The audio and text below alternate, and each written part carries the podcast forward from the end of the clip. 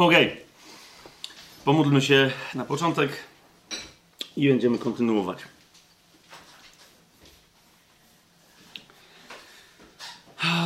Ojcze, dziękujemy Ci za Twoje obietnice. Za wszystkie Twoje obietnice, za ich mnogość. I jednocześnie dziękujemy Ci za Twoją jedną obietnicę, którą Pan Jezus wyraźnie potwierdził. Tą jedną, w której wszystkie inne Twoje obietnice się realizują. Tą jedną, którą jest osobiście Duch Święty. Obietnicę przez Pana Jezusa potwierdzoną, obietnicę przez Pana Jezusa zrealizowaną, bo On powiedział, że zaraz, kiedy pójdzie do Ciebie, będzie prosić dla nas właśnie o to, aby ta obietnica jak najszybciej Twoja Ojcze była zrealizowana. I ona została zrealizowana, była realizowana, jest realizowana i będzie realizowana. O czym dzisiaj będziemy rozważać na bazie Twojego słowa i będzie realizowana, aż dopóki, aż dopóki nie zmieni się epoka, aż dopóki nie zmieni się cała era, aż dopóki nie zmienią się zasady świata. Ojcze, dziękujemy Ci. Dziękujemy Ci za to dzisiejsze studium. Dziękujemy Ci za to, że ono nie tylko poszerzy naszą wiedzę, ale rozpali gorliwość w naszych sercach. Otworzy nas na to, czego Ty chcesz, żebyśmy my się spodziewali. Wzbudzi też w nas odpowiedzialność za to, że mając tak wielki dar, mamy też zobowiązanie. Mając tak wielkie prawa w Twoim świętym duchu, mamy też jednocześnie obowiązki. Jesteśmy Twoimi sługami w imieniu Jezusa Chrystusa, w mocy Ducha Świętego i takimi chcemy aż do spotkania się z Tobą twarzą w twarz, kiedy poznamy, tak jak sami zostaliśmy już poznani, kiedy wszystko się zmieni. Amen. Amen. Sezon 9, odcinek 12, a więc ostatni, ale nie skończymy dzisiaj tego tematu. dzisiaj y, zrobimy y, pewne podsumowania, dokończymy y, taki ciąg logiczny ostatnich, y, zwłaszcza dwóch y, tych naszych studiów. Y, I zrobimy podsumowanie tego, co do tej pory powiedzieliśmy, ale też zarysujemy, czego jeszcze nie dotknęliśmy, a co koniecznie, jak sądzę, trzeba poruszyć. I od tego zaczniemy za jakiś czas następny sezon. Co dzisiaj dokończymy? Toż dokończymy kwestię nieco już nadruszoną, że tak powiem, i nadgryzioną, i lekko nadszarpniętą przez nas zębem mądrości. E, ostatnio. Mianowicie patrzyliśmy, jak e, sprawa cudownego charakteru udzielania się Ducha Świętego, działania Boga, zwłaszcza działania Boga przez Jego ludzi w Starym Testamencie, e, w, tym mega wykwicie e, absolutnie idealnej manifestacji cudowności, którą był Pan Jezus. Teraz chcemy jeszcze się przyjrzeć, czy rzeczywiście później Kościół kontynuował ten poziom cudownych, nadprzyrodzonych objawień, znaków, cudów i tak dalej, na który e, wspiął objawienie Boże Pan Jezus, czy też Kościół potem stonował pewne rzeczy. Czy być może wraz z apostołami, e, czy z pierwszym pokoleniem w ogóle całe to objawienie wygasło? No, gdyby tak się stało, to mm, byłoby interesujące w ogóle. E, to jest dla, dla tych mm, moje pytanie, którzy wciąż jakiś cesacjonizm wyznają, bo wtedy musieliby przyznać, że chrześcijaństwo ma się gorzej niż najgorsze starotestamentowe, jachwistyczne wyznawanie imienia Bożego które, wiecie, ja już nie mówię nawet o mojżeszowym, nie? Ale przed mojżeszowym. Tam zawsze ludzie spodziewali się, że Bóg jest Bogiem cudów. I nie odbierali przynajmniej jemu możliwości swobodnego, lekkiego działania. Niektórzy cesacjoniści mówią, tak, okej, okay, ale tu chodzi o to nie, że Bóg może działać, bo Bóg może, tylko, tylko z jakiegoś powodu, nie wiem, nie chce mu się. Pytanie brzmi, czy my możemy w imieniu Bożym? No to wtedy nadal, jakbyśmy nie mogli, to mielibyśmy się gorzej, niż zdecydowanie e, całe Stare Przymierze, także przed Mojżeszowe, gdzie, jak już sobie to pokazaliśmy, istnieli prorocy. I nie tylko chodzi mi o to, że prorocy widzący przyszłość, ale prorocy cudotwórcy, którzy zwłaszcza namnożyli się e, po Mojżeszu, kiedy się Izrael ukonstytuował. Nie? Zauważcie, że istniały całe szkoły prorocze, nie? Tak, czy, czy tak zwane rodziny prorocze. Nie? E, z niektórymi prorokami ich uczniowie byli tak związani, że byli nazywani synami tych proroków, chociaż nimi de facto nie byli. Trochę jak w relacji Elizeusza z Eliaszem, ale zauważcie, ilu, e, jeżeli nie za Eliaszem, nawet w pewnym momencie, bo w momencie był sam jeden, ale ilu za Elizeuszem i jeszcze za innymi prorokami, ilu chodziło e, uczniów, nie? Zanim monarchia się pojawiła w Izraelu, jak pamiętacie, Saul w pewnym momencie stąpił na niego duch i się przyłączył do proroków. I stąd powiedzenie e, do dzisiaj trwające, ponieważ w Biblii zapisane, chociaż dzisiaj mam wrażenie, że prawie nikt nie rozumie, co, co mówi, kiedy to mówi, stąd powiedzenie, czyli Saul razem z prorokami, czyli Saul, Saul pośród proroków. Tak? A jak on się do nich przyłączył? No bo szli całą bandą drogą, tak? I robili to, co wtedy robili prorocy. Nie? Prorokowali coś tam szaleli. To było też mocno ekstatyczne doświadczenie, ale nie tak bardzo, jak dzisiaj by niektórzy chcieli. Więc jeszcze raz, pytanie by brzmiało, czy chrześcijaństwo miałoby się mieć gorzej niż e, charyzmatyczność judaistyczna? Nie?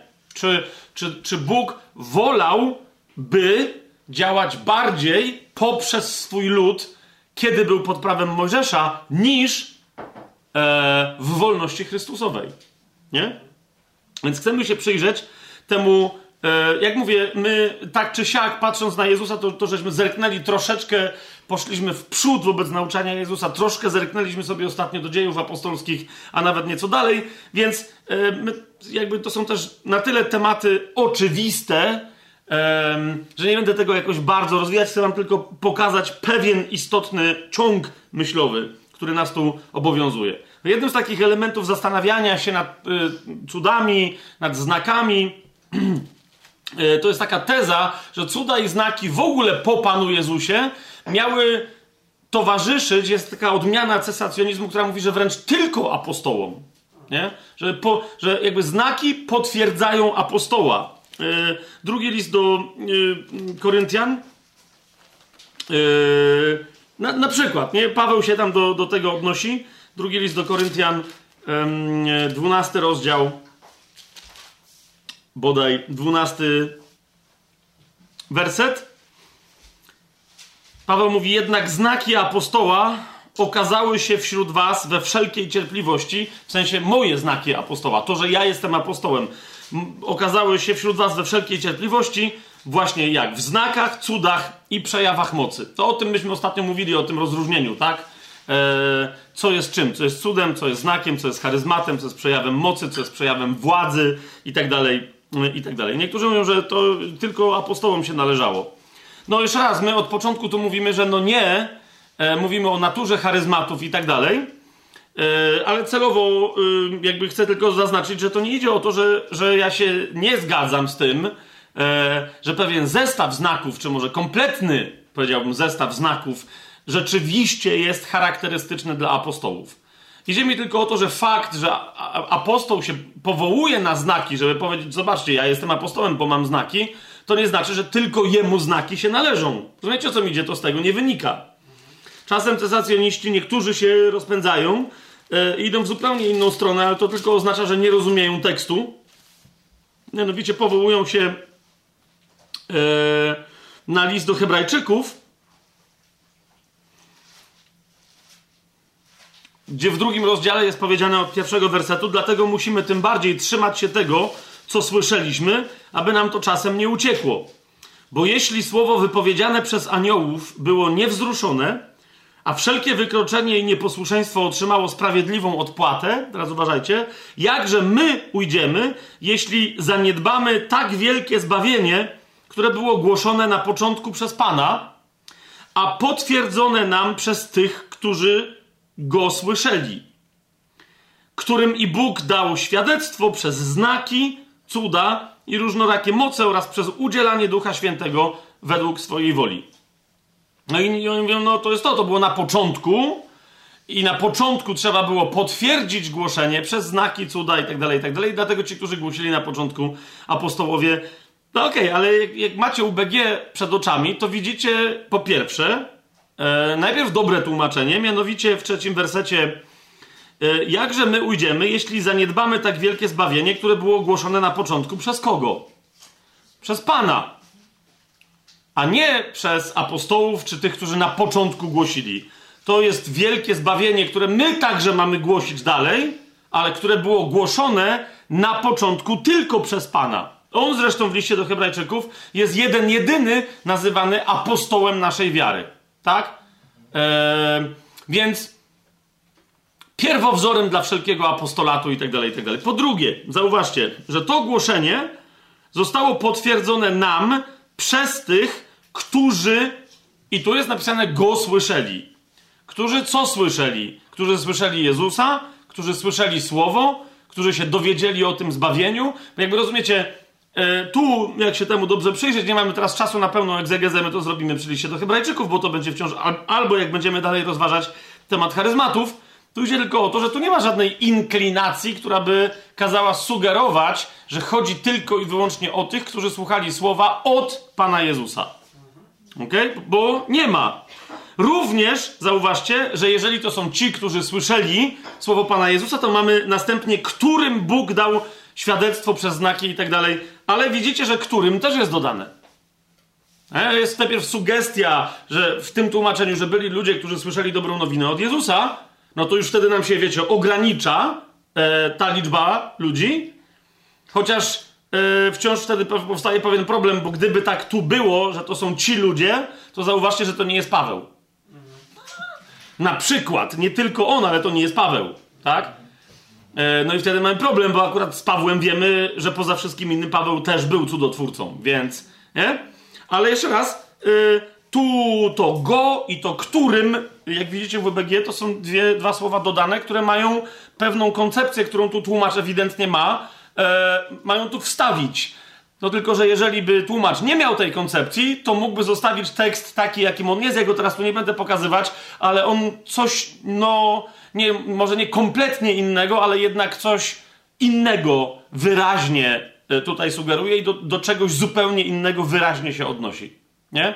I jak ktoś będzie chciał się tu mocno wgryźć, to zauważy, że zasadniczo e, to jest bardzo mocno kontynuacjonistyczny, bardzo mocno antycesacjonistyczny tekst, który wręcz sugeruje, że wszystkim, którzy głoszą, powinny towarzyszyć takie znaki. Co byłoby zgodne znowu z Ewangelią Marka 16 rozdziałem. Tym, którzy uwierzą, takie znaki towarzyszyć będą, tak? A nie tym, którzy słyszą, że ja to mówię, takie znaki towarzyszyć będą pod warunkiem, że mi uwierzą. Tak? Więc, więc, e, a propos między innymi tej myśli, bo jakby ja nie twierdzę, jeszcze raz, żeby to było jasne, że apostoł nie ma pewnego zestawu znaków, że nie ma prawa powołać się na znaki. Nie? E, zwłaszcza w takim kontekście, my dzisiaj o tym nie będziemy mówić, ale miejcie to w głowie, miejcie to w pamięci. Zasadniczo znaki mają towarzyszyć wszystkim, którzy uwierzą. Mają towarzyszyć Kościołowi. Charyzmaty mają być obecne w Kościele. Tak? I jeżeli ty bierzesz udział w społeczności jakiejś, to Paweł pyta, czy wszyscy są apostołami, czy wszyscy są prorokami, czy wszyscy prorokują. Pamiętacie to, tak? Więc w, w 12 rozdziale pierwszego listu do Koryntian mówi, nie wszyscy muszą mieć dary, tak? Masz być w spo... Ty nie musisz koniecznie, ale jeżeli ktoś się pojawia i twierdzi, że jest apostołem, to powinien mieć dary. Jasne? Powinien to udowodnić. E, widać, że w pewnym momencie Kościół najwyraźniej przestał się tym przejmować. Jak mówimy do tego później nieco, nieco poważniej e, podejdziemy, ale widać jakby w pewnym momencie dosyć szybko, pod koniec już pierwszego wieku, Kościół się przy, przestał się tym przejmować. Zresztą my widzimy no, tym, że się duże obszary chrześcijaństwa przestały tym przejmować, to między innymi widzimy po tym, jak łatwo było Rzymowi paręset lat po Panu Jezusie, jak łatwo Rzymowi było zrobić z chrześcijaństwa religię pogańską prawie, że na bazie nomenklatury, tak? E, pogańskiej. E, co mam na myśli? No między innymi pokazanie, że biskupi rzymskokatoliccy to są następcy apostołów, tak? Jakby którykolwiek z nich miał udowodnić, że jest apostołem, no ale jakby rozumiecie, wszyscy sobie zapomnieli, że to trzeba udowadniać, tak? A kiedy się to zaczęło? Zaraz na początku Yy, pod koniec pierwszego, na początku drugiego wieku. Sam Pan Jezus na to zwraca uwagę. Jak sobie otworzycie objawienie Jana yy, w drugim yy, rozdziale, już do Efezu Wiecie, tego Efezu, gdzie jako apostolskiego, w cudzysłowie, namiestnika po sobie Paweł zostawił Tymoteusza i tak dalej, do tego Efezu Pan Jezus pisze list, to jest drugi rozdział Księgi Objawienia i w drugim wersecie mówi, znam Twoje uczynki, Twoją pracę i Twoją cierpliwość i wiem, że nie możesz znieść złych i że poddałeś próbie tych, którzy nazywają się apostołami, a nimi nie są i stwierdziłeś, że są kłamcami. To jest to. Przychodzą, mówią, jesteśmy apostołami, samozwańczymi, samonamaszczonymi. Ewidentnie jak, jakby ktoś zapytał biblijnie, jak, jak niby poddał testowi Kościół w Efezie tych apostołów. Dokładnie tak, jak Paweł pisał do Koryntian, że wy moglibyście mnie poddać, gdybym sam się na waszych oczach nie poddał i zademonstrowałem wam znaki, przejawy mocy, charyzmaty, wszystko. Tak? W tym między innymi mówienie językami i prawdopodobnie tłumaczenie i tak dalej, bo między innymi do Koryntian Paweł mówi, ja się modlę na językach lepiej niż wy wszyscy. A jednak wolę prorokować. Nie? Taka, I wam też mówię, lepiej żebyście prorokowali, e, niż się modlili na językach. Więc e, jeszcze raz, e, kwestia znaków u apostołów to jest zagadnienie, ale to nie jest zagadnienie ekskluzywne dla apostołów. Tak? I teraz, jak od tego zaczynamy, żeby już ten temat był naprawdę i się niepotrzebne, bezsensowne naprawdę dyskusje nie odbywały, to zauważcie, że nawet i Pan Jezus e, nie zostawił dwunastki. Dwunastka apostołów to jest specyficzna dwunastka. Do tego stopnia, że wręcz jest po prostu nazywana dwunastką. To nie chodzi o to, że jest tylko dwunastu apostołów, bo za Pana Jezusa było znacznie więcej apostołów. Chodzi tylko o to, że jest dwunastka specyficznych apostołów. Jak pamiętacie, w, w paru innych miejscach o tym mówiłem, e, między innymi przeznaczonych do sądzenia dwunastu pokoleń Izraela. Tak? E, więc jest ta specyficzna dwunastka, do tego stopnia specyficzna, że jest w, w, zwłaszcza przez Marka, ale przez innych po prostu nazywana dwunastką. Z tego powodu, jak się wiesza Judasz, jak pamiętacie, e, to Piotr uważa, że jedna z najważniejszych rzeczy to jest co? Uzupełnienie dwunastki, żeby nie była jedenastką. Dlaczego? Bo nie bez przyczyny Pan Jezus wyznaczył dwunastkę. Jasne? I ta dwunastka jest przez Pana Jezusa wysyłana, pisze o tym Mateusz, pisze o tym Marek, ale Łukasz, który też o tym pisze, zaznacza jednocześnie, bo Łukasz, jak już mówiłem w swojej Ewangelii, między innymi jest poza Janem specjalistą od Ducha Świętego, a zwłaszcza Ducha Świętego działającego w Kościele. Bogu dzięki, że przez niego Duch Święty zadziałał i co objawił? Że Pan Jezus miał dwunastu apostołów i ich posłał, ale miał też z dokładnie takim samym obdarowaniem siedemdziesięciu innych. Ok? Jest dziesiąty rozdział Ewangelii Łukasza. Yy... Oczywiście niektórzy, wiecie, jak mają tą teologię, że jest tylko 12 apostołów, to jest 12 apostołów, a tych 70 z Łukasza 10 to są uczniowie. Z całym szacunkiem uczniowie to są wszyscy. Ktokolwiek się chce mienić chrześcijaninem czy chrześcijanką, ma być uczniem. Nie musi być specjalnie wybrany do jakiejś misji. Jeżeli ktoś jest posyłany to się z misją, to się staje apostolos, po prostu bardzo prosto, tak? Bo jest posłany z misją przez Pana. Więc poza tym Słowo Boże, zauważcie, nie mówi, że Pan Jezus wyznaczył oprócz apostołów także pewnych specjalnych uczniów, tylko zobaczcie, co jest napisane, dziesiąty rozdział, pierwszy werset. Potem Pan wyznaczył jeszcze innych siedemdziesięciu. Jeszcze innych to jest do czego odniesienie? No bo wcześniej wyznaczył dwunastu do misji. I wyznaczył jeszcze innych 70, czyli razem było ich 82, co najmniej. Ok? Co najmniej. Jest bardzo ważna tutaj informacja. Tak? A więc wyznaczył jeszcze innych 70, rozesłał ich po dwóch przed sobą do każdego miasta i miejsca, do którego sam miał przyjść. Zauważcie, że jak Pana Jezusa już nie ma na ziemi od jakiejś chwili i siedzi sobie w niebie swobodnie, to zauważcie, że ten system nie został nadrusz, bo niektórzy mówią, że ale to Jezus, potem to wyglądało inaczej. Jak to miało niby by wyglądać inaczej? Zauważcie, Piotr z Janem, to jest prawdopodobnie ich oryginalna para, w której zostali wysłani przez Pana Jezusa, w dziejach apostolskich dalej razem działają. Zauważyliście? Jak Pan Jezus umarł, oni razem biegną do grobu. Tak? To nie byli jakieś, wiecie, to nie było jakichś dwóch specjalnych kumpli. Cała reszta ekipy wręcz chciała ich poróżnić. Zobaczcie, jak się Ewangelia Jana kończy. Nie, że Jan tłumaczy, że tam Piotr miał jakieś, jakieś, jakieś wątki do rozważenia, tak? Ja zginę, a ten co z nim, a Pan Jezus mówi, co cię to obchodzi i tak dalej, i tak dalej, nie? Ale oni potem, zauważcie, razem dostają, do, dostają kije na flery, razem uzdrawiają chromego, który został przyniesiony do świątyni, jak oni tam też wchodzili. Oni działają we dwóch.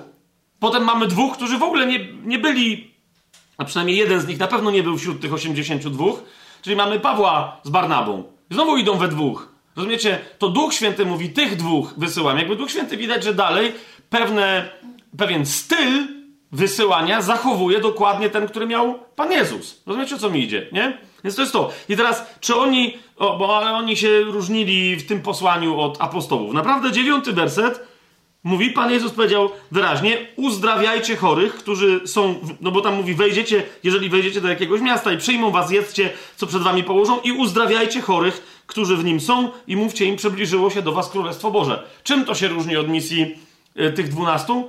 Niczym. Chyba, że ktoś powie, że no jeszcze tamci mieli moc, żeby wypędzać złe duchy. Yy, fantastycznie. Fantastycznie. 19 werset, oto daje wam moc tego 10 rozdziału, oto daje wam moc stąpania po wężach, skorpionach i po wszelkiej mocy nieprzyjaciela, a nic wam nie zaszkodzi. Więc wręcz powiedziałbym, że tu wypowiedzi na temat rozległości yy, mocy i autorytetu, który, który, który, który, mają ci uczniowie, czy ci apostołowie, to wręcz Pan Jezus się wypowiada znacznie więcej. Ale według mnie to tylko z tego prostego powodu, że z dwunastką przebywał jednak yy, dwunastka miała większy dostęp do niego i on, jak już ich wysyłał, to oni już wiele wiedzieli. Ta siedemdziesiątka musiała się upewnić, do czego mają prawo. A więc widzicie, że, że nawet za czasów Pana Jezusa jakby yy, moc i autorytet, które skutkują E, usługiwaniem charyzmatycznym, nadprzyrodzonymi znakami, cudami i tak dalej, nie są z wyboru Pana Jezusa przynależne tylko dwunastu apostołom. Jasne? Tak, tak, widać, że są przynależne ludziom w misji, apostołom w misji, zwłaszcza w misji ewangelizacyjnej. To, to jest jasne, tak? Ale nie tylko tym dwunastu apostołom. Dalej, otwórzmy sobie dzieje apostolskie, jak y, ta historia się rozwijała. My dzisiaj na rozwój historii będziemy tam spoglądać z różnych kątów, ale bardzo tylko szybko chcę yy, sobie zadać pytanie i wam też, no, czy rzeczywiście Słowo Boże y, sugeruje, pokazując różne modele rozchodzenia się, nawet w ramach pierwszej,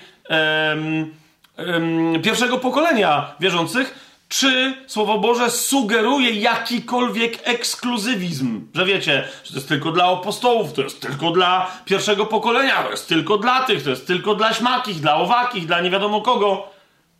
No powiedziałbym, no właśnie, wiadomo dla kogo, tak bardzo, że wręcz nie wiadomo dla kogo. Z tych, dla których wiadomo, że dla nich. O co mi chodzi? W pierwszym rozdziale dziejów apostolskich, w piętnastym yy, wersecie, no nawet wcześniej, w 14 wersecie, tam jest powiedziane, że właśnie bez, bez Judasza wszyscy ci, y, ta oryginalna dwunastka, w tym jeszcze momencie niestety chwilowo jedenastka, wróciła do Jerozolimy po tym, jak Pan Jezus wstąpił do nieba. W 14 wersecie jest powiedziane, ci wszyscy wymienieni z imienia i nazwiska, żart, ci wszyscy trwali jednomyślnie w modlitwie i prośbach. Z kim trwali jednomyślnie? Razem z kobietami, tak, to jest bardzo istotne. Eee, bo kobiet zawsze w Biblii jest więcej niż chłopów, no nie nawróconych, eee, wierzących i nie wcale starych kobiet, żeby to było jasne, ale naprawdę zawsze jest, kobiet jest więcej, po prostu, nie? Kobiet jest więcej. Kobiet jest więcej, które płacą Panu Jezusowi, żeby mógł działać i, i łożą na Jego uczniów. Zauważcie, ile jest wymienionych. Bo wszyscy zawsze, ale bo mężczyźni. Ilu macie konkretnie wymienionych dobroczyńców Pana Jezusa? Mężczyzn. Rozumiecie, jest na przykład Józef z Arymatei, który jest jego wybitnym i wyjątkowym dobroczyńcą, ale już po śmierci. Bo mu dał grób, tak? Teraz ja troszkę se żartuję, troszkę nie, bo pewnie i wcześniej był hojny, ale jakby wiecie o co mi chodzi. A kobiety są konkretnie wymienione. Po prostu, nie? Ile jest kobiet pod krzyżem? Ile jest kobiet pod krzyżem? No nie, no, no, ileś jest, no nie? Ilu chłopów? No ten jeden, o ile go potraktować jako już porządnego mężczyznę, no to jeden. Jedna jest niezbędna do głoszenia Ewangelii. No właśnie, jedna kobieta jest niezbędna do głoszenia Ewangelii. W imieniu Jezusa, tak? I gdziekolwiek ta Ewangelia będzie głoszona, również jej imię ma być wspominane. Tej Marii, która rozwija i tak dalej. I teraz, więc, więc zauważcie, tak samo tu. Jest, i kobiety i widzisz, a te chłopy są wymienione. Te chłopy są wymienione, żeby jasno pokazać, że tam nie ma Judasza. I że byli wszyscy pozostali, dokładnie ci z tamtej dwunastki. Że to jest to. Potem są wymienione kobiety. Jest wymieniona Maria, matka Jezusa. Dlaczego? Ponieważ to nie jest wcale oczywista rzecz, że Maria tu powinna być. Jakby wiecie, Łukasz pewne rzeczy opisuje, um, opisuje też krzyż i tak dalej, i tak dalej, ale jakby to nie jest oczywiste, wiecie, ona mogła się załamać pod krzyżem. Tak? Mogła, wiecie, to nie, to nie jest kultura, to nie jest Polska, nie? Kilkusetletnia, czcząca Matkę Boską, która wiadomo, że przecież nie mogła popełnić żadnego błędu, tak? Tylko Łukasz pisze do jakiegoś gościa, który nic nie wie, tak? Przeczytał pierwszą książkę, nie, a, a z tą matką co? Ona też tam była. Co więcej, to jest to podkreślone, że ona tam była, a nawet byli ci bracia, o których Jan pisze, że kiedy Jezus głosił, że w Niego nie wierzyli. Więc oni też się tu znaleźli i są tu wymienieni, nie? I teraz zauważcie, 15 werset. W tych dniach Piotr stanął pośród uczniów, tych tam zgromadzonych, i dowiadujemy się o bardzo konkretnej liczbie. Mianowicie było zgromadzonych tam tych uczniów wymienionych tutaj 100, około 120 osób. Co to oznacza? To oznacza, że poza tymi wymienionymi 11 ok, yy, apostołami było jeżeli tam było około, no, no było przynajmniej 100 parę innych osób. Nie? Dlaczego to jest istotne, że tam było 100 parę innych osób, kobiet i mężczyzn? Tak? Wyznawców tej drogi, że tak powiem, za innym fragmentem dziejów apostolskich. Otóż dzieje apostolskie, drugi rozdział, pierwszy, od pierwszego wersetu do, do czwartego, mówi, gdy nadszedł dzień pięćdziesiątnicy, wszyscy byli jednomyślnie na tym samym miejscu. Kto wszyscy? Ci wszyscy, o których mówi pierwszy rozdział, piętnasty werset. To zgromadzenie około 120 osób.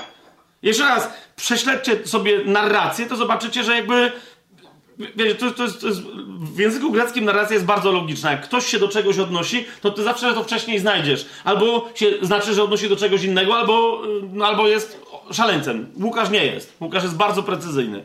On się odnosi do tych 120 osób. A więc, gdy nadszedł dzień pięćdziesiątnicy, wszyscy, 120 osób, byli jednomyślnie na tym samym miejscu. Nagle powstał odgłos z nieba, jakby uderzenie gwałtownego wiatru i wypełnił cały dom, w którym siedzieli. Ukazały się im rozdzielone języki, jakby z ognia, które spoczęły na kim? Na każdym z tych uczniów, na każdej z tych uczennic, na każdej z tych osób, na każdym z nich. Są, wieszcie, te, te różne obrazki, ikony i tak dalej. Dwunastu apostołów, bo niektórzy się tak rozpędzają, że już mają, wiecie o co mi chodzi, nie? E, znaczy, tu jest co prawda Maciej wybrany, ale tu o co innego mi chodzi, że to jakby, wiecie, jest dwunastka. W środku taka dwunastka jak u Leonarda da Vinci prawie przy tej ostatniej wieczerzy. W środku zamiast Pana Jezusa siedzi Matka Boska, jako, wiecie, no centrum, bo przecież wiadomo, nie? Ostatnio z kimś rozmawiałem i mi powiedział, że przecież Matka Boska siedzi w centrum. Mówię, dlaczego, gdzie? Najpierw są apostołowie, potem są kobiety, ona jest na trzecim miejscu dopiero. Mówiłam, jak, jaka w szoku była ta osoba. Co ja mam, złe tłumaczenie? Sięgnął po Biblię tysiąclecia, no bo wiecie, że to był katolik. I mówi, ja mam tak samo. No tak, no widzisz, bo, bo czytasz Biblię, ale pamiętasz, coś widział na obrazku. Tak? Było 120 osób. Tam było 120 osób. Maria jest z pewnych konkretnych i bracia Jezusa z konkretnych powodów e, zostali wspomniani, o, o który, które nadmieniłem, e, ale tam to nie zajmują żadnego centralnego mm, miejsca. A więc spoczęły na każdym z nich, nie na 13 osobach, nie na 12, tylko na tych przynajmniej 120. Około 120. Tak? I wszyscy zostali napełnieni Duchem Świętym i ci wszyscy zaczęli mówić innymi językami, tak jak im duch pozwalał mówić. To jest pierwszy cud. Ok? I teraz zauważcie, oni, bo pamiętacie, że oni wyszli na zewnątrz. Nie? Oni wyszli na zewnątrz. Pamiętacie to? I teraz kto wyszedł? Znowu jest, jest, wiecie, są filmy i tak dalej, które tam próbują to obrazować. No, apostołowie wyszli na zewnątrz. Ale dalej w narracji Łukasza, zauważcie, wyszli na zewnątrz i tam głoszą, a ludzie mówią co? Pytali się nawzajem zdziwieni i pełni zdumienia świadkowie tego wszystkiego, czy ci wszyscy, którzy mówią, nie są Galilejczykami? Nie? Tu, jest, tu jest mowa o całej galilejskiej grupie. Nie? Swoją drogą, yy, to jest dobre pytanie, bo niektórzy z apostołów nie do końca byli Galilejczykami, jak, jak wiecie. Nie? Natomiast ta grupa była zdominowana przez Galilejczyków, na przykład przez rodzinę Jezusa. Tak? Wi- wielu apostołów, ale musiało być tam jeszcze, wiecie, sporo tych, którzy byli przez Jezusa w Galilei wysyłani, między innymi tych 70. Wiecie o co mi idzie, nie? Tych 70 e, całkiem możliwe, że, to, że oni tu stanowią część tej grupy, bo niektórzy mówią, że co prawda potem my wiemy, że niektórzy tam się poplątali, wiecie, pouciekali, troszkę zgorszyli się Panem Jezusem, że jak to oni go mają jeść. Pamiętacie szósty rozdział Ewangelii Jana? Tak? Niemniej, niemniej to nie jest tylko i wyłącznie e, to nie jest tylko i wyłącznie e, ta dwunastka. I kiedy dopiero pojawia się dwunastka apostołów, kiedy wobec tego, bo oni, rozumiecie, wyszli i oni nie wiedzieli, co robią. Przyjście Ducha Świętego było tak wspaniałe, że po prostu oni uwielbiali Boga na językach. Tak? Natomiast jak pada pytanie, upili się, zaczynają się z nich śmiać, jakby pojawia się tłum, który mówi, co tu jest, co tu się dzieje, wówczas występują do przodu, aby reprezentować tę grupę yy, apostołowie ci oryginalni z Maciejem, czyli dwunastka, ok? O czym yy, drugi rozdział nam mówi w czternastym wersecie, że po, kiedy w trzynastym czytamy, lecz inni naśmiewali się i mówili, upili się młodym winem, w czternastym wersecie jest powiedziane, wtedy stanął Piotr z jedenastoma, lub też można byłoby przetłumaczyć, podniósł się, czy też powstał, co oznacza, jakby wiecie, stanął, żeby reprezentować, tak? Razem z tymi, a więc jeden, dwunastu wyszło do przodu, jeden z tych dwunastu był frontmanem i speakerem, tak? Ale jeszcze raz, kogo oni reprezentowali? Tych dwunastu. Zauważcie, reprezentują całą resztę, bo spójrzcie, o kim mówi Piotr. My? Mówi my, nas dwunastu? Nie. Zobaczcie, przemówił do nich mężowie z Judei i wszyscy, którzy mieszkacie, 14 werset w Jerozolimie. Przyjmijcie do wiadomości i posłuchajcie uważnie moich słów. Oni nie są pijani. Kto? Więc pokazuje na innych, tak? Mówi, my tu reprezentujemy tą ekipę, mówi, ci ludzie nie są pijani. Nie? Więc jakby z całego kontekstu widać, e, że no inaczej, że to ja bym był bardziej zdziwiony, jakby się okazało, że Duch Święty wybiórczo stąpił w, wieczerniku na jakąś tam ekipę, nie? A na innych nie stąpił. To to by było zadziwiające. Więc widać wyraźnie z drugiego rozdziału, że Duch Święty jak przychodzi, nie przychodzi do wybranych ludzi, do jakiegoś kleru, do jakichś, wiecie, namaszczonych do, do jakiegoś posłannictwa. W dziejach apostolskich w szóstym rozdziale, w ósmym wersecie, widzimy jednego z siedmiu y, diakonów wybranych przez apostołów. Ja teraz nie będę znowu y, w to wchodzić, y, ale jak widzicie tych siedmiu diakonów w piątym wersecie, mm, wybrali więc, w szóstego rozdziału dziejów apostolskich, w piątym wersecie, wybrali więc Szczepana, męża pełnego wiary i Ducha Świętego Filipa, Prochora, Nikanora, Tymona, Parmenasa, i Mikołaja, prozelitę z Antiochii, e, niektórzy uważają, że znowu, no bo jakby ci ludzie wybrali, ale na bazie czego? Skąd oni wiedzieli, kto, jakby skąd kogo znali? I niektórzy mówią, że tych y, diakonów ludzie wybrali jako wybijających się lub też pozostałych z tej siedemdziesiątki, o której czytamy u Łukasza. Nie? Ja no nie będę teraz mówił, gdzie ewentualne pewne sugestie biblijne istnieją, gdzie, bo jakby to nie jest, wiecie, to nie, nie, nie jest bardzo znaczące. Idzie mi tylko o to, że poza apostołami, którzy już ewidentnie w dziejach apostolskich w pierwszych pięciu rozdziałach usługują, mamy kogoś spoza, znowu, tej oryginalnej e, e, dwunastki, Szczepana, który w ósmym wersecie czytamy pełen wiary i mocy, czynił cuda i wielkie znaki wśród ludzi. Nie? Znowu no ktoś powie, no ale on był wyznaczony, ale nie był wyznaczony, zauważcie, do ewangelizowania. Tak? On miał usługiwać. Kto mu kazał ewangelizować? Nikt mu nie kazał. To, było, to była część jego namaszczenia, jak widzimy, podobnie zresztą jak Filipa.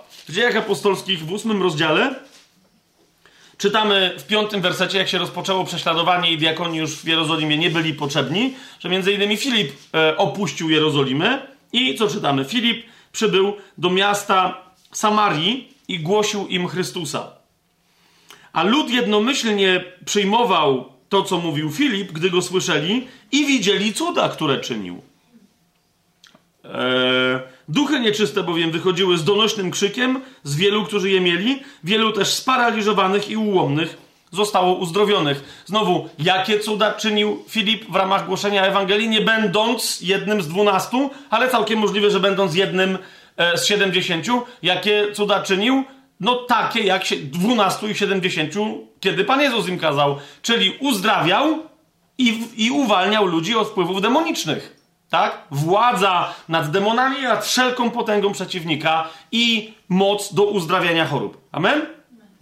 Ale właśnie niektórzy mówią, ale to jest pokolenie Jezusowe. To, jest, to, to są ci, to, to, jest, to są jedni z tych 70, to jakby, no i oni robią rzeczywiście to, co Jezus im. Teraz jest pytanie, naprawdę Jezus by nam dawał model, który w każdej Ewangelii w zasadzie, nawet włącznie z Janową, byłby powielony.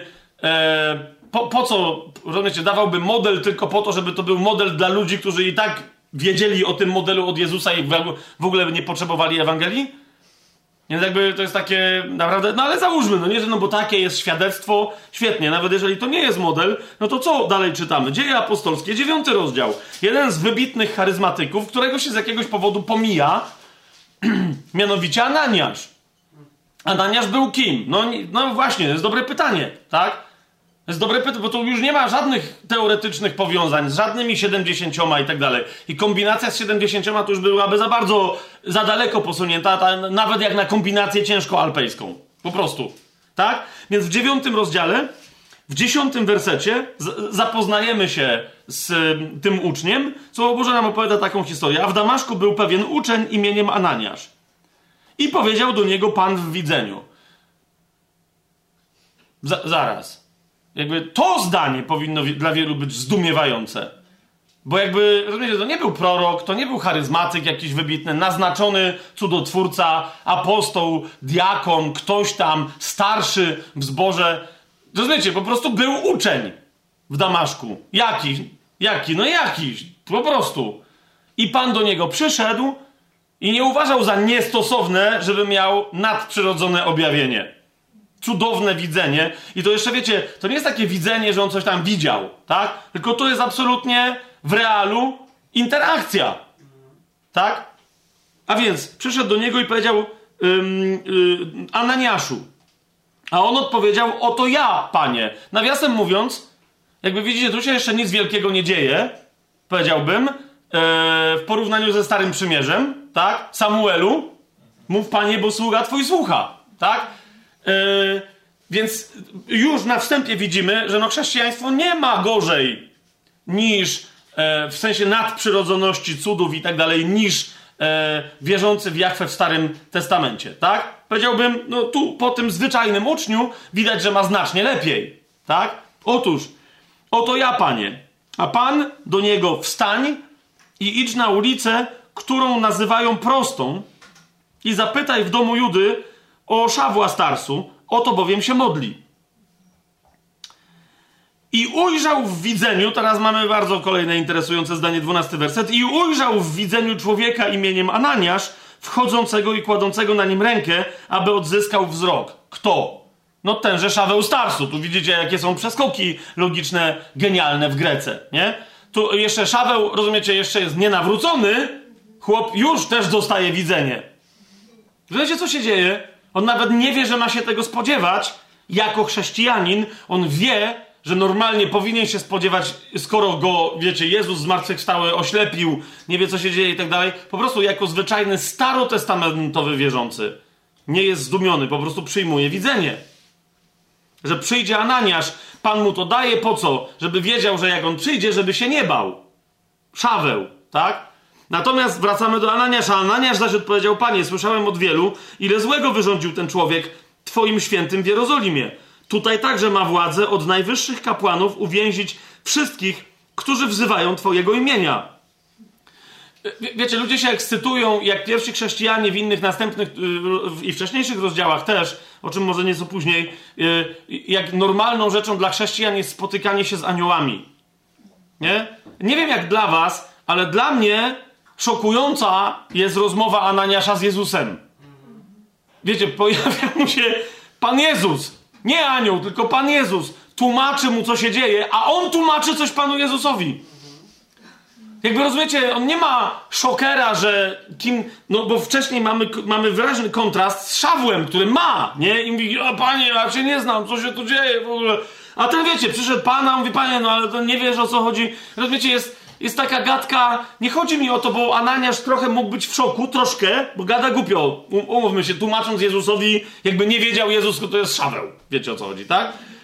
Ale ta, taka, zresztą nie wiadomo, czy on mu tłumaczy, czy się trochę targuje. No nie na zasadzie, naprawdę taki gościu może ma być zbawiony, może by trochę najpierw dostał w ciele, a potem go będziemy zbawiać. Jakby, wiecie, no już do, tyle zła, ile wyrządził ten człowiek chrześcijaństwo, to nikt tyle tego nie, nie, nie był za tyle zła odpowiedzialny, tak? Ale zobaczcie, jaka jest, chodzi mi o to, jaka jest śmiałość, swoboda przystępu Ananiasza jako normalnego, zwyczajnego ucznia z jakiegoś Damaszku do Jezusa.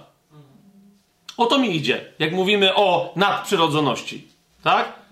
E, jednym z aspektów, o którym dzisiaj w ogóle nie będziemy mówić, e, związanym z nadprzyrodzonością jest, że stanowi ona w, w dobrze rozumianym kontekście, ale stanowi ona w dobrze rozumianym kontekście papierek lakmusowy naszej bliskości, prawdziwej bliskości z Bogiem. Im mniej mamy nadprzyrodzonego, a więc realnie intymnego kontaktu z Bogiem. Nie chodzi o wpadanie w transy, w szały jakieś. To w ogóle nie o to idzie. Nie? Idzie mi o, o, o taką prostą rzecz, jak oczywistość słyszenia głosu Bożego oczywistość tego, że Pan może ci coś powiedzieć, może ci się objawić, może ci coś objawić, może i tak dalej. Tak? Yy, I niektórzy mówią, nie, ja tego nie potrzebuję, ja mam coś tam. No, Okej, okay, może nie masz widzeń, ale masz bliskość i chodzisz za głosem Bożym. Albo, albo jeszcze raz mówię, teraz niech nikt nie wyciąga tego jako nożyka, żeby innych dźgać tym nożykiem, że nie masz bliskości, bo nie wierzysz w cuda. To nie o to chodzi. Ale naprawdę w pewnych kontekstach, do których jeszcze w pewnym momencie dojdziemy, e, to właśnie e, e, jaka jest wartość, czy realnie jaka, czy jest w ogóle jaka jest nasza intymność z Panem, przejawia się w tym, na ile Pan, na ile my znajdujemy się w nadprzyrodzonej atmosferze na co dzień. Nie? Na co dzień. Nie w ramach jakichś specjalnych spotkań, gdzie, e, gdzie, gdzie podruba tego rodzaju atmosfery nadprzyrodzoności może być znacznie łatwiejsza do wyprodukowania. Zobaczcie, że Pan Jezus się z nim nie kłóci, to jest 9 rozdział 15 werset, lecz powiedział do niego idź, bo on jest moim wybranym naczyniem, aby zanieść moje imię do pogan, królów i synów Izraela. Ja bowiem pokażę mu, jak wiele musi wycierpieć dla mojego imienia. No, to jak musi wycierpieć, to Ananiasz już się dalej nie kłóci, tylko wtedy Ananiasz poszedł, i teraz zauważcie, że Pan Jezus mu nie mówi, masz moje specjalne zapewnienie. Zauważcie. Nic więcej mu nie mówi, bo on wie, co ma robić. Co masz robić? Jeżeli masz iść do tego człowieka, on jest wybrany, no to co? Trzeba się upewnić, że jest nowonarodzony. Jak jest nowonarodzony, trzeba go ochrzcić w wodzie. Jak jest ochrzczony w wodzie, to co trzeba? To trzeba, to trzeba się modlić o chrzest Duchem Świętym. Zauważcie, Pan Jezus mu nie tłumaczy, co on ma robić, bo Kościół ma to robić zawsze. Wtedy Ananiasz poszedł, wszedł do domu, zwróćcie uwagę, położył na nim ręce i powiedział: Szawle, bracie, Pan mnie posłał. Jezus, który ci się ukazał w drodze, którą jechałeś, żebyś odzyskał wzrok i żebyś został napełniony Duchem Świętym. I natychmiast spadły z jego oczu jakby łuski i zaraz przejrzał, wstał, a następnie został ochrzczony. A więc mamy sytuację także cudownego uzdrowienia. Ja teraz pomijam, że mieliśmy wcześniej sytuację cudownego oślepienia, tak? I zranienia. To jest jedna z tych sytuacji, kiedy Pan mówi: Ja cię zranię, ja cię też uleczę. Nie? Ta rana do Pawła przyszła po coś, i ta, ta rana została Pawłowi wzięta również w określonym celu i po coś. Po to mu była dana, żeby była wzięta. Jasne? Ale zauważcie, usługa, i tu się nikt nie ekscytuje, że Paweł w nadprzyrodzony sposób oślep i jeszcze bardziej w nadprzyrodzony sposób odzyskał wzrok. Zauważcie, nikt się nie ekscytuje. Ekscytacja jest czym? Że się ochrzcił w imię Jezusa i został napełniony Duchem Świętym. Amen? Cała reszta jest oczywistą konsekwencją w tamtym kościele, jakby nikt tu, wiecie, nie, nie robi z tego wielkiego halo. To jest, skoro jest Duch Święty, to musi być nadprzyrodzona atmosfera. W dziejach apostolskich w dziesiątym rozdziale, wręcz nawet najbardziej tacy zapyziali, bym powiedział, trochę e, wierzący e, pochodzenia judaistycznego, uważają, rozumiecie, dla nich obecność Ducha Świętego i towarzyszące mu znaki i cuda włącznie z takimi najbardziej powszechnymi, są tak jasne, że, on, że to jest nierozerwalne, gdzie jest Duch Święty, tam muszą być znaki i cuda, że oni wręcz e, traktują to jako eksperyment naukowy, który im coś potwierdza. Tak? W dziesiątym rozdziale, jak pamiętacie, u Pogan, Piotr głosząc e, w domu Korneliusza, czyli gdzie? Takie mam pytanie. Bo to jest ciekawe, że zawsze mamy miasta, nie? Jerozolima, Samaria, Damaszek w Cezarei. Właśnie, bardzo dobrze.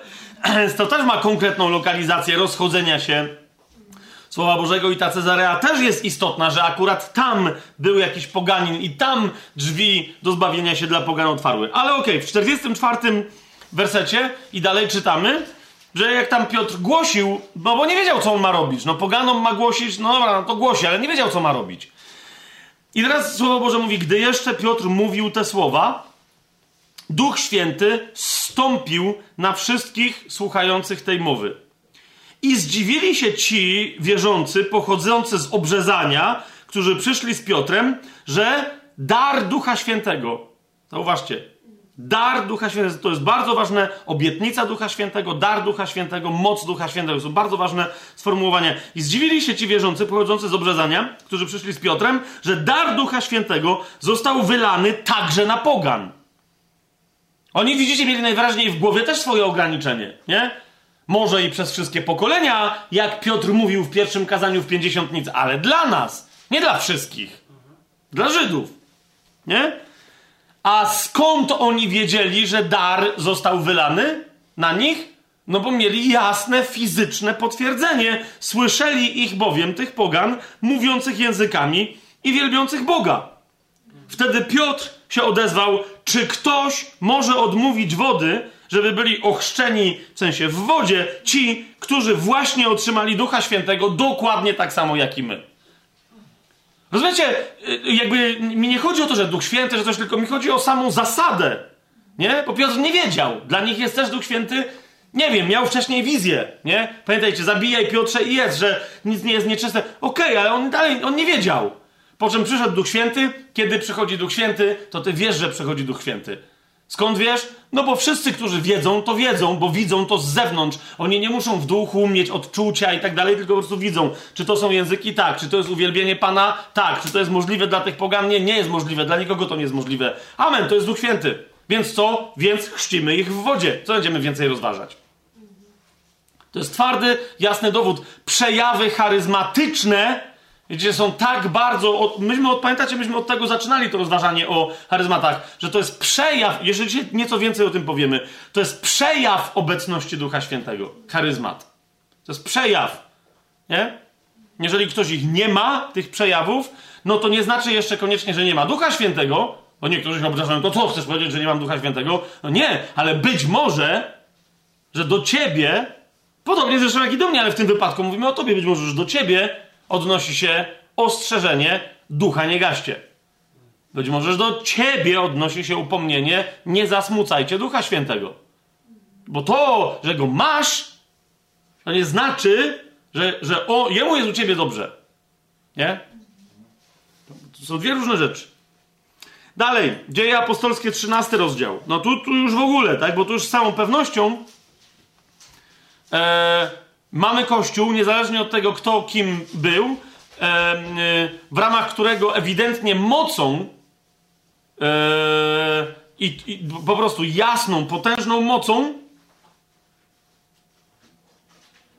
legitymizują się ludzie, którzy z całą pewnością ani nie należeli do pierwszej dwunastki, ani nie należeli do pierwszej siedemdziesiątki. To jest trzynasty rozdział dziejów apostolskich. Mamy kościół, w którym oryginalnie no, nie ma za bardzo nikogo z, y, z, y, z filarów i, i większych i mniejszych jerozolimskich. Nie? I mamy opisanych tych ludzi jako kogo? Jako ludzi usługujących charyzmatycznie. To jest trzynasty rozdział, pierwszy werset. W kościele w Antiochii byli pewni prorocy i nauczyciele. I kto to był? Barnaba, Szymon, zwany Nigrem, Lud, lud, ja myślę, że to tłumaczenie naprawdę z różnych powodów powinno być zmienione. Więc, ale okej, okay, Barnaba, Szymon zwany Nigrem, Lucjusz, Cyrenejczyk. Nigrem chodzi mi o to, że no po prostu murzynem, on był czarnoskóry, tak? I naprawdę, choćby ze względu na dzisiejszy język angielski, już naprawdę już go lepiej nazwać murzynem. Wiecie o co chodzi, bo, bo wtedy jest jasne, że on był po prostu czarny. Więc Barnaba, Szymon zwany Nigrem, Lucjusz, Cyrenejczyk, też bardzo istotna informacja. Manaen, który wychowywał się z tetrarchą Herodem. Kolejna bardzo ważna informacja. I kto? I Szaweł. Nawet jak co do tych innych byśmy mieli jakieś tam rozważania, wątpliwości, kto to jest Szaweł, to wiemy. I on był jednym z proroczo usługujących i charyzmatycznie nauczycielsko usługujących yy, yy, yy, przywódców kościoła antiocheńskiego. I teraz o co chodzi? Gdy oni, tych pięciu, jawnie pełnili służbę Panu i pościli, powiedział Duch Święty. Jak? Przez nich. A, a albo tam ten kościół, rozumiecie, nagle zobaczył gołębicę albo, nie wiem, ogień, który do nich przemówił tak, że wszyscy słyszeli, no to to jest w ogóle oszalałe usługiwanie Ducha Świętego nadprzyrodzone, ale najprawdopodobniej, bo stąd mamy wspomnieć, że to byli prorocy przede wszystkim i nauczyciele. Więc przez nich powiedział: Odłączcie mi Barnabę i Szawła do dzieła, do którego ich powołałem. Wtedy po poście i modlitwie nałożyli na nich ręce i wyprawili ich, a oni, posłani przez Ducha Świętego, przybyli do Seleucji i tak dalej, tak dalej, tak dalej. Więc widzicie, e, posłani, no, potem posłani przez Ducha Świętego, zauważcie jedną z pierwszych rzeczy, jaką robi Paweł, a propos tego, co znaczy być posłanym przez Ducha Świętego, tak? Nie dość, że w Antiochii byli już konkretnie usługującymi, to kiedy głosili e, Sergiuszowi Pawłowi, parę wersetów dalej, tam e, niejaki Elimas, to jest ósmy werset, bardzo mocno się im sprzeciwiał. Czarownik, tak? I teraz mamy jeszcze raz powiedziane, że wtedy Szaweł, dziewiąty werset, zwany też Pawłem, co jest interesujące, Paweł jest zwany Pawłem, Szaweł Starsu jest zwany Pawłem dokładnie od tego miejsca. Nie? Dokładnie od tego miejsca w tekście biblijnym. Napełniony Duchem Świętym spojrzał na niego uważnie, na tego czarnoksiężnika i powiedział: O synu diabła, pełny wszelkiego podstępu i przewrotności, nieprzyjacielu wszelkiej sprawiedliwości, czy nie przestaniesz wykrzywiać prostych dróg Pana? Oto teraz ręka Pana na tobie. Oślepniesz i nie będziesz widział słońca przez pewien czas. I natychmiast Ogarnęły go mrok i ciemność i chodząc w koło szukał kogoś, kto by go poprowadził za rękę. Wtedy prokonsul, widząc co się stało, uwierzył, zdumiewając się nauką Pana. Pamiętacie, jak się zdumiewali ludzie Jezusem? Co to, za, co to była za nauka? Bo nauczał jak ten, który ma władzę, a nie jak ich uczeni w piśmie. To samo, yy, to samo prokonsul. On, on nagle zobaczył moc, zobaczył władzę. Nie? Swoją drogą zauważcie, pierwsze publiczne wystąpienie Pawła w misji apostolskiej i co robi? Niewierzącemu człowiekowi, który swoją drogą y, coś wiedział o chrześcijanach i coś tam plątał y, i coś tam plątał bardzo mocno, dlatego że e, nazywał się Elimas, ale miał przydomek syn Jezusa. Nie? E, w szóstym wersecie czytamy, że spotkali tam pewnego czarownika, fałszywego proroka, Żyda imieniem Bar Jezus, Bar Jeszua, czyli syn Jezusa, nie? Jakby sugerujący, że on jest, wiecie, namaszczony, bo jak, jak mówię, ci uczniowie proroków nazywali się często synami tych proroków, nie? Więc jeżeli Jezus dla niektórych ludzi był jakby cudotwórcą prorokiem, no to ten, wiecie, przychodził i mówił, że on tego Jezusa tam reprezentuje, nie? Jakby yy, i, i Paweł do tego się odnosi, nie? Mówi, nie przez, czy nie przestaniesz wykrzywiać prawdziwej drogi pańskiej? I zauważcie, że w mocy Ducha Świętego robi mu dokładnie to samo, co jemu Pan Jezus zrobił. Nie? Jest, jest, jest dużo bardzo interesujących wątków usługi. Ja tylko chcę na to zwrócić uwagę, że zauważcie, my tu już mówimy o ludziach bez związku z pierwszym realnie pokoleniem, pierwszych dwunastu, pierwszych siedemdziesięciu i tak dalej, którzy i nie jest to też ekipa, która otrzymała Ducha Świętego w Dzień Pięćdziesiątnicy w Jerozolimie, zauważcie, tak? Nie jest to też ekipa, która otrzymała Ducha Świętego przez usługę tych, którzy otrzymali Ducha Świętego w Jerozolimie, bo Szaweł się w ogóle nie nawracał w Jerozolimie. Nie? Zauważcie. Więc w biblijnym rozumieniu to już jest następne pokolenie, ale wciąż jest, no ale ci się z tamtymi znali. Okej, okay, idźmy dalej. dalej. Dzieje apostolskie, 19, yy, 19 rozdział od piątego. y, Paweł wiele, wiele, może nie wiele, ale parę dziesiąt lat później, przynajmniej 20 lat później, usługuje w okolicach Efezu, o którym już dzisiaj wspominaliśmy, a propos kościoła, który rozpoznał fałszywych apostołów i ich odrzucił jako kłamców, tak? I Paweł tam, jak to Paweł, nie może usiedzieć na, na miejscu i się plącze. Yy, tylko ja mówię, jak to Paweł, to nie jest plątanina, że nie wie, co ma robić, tylko wiecie, przeczesuje to, o, to może było, przeczesuje tereny, tak? Wo- wokół Efezu i spotkał tam jakichś uczniów, którzy byli ochrzczeni chrztamianowym, jak pamiętacie. Więc on im szybko tłumaczy, co jest grane. I teraz uważajcie, piąty werset. Gdy oni to usłyszeli, co im Paweł głosił, zostali ochrzczeni w imię Pana Jezusa. A kiedy Paweł położył na nich ręce, stąpił na nich Duch Święty i mówili językami i prorokowali.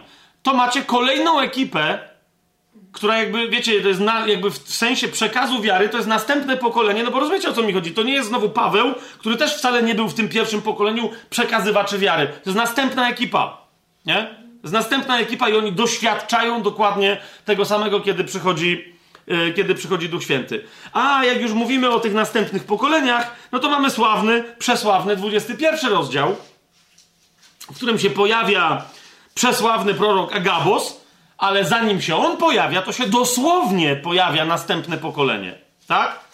Mianowicie mamy powiedziane, że w pewnym momencie, by the way, dlatego was zapytałem, skąd ten Kordeliusz był.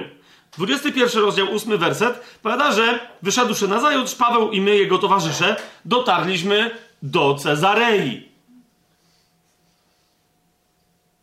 Okej, czy to była ta sama Cezarea, czy nie, to sobie teraz sami sprawdźcie.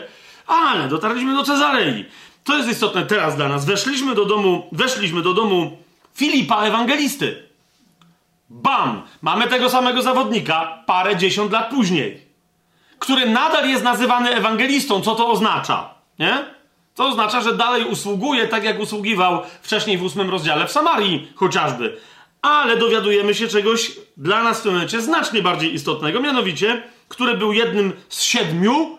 Zauważcie, z siedmiu kogo? No jak czytasz od początku, Łukasz zakłada, że a było jakichś innych siedmiu?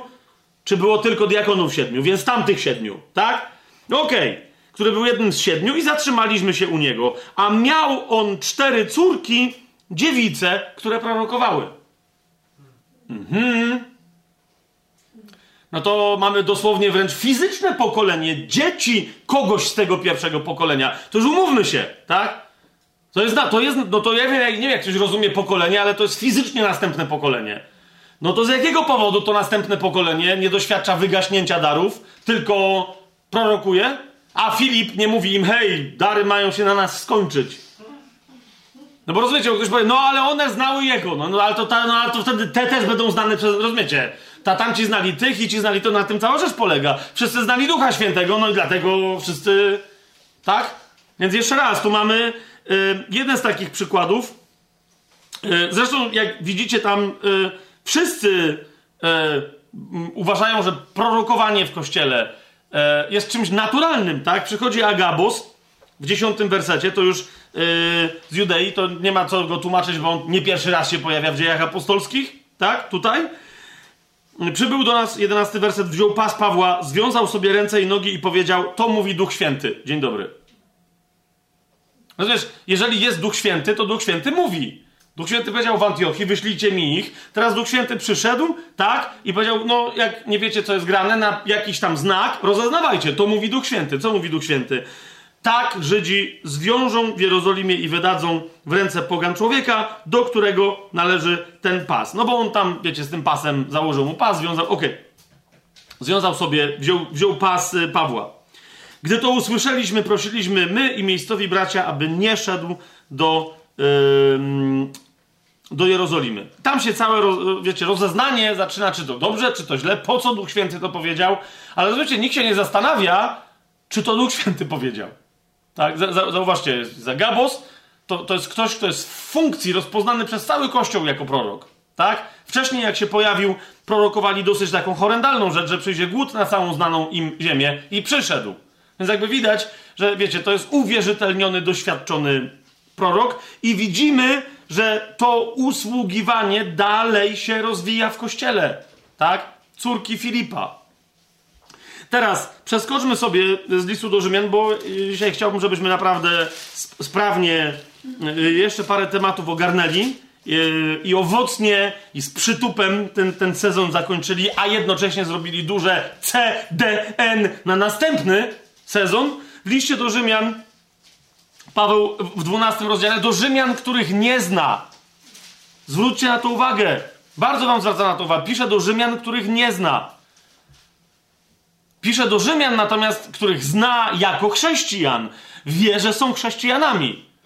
Rozumiecie? I teraz Paweł się ich nie pyta, no nie wiem jak u was, bo my jesteśmy kontynuacjonistami, nie wiem jak u was, bo być może, że wy jesteście raczej tak bardziej w stronę Kalwina, czy... Rozumiecie? On nie ma, tylko wie, że pisze do braci i sióstr. A skoro tak, 12 rozdział, 6 werset, mamy więc różne dary według łaski, która została nam dana.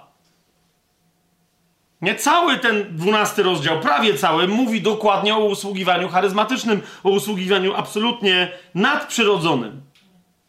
Nie? On mówi wręcz o, o, o, jeszcze dzisiaj do tego trochę wrócimy, on mówi wręcz o usługiwaniu charyzmatycznym jako o bardzo istotnej części wypełniania woli Bożej, która jest nam zadana. Trzeci werset, zwróćcie uwagę, mówię bowiem przez łaskę, która mi jest dana każdemu, kto jest wśród was, aby nie myślał o sobie więcej niż należy, ale żeby myślał o sobie skromnie, stosownie do miary wiary, jakiej Bóg każdemu udzielił. I na tej podstawie dociera do szóstego wersetu.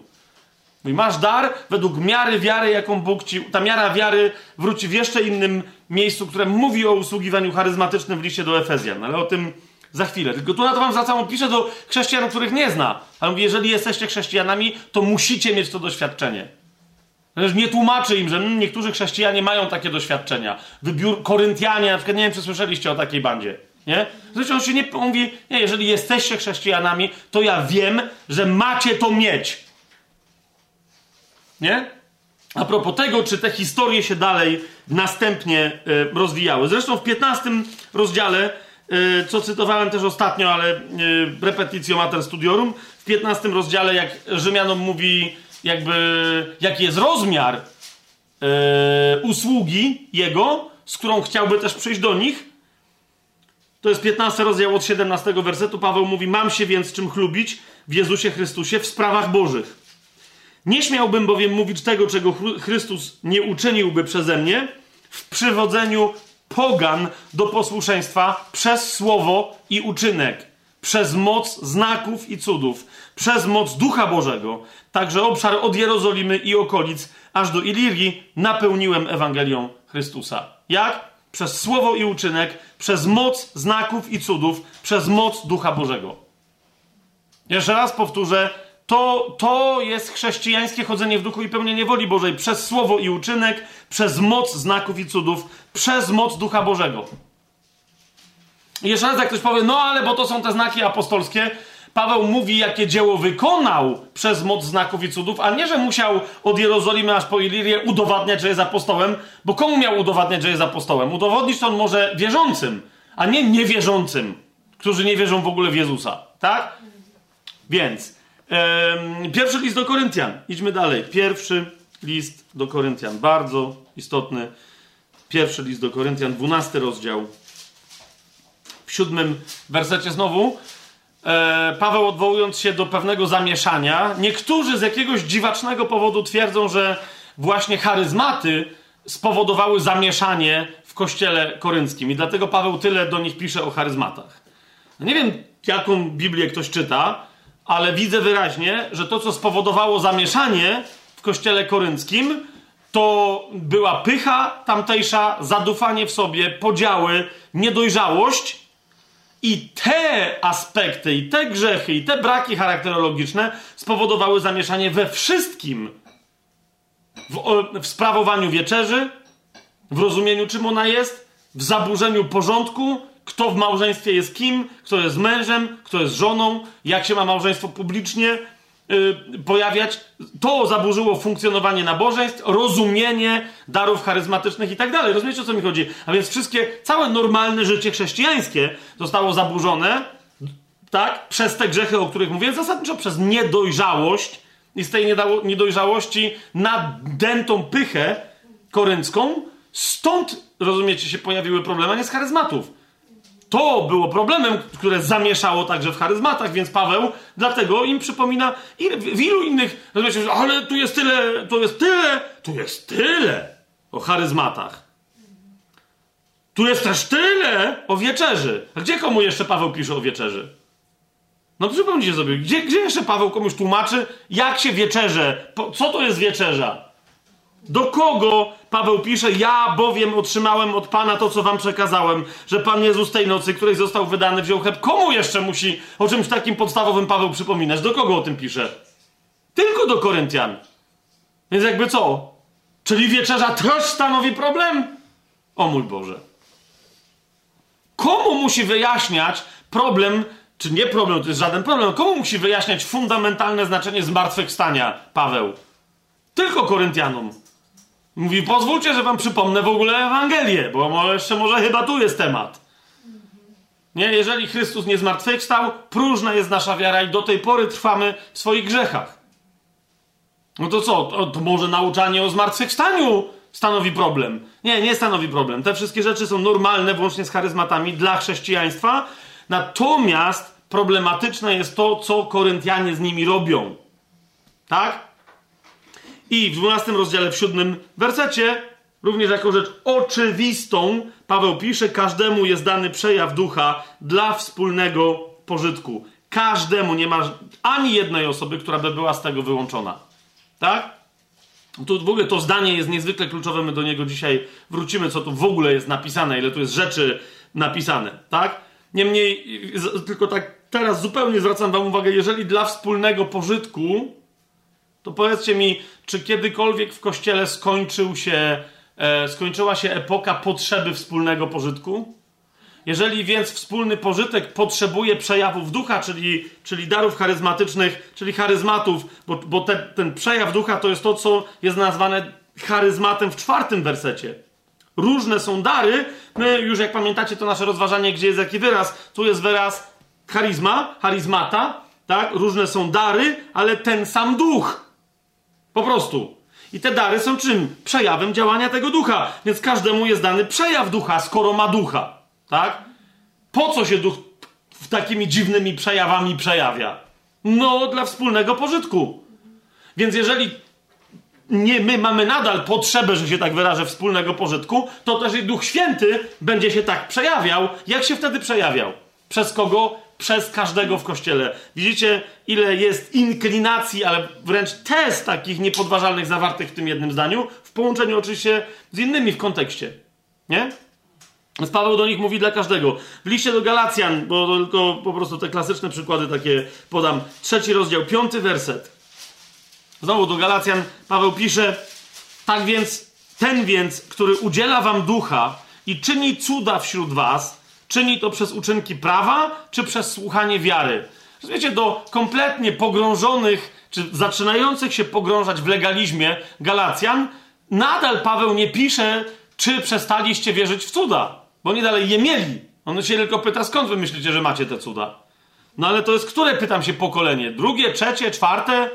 Ci Galacjanie, że już zdążyli, wiecie, popłynąć, gdzie właśnie Paweł ich ostrzega, że płyną? W pierwszym liście do Tesaloniczan, to jest yy, yy, w pierwszym liście do Tesaloniczan, w piątym rozdziale,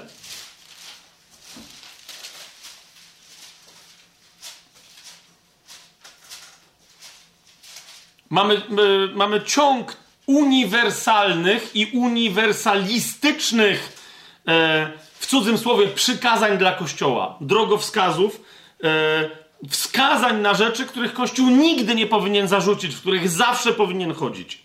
Tak? I e, ten piąty rozdział, ja nie będę teraz wszystkich tych wskazań e, odczytywać, ale powiedzmy od 11 wersetu, jak czytacie, dlatego zachęcajcie jedni drugich i budujcie się wzajemnie, jak to zresztą czynicie. No to jeszcze raz, e, to ma pierwsze pokolenie tylko robić, wszystkie następne już są zbudowane pokolenia? Czy też mamy się zachęcać, nawzajem budować i tak dalej nadal w każdym pokoleniu? Jak jest? Nadal, no oczywiście, no co, co się będę głupio pytał, nie? Potem Zauważacie, 15, idziemy dalej, 15 werset. Uważajcie, aby nikt nikomu nie odpłacał złem za zło, ale zawsze dążcie do tego, co dobre dla siebie nawzajem i dla wszystkich. Jeszcze raz, to obowiązywało pierwsze pokolenie, czy następnie yy, wszystkich? Oczywiście, że wszystkich. No to dalej, idźmy. Na jednym wydechu zauważcie, co Paweł mówi. Zawsze się radujcie. Nieustannie się módlcie. Za wszystko dziękujcie. Taka jest bowiem wola Boga w Chrystusie Jezusie względem was. Ducha nie gaście. Proroctw nie lekceważcie. Wszystko badajcie, a trzymajcie się tego, co dobre. Znam chrześcijan, którzy z całego tego ciągu wszystko wyciągają, włącznie z wszystko badajcie, a trzymajcie się tego, co dobre, tylko z jakiegoś powodu i, i dalej, aż do końca mówią amen, amen, amen, amen. Tylko i wyłącznie dwudziesty werset e, wygasł. Naprawdę? No bo wiecie, jeżeli ktoś mi mówi, e, że nie ma proroctw, a wręcz parę takich rozmów odbyłem, odbyłem i miałem takie, jak często mam takie, co, napra naprawdę ty słyszysz, co mówisz? Bo ktoś mi powiedział, że on nie lekceważy proroctw, bo ich nie ma. No, nie ma, no nie ma, no, na, na, no to wiesz, no to przyjdź na przykład do nas na modlitwę, na pewno będzie jakieś proroctwo, nie za pierwszym, to za drugim razem. Za trzecim nawet nie. Ale ja nie wierzę w to, że są proroctwa. No widzisz? O to mi chodzi, no nie? Bo nie ma proroctw. On nie lekceważy proroctw, bo nie ma, to nie ma problemu. Nie? Musiałyby być, to wtedy by ich nie lekceważył. A że ich nie ma, to by, no ale są. No to wtedy rozumiesz, że ktoś ci daje świadectwo, brat w Chrystusie, że są, a ty mówisz, że ich nie ma, to to nie jest czasem lekceważenie takie wzorcowe, bym tak rzekł, proroctwa? Więc jeszcze raz, jeżeli mamy wskazania w Słowie Bożym na zawsze, do tego jeszcze na zawsze to się jeszcze zaraz odniesiemy, tak? Ale jak mamy takie wskazania, no to, to, to, to czemu niektóre z nich miałyby wygasnąć i nas nie obowiązywać? Tak? Dalej, idźmy dalej. Kochani, na chwilę odłożę Biblię, wy, wybaczcie mi, ale no, bo jak ktoś mi mówi, że no, bo w historii wygasły, przecież my wiemy z historii, że wszystko wygasło, no to sprawdźmy, tak? E, to jest, to jest całe długie studium. Ja nie jestem jakimś historykiem wybitnym, ani w ogóle żadnym, ale Justin Męczennik, dla przykładu, e, jest absolutnie dostępny po polsku bez żadnego problemu. Wystarczy troszeczkę poszukać w internecie i znajdziesz za darmo. Nie trzeba jakiegoś piratowania uprawiać, po prostu jest taki jego tekst, jeden z tekstów, który się nazywa Dialog z Żydem Tryfonem. Dialog z Żydem Tryfonem, tak? Justyn Męczennik, zważcie na to, to jest drugi wiek po Chrystusie. Tak, jest drugi wiek. Żył między setnym rokiem dokładnie, a mniej więcej 163, 167, nie do końca wiadomo. Chodzi o to, że, jak sama nazwa wskazuje, oddał życie za Chrystusa. Nasz brat. Tak? I on w rozmowie y, z tymże Żydem Tryfonem, która się nazywa rozmowa z Żydem Tryfonem, y, tam są takie jakby podrozdziały, ale najczęściej ten list jest numerowany, czyli ma takie drobne rozdziałiki, one są numerowane. I teraz Yy, numer 82 yy, jest w ogóle zatytułowany Prorockie dary Żydów zostały przekazane chrześcijanom. Nie? To jest drugi wiek. I ten, jakby ktoś miał, no ale to jest dopisany tytuł, czy coś tam nie jest, no ale niech będzie. Chodzi o to, że ten rozdziałik rozpoczyna się dokładnie od zdania, które sobie wypisałem. Prorockie dary bowiem trwają przy nas aż do obecnego czasu. Justyn Męczennik, to było napisane około 150 roku. No to jakby, co jest grane? On też znał Pana Jezusa i żył bardzo długo. No mógł. Może wiecie o co chodzi. Więc mamy Ireneusza z Lyonu. Jednego z moich ulubionych baciarów z tamtych czasów. I tu już wiemy z całą pewnością, tak, że nawet jak on się jakimś cudem, ktoś tam twierdził, on sam coś tam wspomniał, że widział z Janem, to on w ogóle nie wiedział o co chodzi. Nie? On zresztą sam siebie przedstawia jako pokolenie po, wychowane przez pokolenie, które było wychowane przez pokolenie apostołów. Tak? Czyli on wyraźnie mówił: Ja jestem uczniem Polikarpa, a Polikarp był uczniem Jana. Co oznacza, ja jestem drugim pokoleniem, po, nawet nie pierwszym, ale drugim po oryginalnym pokoleniu apostolskim. Amen? Mamy to? To teraz uważajcie. Czyli on się urodził w 140 roku, czyli w drugim wieku, a umarł już w trzecim wieku, w 202 roku. Wszystko na to wskazuje. Tak? Swoją drogą, oryginalnie E, bo też, zobaczcie, jakie dziedzictwo Lyon pochodził ze Smyrny. Z tej Smyrny. Nie? E, I potem wyemigrował, był w Rzymie i tak dalej. W końcu został posłany e, do Lyonu z jakąś tam swoją misją. Otóż w, w księdze piątej, w szóstym rozdziale, adversus herezes, czyli przeciwko heretykom. I teraz niektórzy się dowiedzą, że są heretykami. Od, od Ireneusza, przecież nie ode mnie. Ja to coś mam do kogoś? Je, to jest po polsku wydanie katolickie, dużo y, prze, przedziwnionych, udziwnionych, przekręconych tłumaczeń, y, ale nie będzie jakby, bo to wiecie, bo to nie jest temat, to, to, to jest prosty temat. Otóż, to jest, roz, y, to jest księga piąta, rozdział szósty. I w tym rozdziale szóstym to jest podpunkt pierwszy. No nie, jakby ktoś szukał, miał tę książkę, to sobie bardzo łatwo znajdzie. Nie mówię, która to jest strona, bo nie wiem, które ktoś będzie miał za jakiś czas, jak będzie słuchać, bo może jest więcej wydań tej książki. To jest chyba pierwsze wydanie. Mm, w każdym razie w tym wydaniu, które tutaj mam i tu pokazuję, to jest strona, zaczyna się od strony 439. Otóż wstęp do tego szóstego rozdziału w Księdze Piątej, Adversus Herezes, przeciwko heretykom, brzmi tak. I teraz cytuję dokładnie, co Ireneusz mówi. Bóg tak dokona zbawienia człowieka, że będzie on w swej doskonałości integralną całością trwale złączonych ze sobą duszy i ciała, gdyż i słowo przyjęło na siebie taką naturę. Uwaga, przyozdabiając ją darami Ducha Świętego i stąd nasze ciało nazwane zostało, nasze ciała nazwane zostały Jego świątyniami. A zatem Rozumiecie? Albo jesteś przeozdobiona, jesteś przeozdobiony darem Ducha Świętego, to są charyzmaty u, u, u Ireneusza. Zresztą za chwilę będę, zaraz będę czytać dalej, tak? I na tej podstawie możesz mówić, że jesteś świątynią. No albo jeżeli nie ma charyzmatów, to ty nie masz prawa się nazywać świątynią. To jest teza, rozumiesz? A, a ktoś powie, no jak to nie? Przecież Słowo Boże mówi, że jesteśmy świątyniami. I Ireneusz mówi, dlatego jesteśmy przyozdobieni jako ta świątynia, czym? Charyzmatami. Ale idźmy dalej, zobaczcie co on mówi. mówi. W pierwszym punkcie tam coś rozwija, bo on się odnosi do różnych tam tez heretyckich, ale mówi tak. To jest tam któreś tam drugie czy trzecie zdanie. Jak coś będzie czytał, to se znajdzie. Mówi tak. Apostoł powiada. Głosimy mądrość pośród doskonałych. I teraz komentuje. Nazywając doskonałymi tych, którzy przyjęli Ducha Bożego i przez Ducha Bożego mówili wszystkimi językami. Podobnie zresztą, jak mówił i on sam. Więc mówi, czyli mówi, odwołuje się do daru języków, tak? I teraz uważajcie dalej.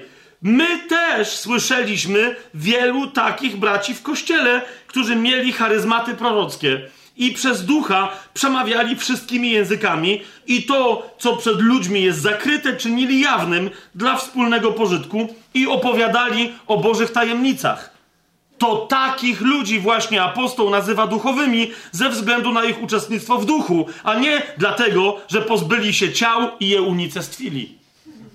A więc mówi, kto jest duchowy, kto usługuje charyzmatycznie. Jak? Tak. Tak jak to jest opisane w pierwszym do Koryntian, no ale tak jak ja też jestem tego świadkiem w kościele. Nie? Dalej, jeszcze tylko jeden fragmencik przeczytam. Duch łączy się i jednoczy z duszą stworzenia i tak przez wylanie ducha człowiek staje się duchowym i doskonałym. I takim właśnie ma być ten, który został stworzony na obraz i podobieństwo Boże. Gdyby zaś w jego duszy zabrakło ducha, to pozostaje on istotą zmysłową. I tam dalej to rozważa. Ale jeszcze raz, mówi, jeżeli ktoś jest istotą duchową, to jednym z aspektów, bo on tu parę aspektów rozważa, ale jednym z aspektów bycia świątynią, a więc bycia człowiekiem duchowym jest to jest usługiwanie charyzmatyczne. Czy Ireneusz mówi, że wszyscy tak usługują? Nie, on na przykład o sobie nic nie wspomina, mógł tak zrobić ze skromności. Tak? Ale mówi, że to jest doświadczenie, które powszechnie jest obecne. Tak? I teraz idąc jeszcze dalej, bo już dochodzimy do, w tym momencie do Augustyna z Hipony, zwanego świętym Augustynem, czyli jak dla mnie założyciela e, de facto doktryny religii rzymskokatolickiej. Nie? Bo to jest, wiecie, piąty, czy już nawet szósty wiek, tam, nie, to jest piąty wiek chyba, nie? No to już jesteśmy, tak, pół tysiąca lat po Panu Jezusie zaczyna być. I teraz zaczyna się robić dziwnie, ale wciąż to jest dosyć, przyznacie, dosyć starożytny kościół, nie? Niemniej już, już powinien jakby mieć jasność, świadomość i pewność, że cesacjonizm zadziałał. No bo jakby ile jeszcze, nie? Otóż yy, znów nie ma co daleko szukać. Ja nie mam przy sobie tej książki, ale spokojnie znajdziecie w internecie. Ja w każdym razie znalazłem tłumaczenie e, z 37 roku i ono było dostępne w otwartych archiwach i tak dalej. E, można też kupić tą książkę. Chodzi mi o przesławną książkę uznaną za w ogóle um, opus życiowe e, Augustyna, za, za, za najważniejsze dzieło jego życia, mianowicie Państwo Boże Augustyna. W księdze 22 ma, są dwa rozdziały, gdzie Augustyn wyraźnie mówi, że może dzisiaj jakby cuda, znaki, przejawy w kościele jakby nie są tak powszechne czy tak spektakularne, jak o nich mówi Biblia, ale mówi być może dlatego, że wszyscy czytamy tą samą Biblię i jakby lokalny cud, wiecie, że Piotr kogoś uzdrowił, że ktoś, wszyscy o nim wiedzą, a teraz mówi o tych, o takich samych lokalnych cudach wiedzą ludzie tylko lokalnie i one nie robią jakby często do nas nie docierają te informacje. Natomiast taka myśl, ale o co mi chodzi? Jakby od strony teologicznej. Nawet Augustyn, V wiek, to jest Państwo Boże, Księga 20, nie, nieważne jakie będziecie mieli tłumaczenie, po prostu. To jest Księga 22, rozdział 8 tejże księgi. Również rozdział 9 jakby dalej kontynuuje, że bo tam mm, Augustyn się odnosi też do tego, że męczennicy również to jest nadprzyrodzona rzecz, że oni w ogóle oddają życie. Jakby mm, on o tym mówi, że tu dalej to działa, ale zwłaszcza chodzi mi o rozdział 8 Księgi 22 Państwa Bożego Augustyna. Otóż tytuł tej księgi brzmi o cudach, które się działy, żeby świat uwierzył w Chrystusa i które się aż dotąd dzieją, gdy już świat wierzy. Dziękuję. Jakby, wiecie, nie będę teraz całego rozdziału przedstawiał, ktoś tam może wejść. Tam są jakieś, wiecie, jakieś tam no, no właśnie, ale jakby teza jest prosta. Nie, nie ma podstawy, żebyśmy my dzisiaj w V wieku uznali, że się cuda skończyły, że one były tam kiedyś. Nie? Tu mamy y, jedno z takich, jeszcze raz takich, bo czasem ktoś mówi, że ciężko dotrzeć do jakiegoś tam dokumentu ojca kościoła, coś tam. To są rzeczy, do których można swobodnie dotrzeć. Nie? Więc jak ktoś mówi, że cuda wygasły i tak dalej, no to jakby musi naprawdę się naprawdę jakby to nie jest tak, że my nie wiemy, jaka była historia wiecie, pierwszego, drugiego, trzeciego, czwartego, piątego wieku po Chrystusie biblijnie wierzących ludzi. Nie? To nie jest tak, że my nie wiemy. I oni wszyscy, do głowy by im nie przyszło, żeby uważać, że, że nadprzyrodzone znaki cuda i tak dalej, że są już nieobecne. Do głowy by im nie przyszło, żeby tak mówić. Nie? Teraz, dlaczego takie jest moje pytanie? Skąd my to wiemy? Czy, czy Biblia o tym mówi wprost? Bo to jest kolejna rzecz, którą potrzebujemy sobie jasno uporządkować. Jakby Dobrze. Ym, Okej. Okay. Ale, ale jak, czyli jakie są te dowody, że, że my. Ja, ja już o nich wspominałem nie, nieco. Przy okazji mówienia, że my widzimy wyraźnie, że Duch Święty działa tak samo w każdym pokoleniu. Nie? Ale dlaczego? Skąd nasze przekonanie, że przynajmniej do powrotu Pana Jezusa, przynajmniej do tego powrotu, kiedy On wróci po nas, a więc do pochwycenia, że, że powinien Kościół spodziewać, no bo wtedy już jakby nie będzie Kościoła, który by się miał czego spodziewać, tak? Że będzie obowiązywać, e, działać jak najbardziej usługiwanie charyzmatyczne.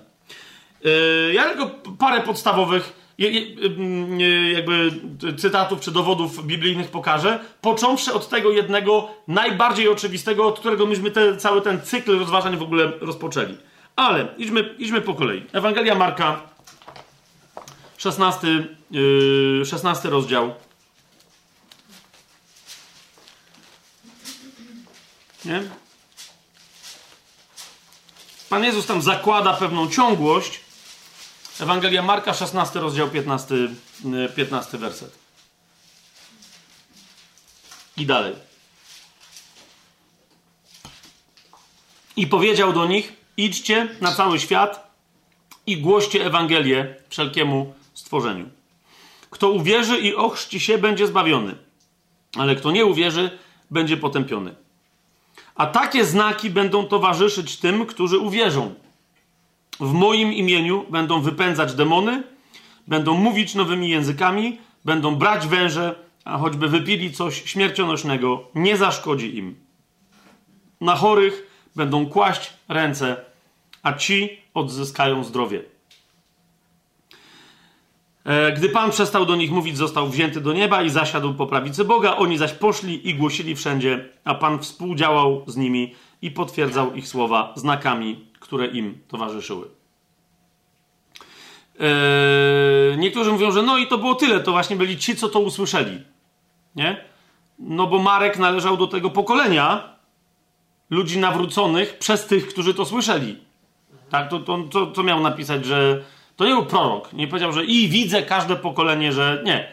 Ale mamy bardzo jasno wskazane, tak długo jak będziecie głosić Ewangelię, tak długo będą wierzący. Tak długo jak będą wierzący, tak długo będą im towarzyszyć znaki.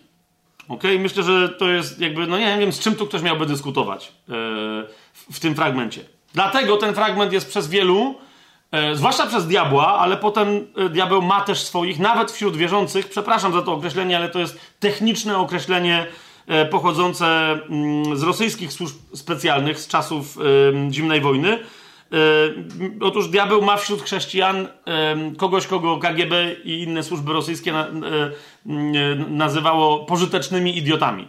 Nie? Czyli oni jak chcieli gdzieś wzbudzić jakieś ruchy, przekonania i tak dalej na zachodzie, mieli swoich agentów, wykładali swoje pieniądze, ale czasem w te rzeczy wierzyli ludzie, którym nawet nie trzeba było płacić. Nie?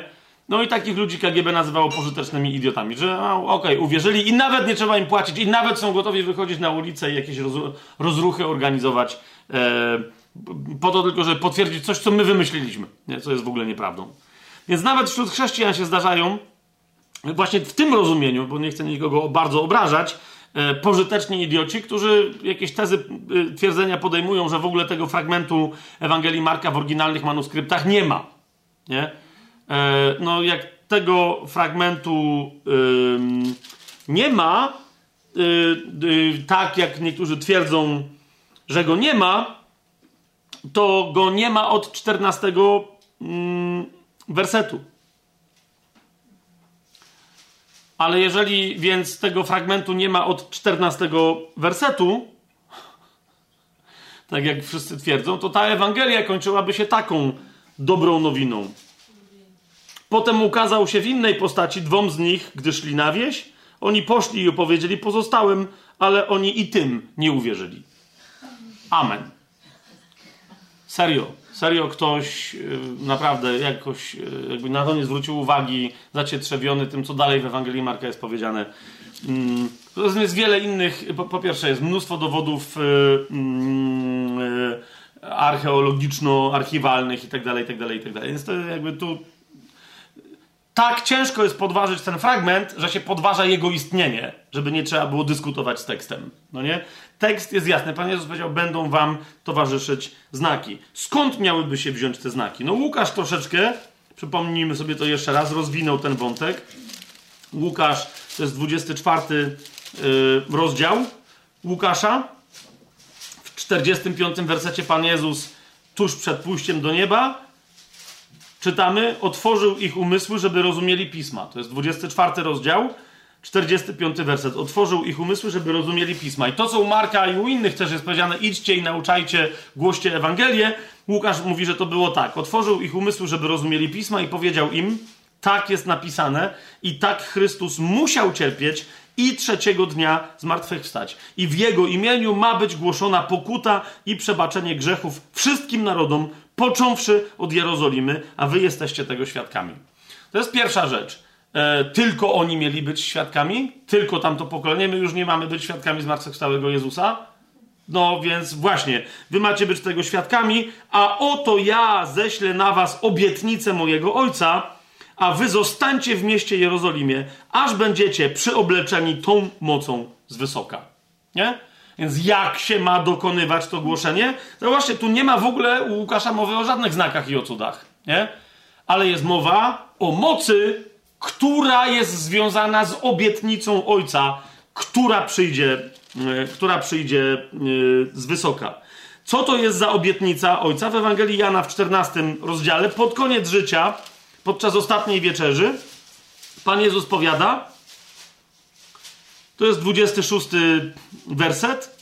Ale pocieszyciel, Duch Święty, jaki pocieszyciel? Kolejny pocieszyciel, nowy pocieszyciel. Ten pocieszyciel w zasadzie parakletos to jest obrońca, nie?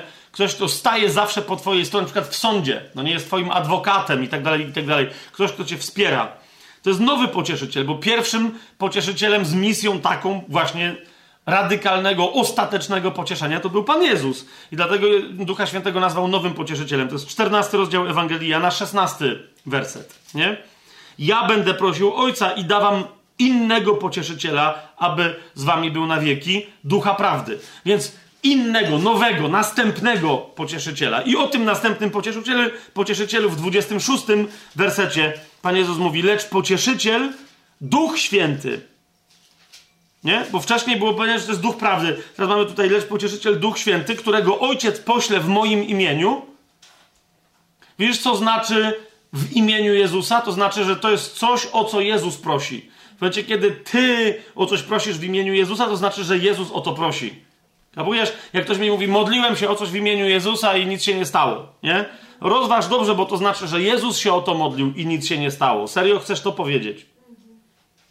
Nie? Czy może lepiej drugi raz rozważysz, co się naprawdę stało? O co ty prosiłeś? Czy prosiłeś w imieniu Jezusa? Czy rozumiesz, co znaczy prosić w imieniu Jezusa i tak dalej? Nie? Więc pocieszyciel Duch Święty, którego Ojciec pośle w moim imieniu, On nauczy was wszystkiego i przypomni wam wszystko, co wam powiedziałem. To jest ta obietnica Ojca. Obietnica starotestamentowa, myśmy w poprzednich, pamiętacie, chociażby przy okazji dziejów apostolskich e, sezonach, mówili o tej obietnicy, którą jest Duch Święty, którą, e, tak, która ma być e, wylana. I teraz, e, jak to się wiąże z ewangelizacją? No bo on nie tylko będzie mówić do kościoła, ale w 15 rozdziale, 26 wersecie czytamy, gdy jednak przyjdzie pocieszyciel, którego ja wam poślę od Ojca, duch prawdy, który wychodzi od Ojca, on będzie świadczył o mnie. A więc to jest cały prowodyr, e, protagonista ewangelizacji, przywódca ewangelizacji, główny świadczący, główny ewangelista. Nie? To jest Duch Święty. W 16 rozdziale, a więc jak my mamy głosić, idźcie na cały świat, nauczajcie wszystkie narody, znaki wam będą towarzyszyć, gdyż samo głoszenie nie może być głoszeniem intelektualnym, ale ma być uwalnianiem, jakby pozwalaniem Duchowi Świętemu, żeby przez nas przechodził. To samo z siebie jest już działalnością charyzmatyczną. W 16 rozdziale Pan Jezus mówi od e, wersetu 7, e, ale ja wam mówię prawdę. Pożyteczniej jest dla was, abym odszedł. Jeżeli bowiem nie odejdę, pocieszyciel do was nie przyjdzie. Kolejny raz tu jest, chodzi, rozumiecie, kolejny raz jest Duch Święty tak nazywany. Nie? A jeśli odejdę, poślę go do was. A kiedy on przyjdzie, będzie przekonywać świat o grzechu, o sprawiedliwości i o sądzie. O grzechu mówię, bo nie uwierzyli we mnie. Kto wzbudza wiarę w Jezusa? Widzisz o co idzie? Kto pokazuje ludziom, że problemem jest to, że nie wierzą w Jezusa? O sprawiedliwości, bo idę do mojego ojca i już więcej mnie nie zobaczycie. No dopóki o, w ogóle nie wrócę. W ramach tej misji to już jest koniec. Ale skoro ja idę do ojca, to no to co? No to właśnie, to za chwilę się dowiemy, co z tego wynika, że za chwilę idę do ojca. O sądzie będzie przekonywać, bo władca tego świata już jest osądzony. To jest misja Ducha Świętego.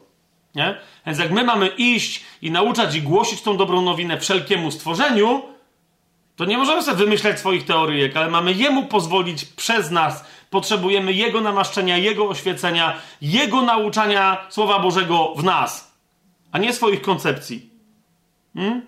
W 16 rozdziale. Dobra, tyle.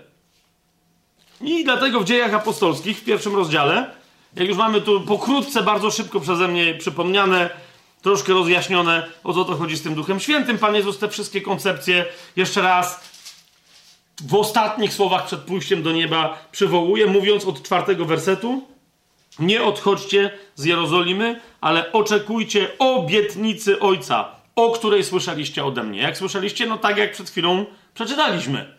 Nie? To jest obietnica Ojca, ona jest dla was. Jan bowiem chrzcił wodą, ale wy po niewielu dniach będziecie ochrzczeni Duchem Świętym. Co to jest za obietnica? To jest obietnica bycia ochrzczonym Duchem Świętym. To jest obietnica. Chrzest Duchem Świętym to jest przyjęcie daru Ducha Świętego, a kiedy Duch Święty jest na tobie i w tobie, wówczas masz moc, która od Niego pochodzi. Ona ci towarzyszy. Tak więc, mm, siódmy werset. Nie do was należy znać czasy i pory, które Ojciec ustanowił swoją władzą, ale przyjmiecie moc Ducha Świętego, który zstąpi na was i będziecie mi świadkami w Jerozolimie, w całej Judei, w Samarii i aż po krańce ziemi. Jak długo ma trwać misja aż po krańce ziemi? Aż dopóki się nie skończy. W każdym pokoleniu. Nie może być tak, że Pan Jezus obiecał moc na tę misję tylko pierwszemu pokoleniu. To byłby absolutny absurd. Nawet gdyby oni doszli do krańców ziemi. Dlaczego? Bo za chwilę się okazało, że na krańcach ziemi wszyscy się nawrócili, a w Jerozolimie już sobie o wszystkim zapomnieli. I od nowa. W każdym pokoleniu misja rozchodzi się z Jerozolimy aż po krańce ziemi. I Duch Święty, jeżeli jest tym, który ją prowadzi, rozumiecie o co mi chodzi? To jest konieczny, żeby, y, y, y, żeby ona mogła trwać. A jeżeli on ją prowadzi w taki sposób, że ujawniana jest moc znaków i cudów, Ewangelia Marka, 16 rozdział, to ona zawsze w każdym pokoleniu musi być taka sama. Dlaczego? Bo ten, który ją prowadzi, jest taki sam i się nie zmienia. Bo Duch Święty jest Bogiem. Dzieje apostolskie, drugi rozdział, 38 werset.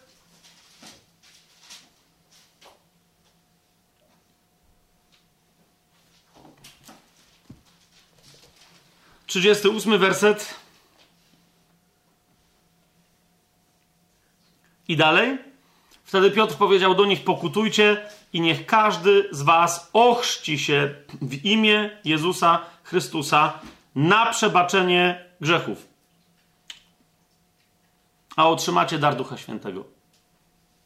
Czyli e, z samego tego zdania wynika, że każdy, kto się ochrzci w imię Jezusa Chrystusa na przebaczenie grzechów, a więc dojdzie do tego momentu, ma obiecane, obietnica Ojca, w darze co? Przyjście Ducha Świętego. Widzicie to? A, a, a, a zatem, kiedy, a skoro wiemy, że gdy przychodzi Duch Święty, czyni z takiego kogoś, kogo wypełnia i zanurza w swojej obecności, czyni z niego świadka, to ten świadek będzie chodzić w mocy Ducha, czyli w znakach i cudach. Znaki i cuda musiałyby się skończyć, gdyby się skończyło chrzczenie ludzi. Rozumiecie? Z samego tego zdania to wynika. Ale jakby było mało, w 39 wersecie mm, Piotr mówi: Obietnica ta dotyczy Was, Waszych dzieci i wszystkich, którzy są daleko, każdego, kogo powoła Pan, nasz Bóg. Jakby tego było mało, jakby pierwsze zdanie nie wystarczyło, mi to dotyczy każdego, absolutnie każdego. Nie ma ludzi. No potem sam Piotr okazuje się, że ogłosił co ogłosił, a u Korneliusza nie był pewny, czy każdego. Nie? Ale Duch Święty go przekonał. Mówi: Ej, dałem im ten sam e, klimat, tą samą atmosferę nadprzyrodzoną, te same znaki i cuda, co wam na początek? Tak, no to chrzcisz? Chrzczę. Nie ma, nie ma absolutnie ani słowa o jakimś nieposłuszeństwie. To jest Duch Święty. Pierwszy list do Koryntian, jak sobie otworzymy i teraz, yy, teraz się czemuś yy, bliżej przyjrzymy. W pierwszym liście do Koryntian w 12 rozdziale, tam gdzie właśnie jest mowa o tym, że, yy, że jest jeden duch, ten sam duch. Spójrzcie, 12 rozdział, czwarty werset. Są różne dary, ale ten sam duch. Tu, I tu jest bezpośrednio mowa o czym? O tym, o czym od początku e, tej części sezonu mówimy, od połowy sezonu, czyli o charyzmatach. Są różne charyzmaty, ale ten sam duch, tu jest powiedziane. Są różne charyzmaty, ale ten sam duch. Okej, okay. ten, czyli, te, czyli charyzmaty pochodzą od Ducha Świętego. Już wiemy, zgadza się. Ale komu one są udzielane? Siódmy werset. Każdemu jest dany. I teraz uważajcie, ponieważ tu się pojawia bardzo istotny wyraz. My tu mamy słowo przejaw. Nie? Ktoś ma przejaw czegoś, nie? Z całym szacunkiem, ale my tutaj po grecku mamy y, y, słowo fanerosis, fanerosis, które w najdelikatniejszej swojej formie należałoby przetłumaczyć jako manifestacja. Ok? Jako ma, ja sobie y, y, sprawdziłem nie tylko, bo w Biblii się tylko dwa razy to słowo pojawia, ale jeszcze w paru innych zastosowaniach y, greckich, takich klasycznych i nieklasycznych. I za każdym razem, kiedy ktoś się posługuje słowem fanerosis, nie mówi o jakimś przejawie, wiecie, bo to jest tak, jak ktoś miał tik, no nie? Oko mi lata, o, czyli potrzebujesz magnezu. Wiesz co, mam przejaw braku magnezu. No jakby, okej. Okay. Nie, tam, tam jest zawsze, mani... wypisałem sobie, to jest manifestacja. To jest ujawnienie czegoś. To jest, uważajcie na to, jawny dowód na coś, na przykład obecności kogoś. Nie? I teraz, jak sobie sprawdzimy, yy, czyli ma, każdemu dane jest co? Jawny dowód, że ma ducha. Ok?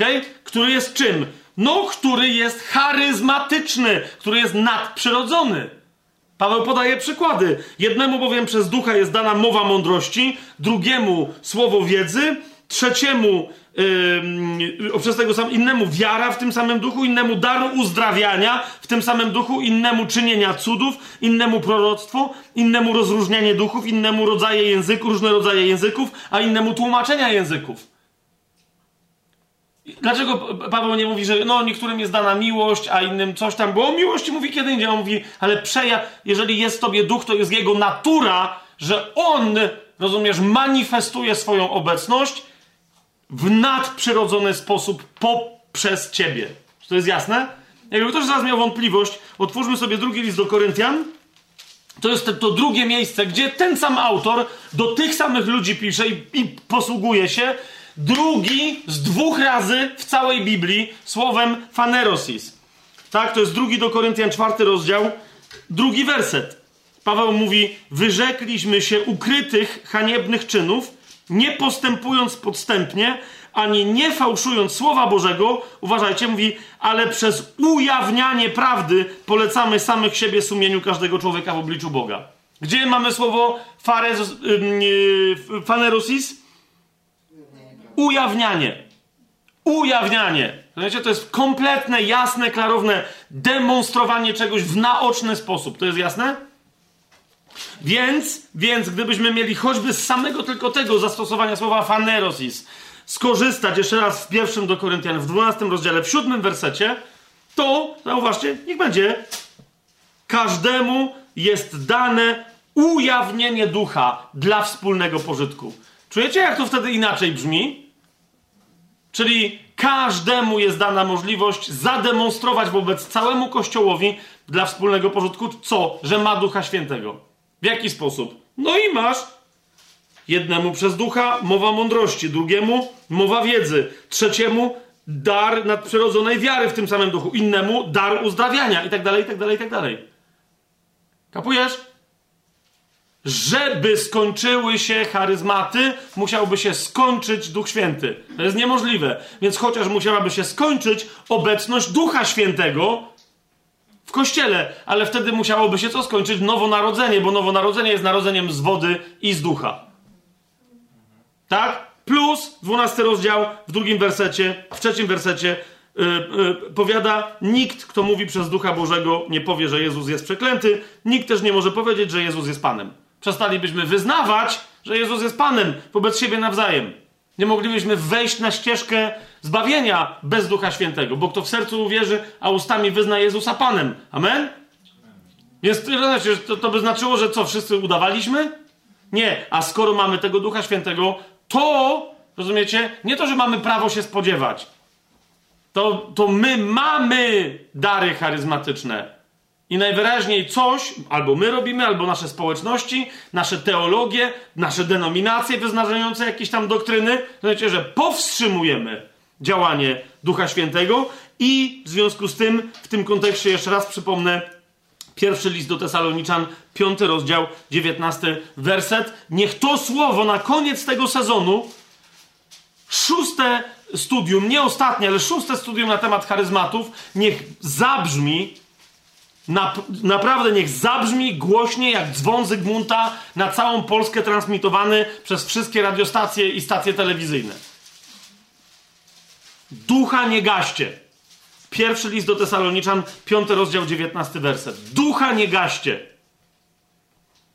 Jeżeli żyjemy w kościołach i społecznościach i tak dalej, które nie mają e, charyzmatów, nie mają tych dowodów na obecność Ducha Świętego, nie znaczy, że tam nie ma Ducha Świętego, ale to znaczy, że tam się odbywa zasmucanie Ducha Świętego, że tam się odbywa gaszenie Ducha Świętego. Dlatego nie ma chociażby proroctw jako podstawowego, najprostszego daru dla Kościoła, przez który Kościół ma się budować, o tym jeszcze za chwilę. Rozumiecie? To jest gaszenie ducha. Duch Święty jest bardzo delikatny i on się wycofuje. I on nie będzie nas gwałcił, żeby, rozumiecie, kogoś wziąć w posiadanie, bo to by była forma opętania, jak zmusił oślicę Balama, pamiętacie? I ona, I ona powiedziała coś, tak? I powiedziała proroctwo. No bo z Ducha, z Ducha Świętego miała charyzmat jednorazowy, ale tak nie jest w Nowym Przymierzu. I on nas nie będzie gwałcił, tak? I teraz, czy ty się opierasz Duchowi Świętemu, wiesz, że to jest Duch Święty w taki czy inny sposób, czy ty masz teologię, która cię opiera Duchowi Świętemu i tak dalej, to jakby nie ma żadnego znaczenia. Po prostu. To jest gaszenie Ducha, to jest gaszenie Ducha Świętego. Nie? Ducha nie gaście, proroctwa nie lekceważcie. Niektórzy mówią, nie, my mamy mnóstwo proroctw. Dalej, jak macie proroctwa, wszystko badajcie. To jest następne gaszenie ducha, jeżeli nie badacie. Wszystko badajcie, a trzymajcie się tylko tego, co dobre. Od wszelkiego pozoru, chociażby pozoru zła, się powstrzymujcie. Amen? To jest, rozumiesz, Duch Święty, kiedy jest w człowieku, to porusza się jako twój charyzmat, że tak powiem. Skąd wiemy? Te, I teraz jeszcze raz powtarzam, to jest dla mnie, jakby to jest dla mnie, wiecie, dowód wystarczający, nie? Byśmy o tym mówili szerzej, co to jest charis, co to jest charizma, tak? I po prostu, że, że charizma to, to jest sposób bycia Ducha Świętego we mnie i w tobie, jako w, w wierzącej osobie. Nie ma takiej możliwości, żeby ktoś nie miał nadprzyrodzonego daru. Oczywiście niektórzy, jakby ich dar nadprzyrodzony nie, nie wygląda, jakby nie wywołuje wiecie, efektów zadziwienia, jak ktoś się dobrze nie przyjrzy. Nie? Bo, bo wiecie, bywa tak, że ludziom się mnożą kanapki w rękach, jak je rozdają bezdomnym na ulicy w ramach kościoła ulicznego. Dosłownie. Mają jednego arbuza i nagle się okazuje, że dla wszystkich jest, wiecie, po, po parę grubych plastrów w upał na takim kościele ulicznym. Tak? I, ale jakby wiecie, ci bezdomni nawet nie zauważają często, że doszło na ich oczach do cudu rozmnożenia pokarmu. Tak? Ktoś inny ma nadprzyrodzony, yy, absolutnie nadprzyrodzony dar docierania na przykład z zaopatrzeniem, z pieniędzmi i tak dalej w miejsca, które są wręcz przez wroga odcięte. Nie? Są gdzieś bracia i siostry, ktoś w potrzebie i tyle. I na przykład władze takiego czy innego totalitarnego e, państwa nie dają możliwości poinformowania innych o tym, że jest ktoś w potrzebie, żeby mu dopomóc. Nie? I wtedy chrześcijanie, którzy mają ten dar, właśnie który jest związany z darem przez e, Pawła wspomnianym w 12 rozdziale listu do Rzymian, e, który jest darem miłosierdzia czy też dobroczynności, to jest nadprzyrodzony dar dobroczynności. Nie? nie tylko, żeby móc dobrze czynić, ale żeby wiedzieć jak, komu, w jakim wymiarze i tak dalej, i tak. Nie? I, I znów ktoś powie, no przyjechała baba, przywiozła tam coś, nie, pomidory i tak, tak dalej i jakby nie, nie dostrzega tego, że to była cała nadzwyczajna, wyjątkowa e, sytuacja. Nie? Ja znam misjonarzy, osobiście ludzi, którzy byli na różnych misjach, ale nie tylko, e, którzy po prostu mieli, e, włącznie z całymi, wiecie, takimi społecznościami, gdzie były rodzinne dzieci i tak dalej, i ze względu na tam pewne zaangażowania, spłatę długów, no mniejsza o to, bo to teraz tę historię jedną zawsze teraz sobie przypominam. E, wiecie, ludzie często się ekscytują, że oni tam siedzieli i nagle wiecie, dzwonek do drzwi, jest kolacja, rozpoczynają modlitwę nad pustymi stołami, bo nie mają nic, nie mają ani pół kromki chleba, nic zupełnie, nie? Ale się modlą, bo ktoś miał proroctwo wcześniej, że będą jedli. No to okej, okay. dzieci, wiecie, patrzą na stół, nie ma nic, no ale najwyraźniej dorośli powariowali, modlimy się, pobłogosław, Panie, cieszymy się, mamy posiłek, mamy chleb, mamy jedzenie, chleba naszego powszedniego daj nam teraz, dzisiaj, bo nic nie jedliśmy od rana. No nie? I nagle dzwonek do drzwi, nie? Wchodzi gość, czy Państwo zamawiali, nie mamy pieniędzy, nie ma żadnego znaczenia, jest z góry zapłacone pizzę w liczbie 46 sztuk. Proszę bardzo, nie? I mieli na rano, nie tylko na kolację, mieli jeszcze na śniadanie. I wszyscy się ekscytują, no super, no jakby super, bo oni mieli proroctwo, że tak się stanie, ale rozumiesz, że z drugiej strony był ktoś, kto o nich nie wiedział. Zamówił pizzę, zapłacił za nią i powiedział: Proszę jechać dokładnie na tamten adres, na kiedy ma przyjechać na 19. Rozumiecie?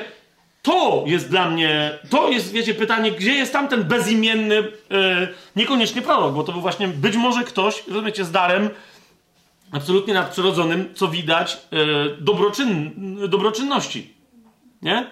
I on tyle, i, on nawet, i potem się nie pojawił, wiecie, nie, wiadomo kto. I teraz stwierdzenie aniołowie, to, to był anioł, ta anioł upiekł pizzę, przywiózł ją, rozumiesz, pizza stała za rogiem, jasne.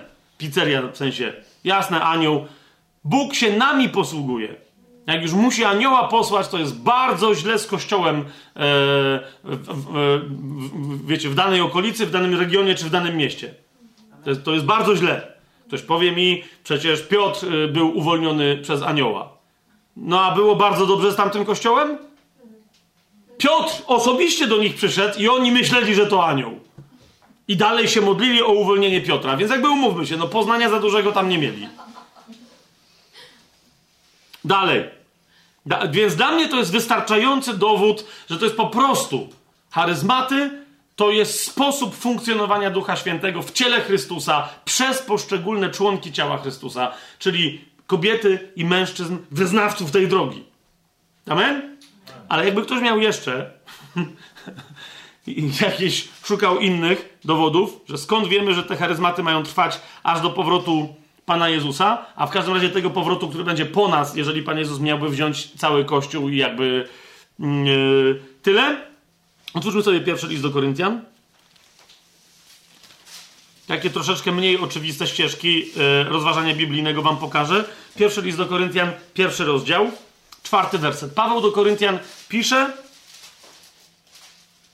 Zawsze dziękuję mojemu Bogu za was, za łaskę Bożą, która została wam dana w Chrystusie Jezusie.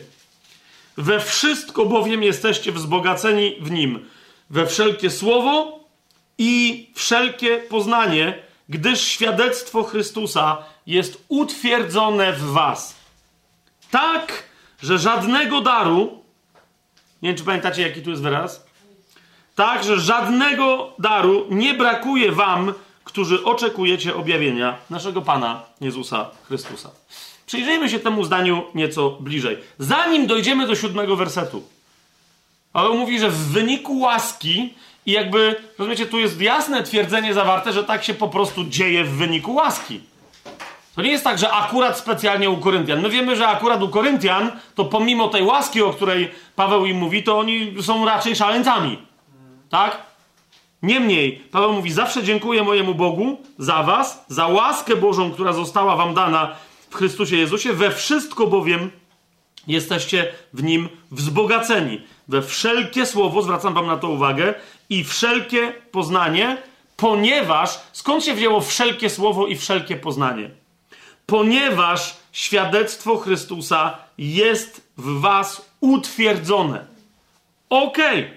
świadectwo Chrystusa jest w Was utwierdzone.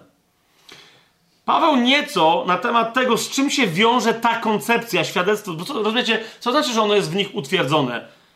No świadectwo to my mamy świadczyć o Chrystusie do innych. Rozumiecie, o co mi chodzi, nie? Jakby, ale co to znaczy, że świadectwo Chrystusa jest we mnie utwierdzone? Co, o co chodzi? W drugim rozdziale yy, tego pierwszego listu do Koryntian, od pierwszego wersetu, Paweł Koryntianom pisze tak. Ja, bracia, gdy do was przyszedłem, nie przybyłem z wzniosłością mowy lub mądrości, głosząc wam świadectwo Boga. Jeszcze raz, zwróćcie uwagę, yy, piąty werset. Wy jesteście bogaci we wszelkie słowo i wszelkie poznanie. Dlaczego? Bo świadectwo Chrystusa jest w was utwierdzone. Nie? Poznanie i słowo. Teraz uważajcie jeszcze raz tutaj. Więc on mówi: Ja do was przyszedłem nie w ludzkiej mądrości, nie w ludzkim poznaniu i nie w ludzkim słowie. Aby głosić co? Świadectwo Boga. Świadectwo Boga się głosi inaczej, w zupełnie innym porządku. Postanowiłem bowiem nie znać wśród was niczego innego, jak tylko Jezusa Chrystusa i to ukrzyżowanego. I byłem u was w słabości, w bojaźni i z wielkim drżeniem. No to myśmy o tym, skąd się to wzięło i tak mówili kiedy indziej, tak? I teraz uważajcie. Moja mowa i moje głoszenie nie opierały się na powabnych słowach, ludzkiej mądrości, czyli ludzkiego poznania, ale na ukazywaniu ducha i mocy. Aby wasza wiara nie opierała się na mądrości ludzkiej, ale na mocy Boga. Utwierdzenie się jest zawsze poleganiem na mocy Bożej. Nadal nam to nie wyjaśnia, co to znaczy, że ktoś nie, że świadczy o Jezusie, ale że ma w sobie utwierdzone świadectwo Chrystusa. Tak? Tylko wam zwracam uwagę na to, że to Duch Święty może zrobić. Nie? Utwierdzić coś w tobie, polegać na mocy Bożej, znaczy mieć w sobie ducha, bo człowiek sam z siebie się nie utrzyma przy mocy Bożej. Otóż skoczmy sobie szybciutko do Księgi Objawienia, do pierwszego rozdziału. Tam jeszcze będziemy wiele kwestii interesujących rozważać, ale począwszy od samego początku, początku, początków w Księdze Objawienia, pierwsze słowa i pierwsze zdania Księgi Objawienia są już dla niektórych dosyć dzikie i zadziwiające. Nie? Nas interesuje dosłownie pierwszy i drugi werset. Zobaczcie. Objawienie Jezusa Chrystusa. Apokalipsy, stąd, stąd w języku greckim znaczy objawienie, ujawnienie czegoś. A propos ujawnienia. Tak? Z inne słowo, to jest coś, wiesz, jakby coś się, czegoś nie było i nagle, a, i mówię, a okej, okay, ma, coś ci się rozjaśniło, objawiło, ujawnione zostało wszystko. Ok? I teraz o co chodzi? Że, zwróćcie uwagę, Jezus miał objawienie w niebie, które dostał od Boga. To nie jest objawienie się Jezusa Janowi, zwróćcie uwagę na to. Nie? Zresztą Pan Jezus idąc do niego powiedział, że on nie wie wszystkiego. Tak? O, zwłaszcza na temat ustalonych czasów i pór. Pamiętacie? No więc o czym będzie Księga Objawienia? No o czasach i porach na pewne rzeczy, które ustalił Ojciec. Nie? Więc Jezus z nieba, w niebie będąc, się dowiedział. I w pewnym momencie, co robi? Zobaczcie, to jest objawienie Jezusa Chrystusa, które dał mu Bóg, aby ukazać swoim sługom to, co ma się stać wkrótce. A on to ukazał i posłał przez swojego anioła swojemu słudze Janowi. No, jest akcja ostra, nie? Bo znowu nie Pan Jezus przekazał to, tylko Pan Jezus to objawił aniołowi i go wysłał i anioł to objawił Janowi. Niezależnie od tego, że Jan widział też Jezusa zaraz w tym pierwszym rozdziale, ale potem, pamiętacie, on gada z tym konkretnym aniołem, nie? Okej. Okay. I ten, i teraz uważajcie, yy, anioła swojemu słudze Janowi, który to Jan poświadczył Słowo Boże i świadectwo Jezusa Chrystusa i wszystko, co widział. What? Yy, jak to poświadczył świadectwo Jezusa? Czyli świadczenie o Jezusie nie jest. Jezus ma jakieś swoje świadectwo, najwyraźniej. Co w tym wypadku jest świadectwem Jezusa? W tym wypadku świadectwem Jezusa jest jego objawienie, które dostał od Ojca. I Jan potwierdza, rozumiecie, Jan potwierdza, że to jest prawda, co mówi Jezus. To jest bardzo jakby. Ale jak? What? To jest trochę. Nie, Fabian, to musi być, to jest trochę bez sensu przecież. No to jest, musi być bez sensu. No, musi być bez sensu? Jeszcze raz pomyślcie. Kto jeden, jedyny ma potwierdzać wszystko, co mówi Jezus? Przypominać, rozjaśniać i tak dalej. Duch Święty. No ale, no ale Jan mówi, że to on coś tu potwierdził i on to ja, to, no to przy pomocy ducha, ale czy aby na pewno? Otwórzmy sobie księgę objawienia. Yy, dalej, tak, mianowicie yy, dwunasty rozdział. Jeszcze tylko, żeby jedna rzecz, a propos tego świadectwa Jezusa, które w nas pracuje, nie tylko które my składamy, o nim, tak? ale które jest dowodem, świadectwem obecności Jezusa w nas. To jest 12, 12 y, rozdział, 17 werset. Kto ma takie świadectwo? Zanim dojdziemy do kluczowego stwierdzenia. I rozgniewał się smok na kobietę i odszedł, aby walczyć z resztą jej potomstwa. Z tymi, którzy zachowują przykazania Boga i mają świadectwo Jezusa Chrystusa. No to kto to jest? Kto to są ludzie, którzy zachowują przykazania Boga i mają świadectwo Jezusa Chrystusa? Kościół! Boże, jak się przestraszyliście. Czy to my? E, dobre pytanie, ale to jest Kościół. Tak? Nie będziemy teraz rozważać całego 12 rozdziału, ale to jest Kościół, tak Madzia? Który Kościół? Pierwszego wieku? E, ten z czasów Jana e, Ewangelisty, apostoła? następny Kościół nie musi zachowywać przykazań Boga i nie potrzebuje mieć świadectwa, świadectwa Jezusa Chrystusa? Więc to jest Kościół wszystkich wieków. Dopóki będzie Kościół, tak, który będzie mieć świadectwo Chrystusa, do, dopóty będzie mieć świadectwo Chrystusa, bo będzie Kościołem. Wiem, że teraz jest głupie, co powiedziałem, ale po prostu. Ja nie wiem, jak komuś może przyjść do głowy, że to są rzeczy rozdzielne. I teraz dlaczego wam na to zwracam uwagę? Ponieważ Księga Objawienia w 19 rozdziale jakby tak się nagle Duch Święty orientuje i mówi o, bo zapomniałem wam powiedzieć. To jest 19 rozdział, 10 werset. Do tego anioła właśnie, który przychodzi od Pana Jezusa, żeby Janowi powiedzieć, jakie Jezus miał objawienie od Ojca, pada mu do stóp, nie pierwszy zresztą, nie jedyny raz w tej księdze Jan, dziesiąty werset, upadłem mu do nóg, aby oddać mu pokłon, lecz powiedział mi, nie rób tego, bo jestem sługą razem z tobą i twoimi braćmi, którzy mają świadectwo Jezusa. Bogu oddaj pokłon, bowiem świadectwem Jezusa jest duch proroctwa. Jeżeli, jeżeli Kościół ma mieć świadectwo Jezusa, to musi mieć ducha proroczego, ducha świętego, ducha prawdy, który tu w tym miejscu jest nazywany nie pocieszycielem, nie kimś tam, ale duchem proroctwa.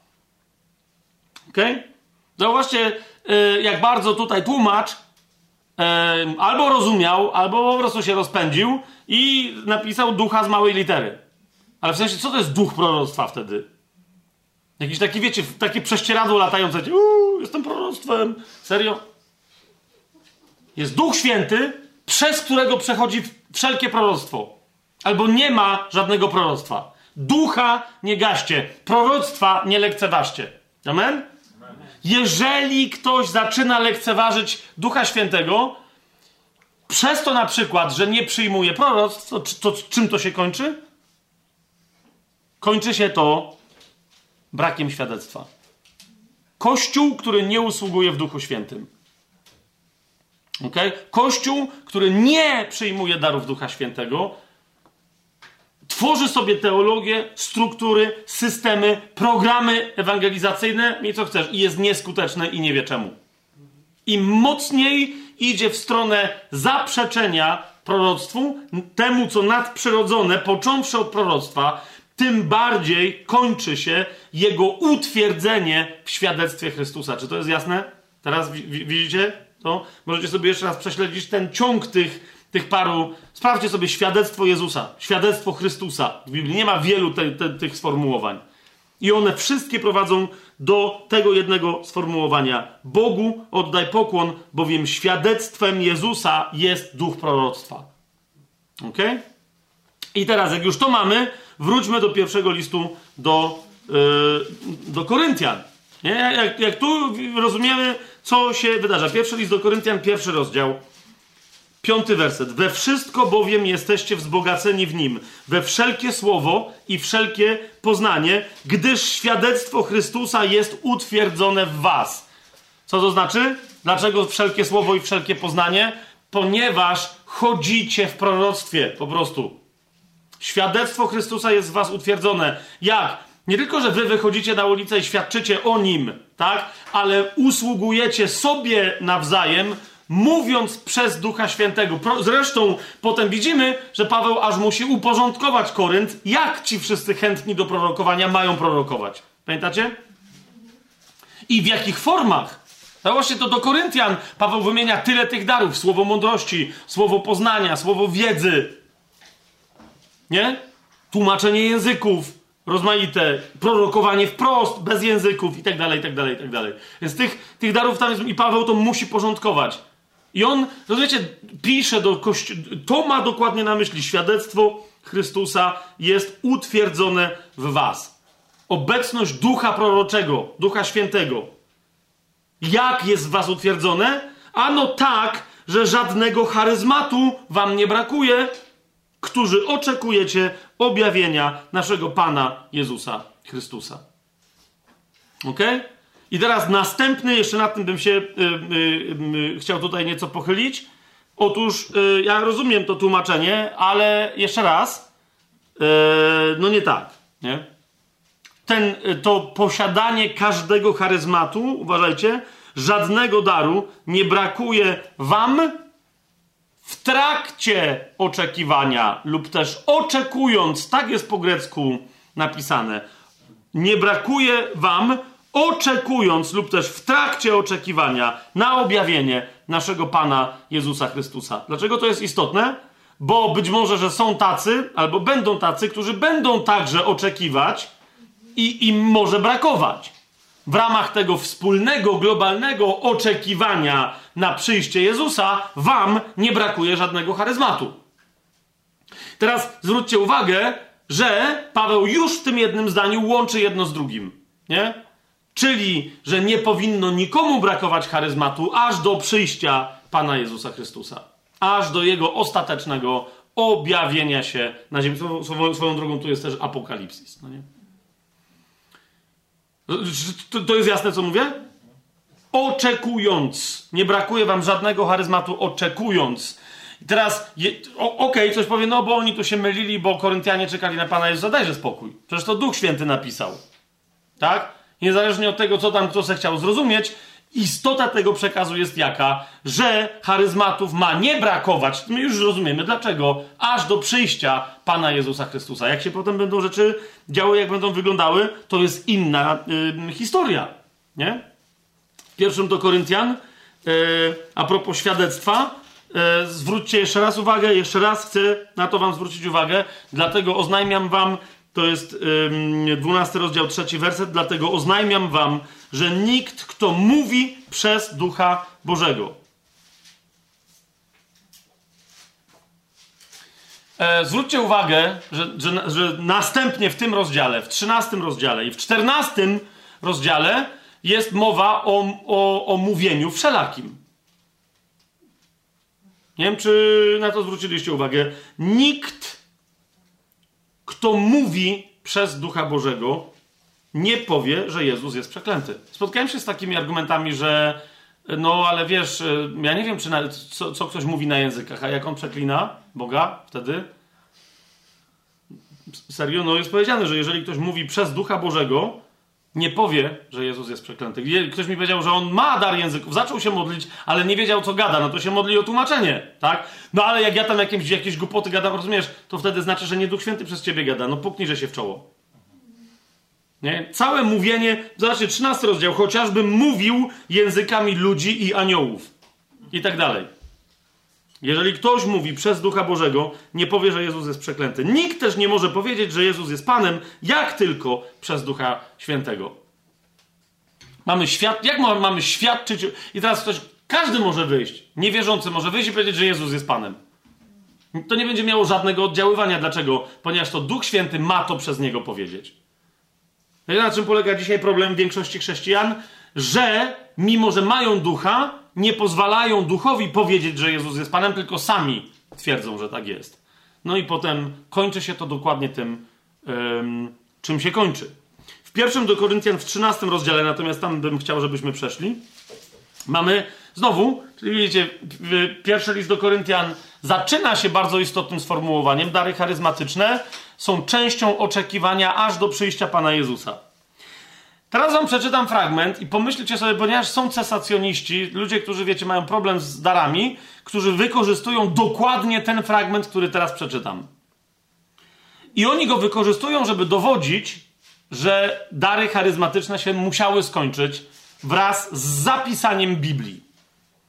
Przeczytajmy razem ten fragment i powiedzcie mi, co się musi wydarzyć, komuś w głowie, żeby naprawdę w to uwierzył, bo jak ktoś kombinuje i próbuje innych zwieść, to ja rozumiem, ale żeby ktoś naprawdę w to uwierzył. Ok? To jest następujący fragment. To jest pierwszy do Koryntian, 13 rozdział, od 8 do 12 wersetu. Miłość nigdy nie ustaje. Bo chociaż są proroctwa, przeminą. Chociaż języki ustaną. Chociaż wiedza, to obróci się w niwecz. Po części bowiem poznajemy i po części prorokujemy. Ale gdy przyjdzie to, co doskonałe, wtedy przeminie to, co jest cząstkowe. Dopóki byłem dzieckiem, mówiłem jak dziecko, rozumiałem jak dziecko, myślałem jak dziecko. Lecz gdy stałem się mężczyzną, zaniechałem tego, co dziecięce. Teraz bowiem widzimy w zwierciadle niewyraźnie, ale wówczas zobaczymy twarzą w twarz. Teraz poznaję cząstkowo, ale wtedy poznam tak, jak jestem poznany. I rozumiecie, że jest taka teza, ona, yy, prześledziłem pewne sprawy, nie znalazłem żadnych wcześniejszych poważnych opracowań yy, przed 1950, tam chyba trzecim rokiem, kiedy ktoś pierwszy wysnuł taką koncepcję, bo cesacjoniści będzie wysunowali koncepcję, że no przyszło to, co doskonałe wraz z tym, jak się uformował Kościół. I wtedy już dary nie były potrzebne i wygasły. Bo jest powiedziane, yy, proroctwa przeminą, tak? Kiedy? Gdy przyjdzie to, co doskonałe. Tak? Gdy przyjdzie to, co doskonałe. Niektórzy mówią, no tam doskonałe, to można przetłumaczyć jako to, co dojrzałe. Absolutnie się zgadzam. Nie? Bo oni mówią, że, y, że stałem się mężczyzną, więc zaniechałem tego, co dziecięca. Więc jakby, że dary charyzmatyczne to było trochę takie, wiecie, wyraz dziecięctwa Kościoła. Potem Kościół zmężniał i już jest dorosłym chłopem. Nie, nie wiem od kiedy, ale niech będzie. I już jest ok. No wszystko fajnie, tylko zaraz ktoś zwrócił uwagę, że Paweł napisał, że zmężniał, ale duchowo nadal twierdzi, że nie osiągnął tej dojrzałości, bo mówi teraz poznaje cząstkowo. Zaraz po tym, jak werset wcześniej stwierdził, że jest mężczyzną dorosłym. Tak? Czyli mówi, że całe nasze tu w sumie funkcjonowanie jest jakby dziecięce, a pełna dojrzałość przyjdzie, jak przyjdzie to, co doskonałe, nie przerozumiecie, tak? Więc potem pojawiła się inna koncepcja, że no tak, bo Paweł y, dopiero pisał Pismo Święte tutaj. Teraz wy się śmiejecie, ale naprawdę jest taki argument, bo on tu pisał Pismo Święte, ale jak już napisał, a po nim jeszcze Jan i tak dalej, to przyszło to, co doskonałe, to jest pełnia objawienia i jakby już nie potrzeba żadnego dalej objawienia. Po pierwsze, naprawdę? To jest moje pytanie. Napra naprawdę. Naprawdę masz Biblię i jakby nie potrzebujesz. Hmm, spójrzmy na chrześcijaństwo całe które w ogóle nie, już nie potrzebuje, wszyscy wszystko wiedzą, robią to, co trzeba, kochają się, jest, jest super. To jest po pierwsze. No nie? Ale to jest cały argument. No, jak czytam ten tekst, naprawdę tu nie trzeba nawet jakiegoś, sami widzieć, jakiegoś wielkiego tłumaczenia. Nie? No, a wręcz niektórzy mówią, no bo jeżeli to nie jest Pismo Święte, to co to niby miałoby być? No jakby hello, pierwszy rozdział, powrót Pana Jezusa na ziemię. Tak? No bo co to znaczy, co to miałoby być? W liście do Efezjan, który też mówi o darach charyzmatycznych, na których bazują usługi w kościele, a otwórzcie sobie czwarty rozdział listu do Efezjan. Spójrzcie, co mamy, yy, co mamy napisane w siódmym wersecie i dalej. A każdemu z nas została dana łaska według miary daru Chrystusa. Tu akurat rzeczywiście jest słowo łaska, nie charizma, tak? Tylko łaska charis w tym, w tym znaczeniu. Ale jaka łaska? Według miary daru Chrystusa. Kłania się co? List do Rzymian, 12 rozdział, który tam mówi o charyzmatach w takim kontekście. Więc co zostało każdemu dane? Tak? I zobaczcie, dlatego, że każdemu zostało, została dana łaska, dlatego pismo mówi, wstąpiwszy na wysokość, poprowadził pojmanych jeńców i dał ludziom dary. Jak? Pan Jezus poszedł do nieba, zasiadł po prawicy ojca, powiedział: Tata, była obietnica, ja powiedziałem, że jak przyjdę, to, to się upomnę, się upominam. I on dał co? Ducha Świętego, którego obecność w każdym i każdej z nas jest wyjątkowym darem dla całego kościoła. Tak? To jest to. Wstąpiwszy na wysokość, poprowadził pojmanych jeńców i dał ludziom dary. Lecz to, że wstąpił, cóż oznacza, jeżeli nie to, że najpierw wstąpił do niższych regionów ziemi. Ten, który wstąpił, jest i tym, który wstąpił wysoko, ponad wszystkie niebiosa, aby napełnić wszystko. Kto to jest? Chrystus. Tak? Trzy dni i trzy noce w ziemi, poszedł teraz do nieba. I on, ten, który wziął jeńców, poszedł do nieba, rozdał ludziom dary. I on ustanowił jednych apostołami, drugich prorokami, innych ewangelistami, a jeszcze innych pasterzami i nauczycielami. Dla przysposobienia świętych, dla dzieła posługiwania, dla budowania ciała Chrystusa, uwaga, aż dojdziemy wszyscy do jedności wiary i poznania Syna Bożego. I tu mamy ten sam wyraz. do człowieka doskonałego. Ktoś z Was doszedł już do człowieka doskonałego? Ktoś z Was zna kogoś, kto doszedł do człowieka doskonałego? Ktoś z Was zna kogoś, kto zna kogoś innego, kto dos... Powiedzcie mi, ja tam się udam, no nie? Rozumiecie, więc jak Paweł mówi, jak przyjdzie to, co doskonałe, do Efezjan mówi to samo. Będziemy budować ciało Chrystusa, aż dojdziemy wszyscy do jedności wiary i poznania Syna Bożego. Tak? Paweł mówi, ja poznam tak, jak sam zostałem poznany. Pamiętacie ten, ten tak? Nie? To jest człowiek, ja poznam, teraz poznajemy cząstkowo. Kogo? Także Syna Bożego poznajemy cząstkowo. Ktoś z was uważa, że ma pełne, kompletne objawienie i wie wszystko o Jezusie? No właśnie. Jak się rozejrzałem, bo może ktoś jednak powiedział, ja już nie wiem. Do człowieka doskonałego, do miary dojrzałości pełni, do miary dojrzałości pełni Chrystusa. W pierwszym liście Jana, jak sobie szybciutko otworzymy,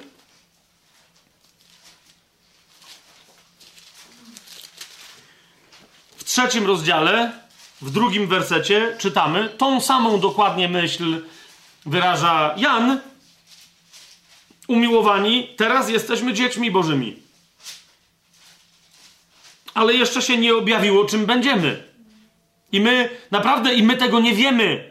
To się nie objawiło. Co się nie objawiło? To, czym my będziemy. Nie objawił się człowiek doskonały. Rozumiecie o co chodzi? Wiemy jednak, że gdy on się objawi, będziemy podobni do niego, gdyż ujrzymy go takim, jakim jest. A więc kiedy dojdziemy wreszcie do jedności poznania, do, do, do człowieka doskonałego? Kiedy? Kiedy on się objawi. Jasne to jest? Wtedy my będziemy i my poznamy tak, jak On nas poznał. Wtedy, rozumiecie, tam się okaże nie tylko, że jesteśmy dziećmi Bożymi, ale co dalej z tego wynika? Kiedy to się stanie? Wróćmy do pierwszego listu do Koryntian. Przy zmartwychwstaniu. 15 rozdział pierwszego listu do Koryntian. Tak? 15 rozdział pierwszego E, listu do Koryntian. 49 werset. Tam jest oczywiście wcześniej, ale 49 werset. Paweł pisze: Jak nosiliśmy obraz ziemskiego Adama, tak będziemy nosili obraz niebieskiego, czyli będziemy na obraz i podobieństwo Chrystusa zmartwychwstałego funkcjonować. To jest człowiek doskonały. Tak? To zaś mówię, bracia, że ciało i krew nie mogą odziedziczyć Królestwa Bożego ani to, co zniszczalne, nie odziedziczy tego, co niezniszczalne. Co jest doskonałe? To, co jest niezniszczalne. Czy myśmy to osiągnęli? Jeszcze nie, bo jeszcze żyjemy według zasady krwi i ciała. Jeszcze nie jesteśmy yy, yy, zmartwychwstali. Oto oznajmiam wam tajemnicę, nie wszyscy zaśniemy, ale wszyscy będziemy przemienieni. Kiedy? Kiedy się objawi yy, Chrystus. W jednej chwili, w mgnieniu oka, na ostatnią trąbę, zabrzmi bowiem trąba, a umarli zostaną wskrzeszeni niezniszczalni, a my zostaniemy przemienieni. Zgodzicie się ze mną, że rozumiesz, w, w, tym samym Paweł nie wszystko może naraz powiedzieć, ale co innego może mieć na myśli, kiedy mówi w 13 rozdziale, bo chociaż są proroctwa, przeminą. Rozumiesz, po co mi będzie, rozumiesz, po co mi będzie prorokowanie, jak będę mieć Jezusa, rozumiesz, bezpośrednie, niewyjątkowe momenty objawienia, jak Ananiasz, normalnie. Na, na, na stałe, normalnie, tak? Na, chciałem powiedzieć na co dzień, ale jakby ten co dzień będzie jeden, więc okej. Okay. Chociaż języki to ustaną. No bo, no bo dlaczego, rozumiecie, jakby po co komu języki, zwłaszcza jako dowód dla niewierzących, o tym jeszcze będziemy mówić kiedy indziej, też nie dzisiaj. Pierwszy list do Koryntian, niezależnie od tego, że mówi, żeby nie prorokować, przy niewierzących, to jednocześnie mówi, że języki są znakiem dla niewierzących. Nie? I niektórzy nie rozumieją, jak to, no to, no to co? No tam jest pewne rozwiązanie, ale nie będziemy teraz o nim mówić. Więc języki ustaną. Po co? Jak rozumiesz, wszystko będzie jasne. Ktoś powie, że no Jezus jest Panem, no oczywiście, no tu stoi jasne, halleluja. Chociaż wiedza obróci się w niwecz. No bo, rozumiesz, poznanie Pana da ci poznanie wszystkiego. Tylko jest kwestia, że my nie zawsze będziemy mieli, rozumiesz, coś poznasz, będziesz mieć pytania, nieważne jak szybkie będzie procesowanie u ciebie kolejnych pytań, będą padać odpowiedzi i tak dalej. Kawujesz, nikt z nas nie jest Bogiem i przez wieczność będziemy mieli kolejne pytania. I tak jak Duch Święty będziemy zgłębiać głębokości Boga samego i je studiować i badać. Wow! Czad! Rozumiecie? Przez wieki odkrywać galaktyki. Chyba, że z was ktoś woli, nie wiem, kopalnie skarbów króla Salomona, no nie? W każdym razie będziemy grzebać w Bogu, kopać się w Nim tam i rozumiecie, i poznali. Wow! Po części bowiem poznajemy i po części prorokujemy, ale gdy przyjdzie to, co doskonałe, no co przyjdzie? Tak? Wtedy przeminie to, co jest cząstkowe. Więc kiedy przeminą języki, kiedy przeminie prorokowanie, kiedy przeminą charyzmaty, kiedy przyjdzie to, co doskonałe. Jeszcze raz, możesz się nie zgodzić. E, wręcz jakiś czas temu czytałem taki artykuł, trochę był zabawny, ponieważ, e, ponieważ gość tam pisał, dlaczego jest kontynuacjonistą, egzegeta biblijny. E, I mówi, że, że tu się na tym przełapał. Nie? Jakby różne argumenty, że to, że tamto, ale mówi, ale tutaj mówi do mnie dotarło, że hej, muszę sobie jasno odpowiedzieć, co jest doskonałe. Jak sobie na to odpowiem, to wtedy będę wiedział, czy jestem konty, e, kontynuacjonistą, czy cesacjonistą, mówi, bo jeżeli doskonałe jest na przykład Pismo Święte, rozumiesz co gadam, to, no to, to co to oznacza? No to muszę być cesacjonistą, inaczej będę niezgodny ze Słowem Bożym. Ale jeżeli to, co doskonałe, to jest objawienie się Pana Jezusa, przy którym my zmartwychwstaniemy, to muszę być kontynuacjonistą. Mówi ten jeden fragment. Nie? Mówi, dobrze, że tylu cesacjonistów mnie cisnęło o to. Nie?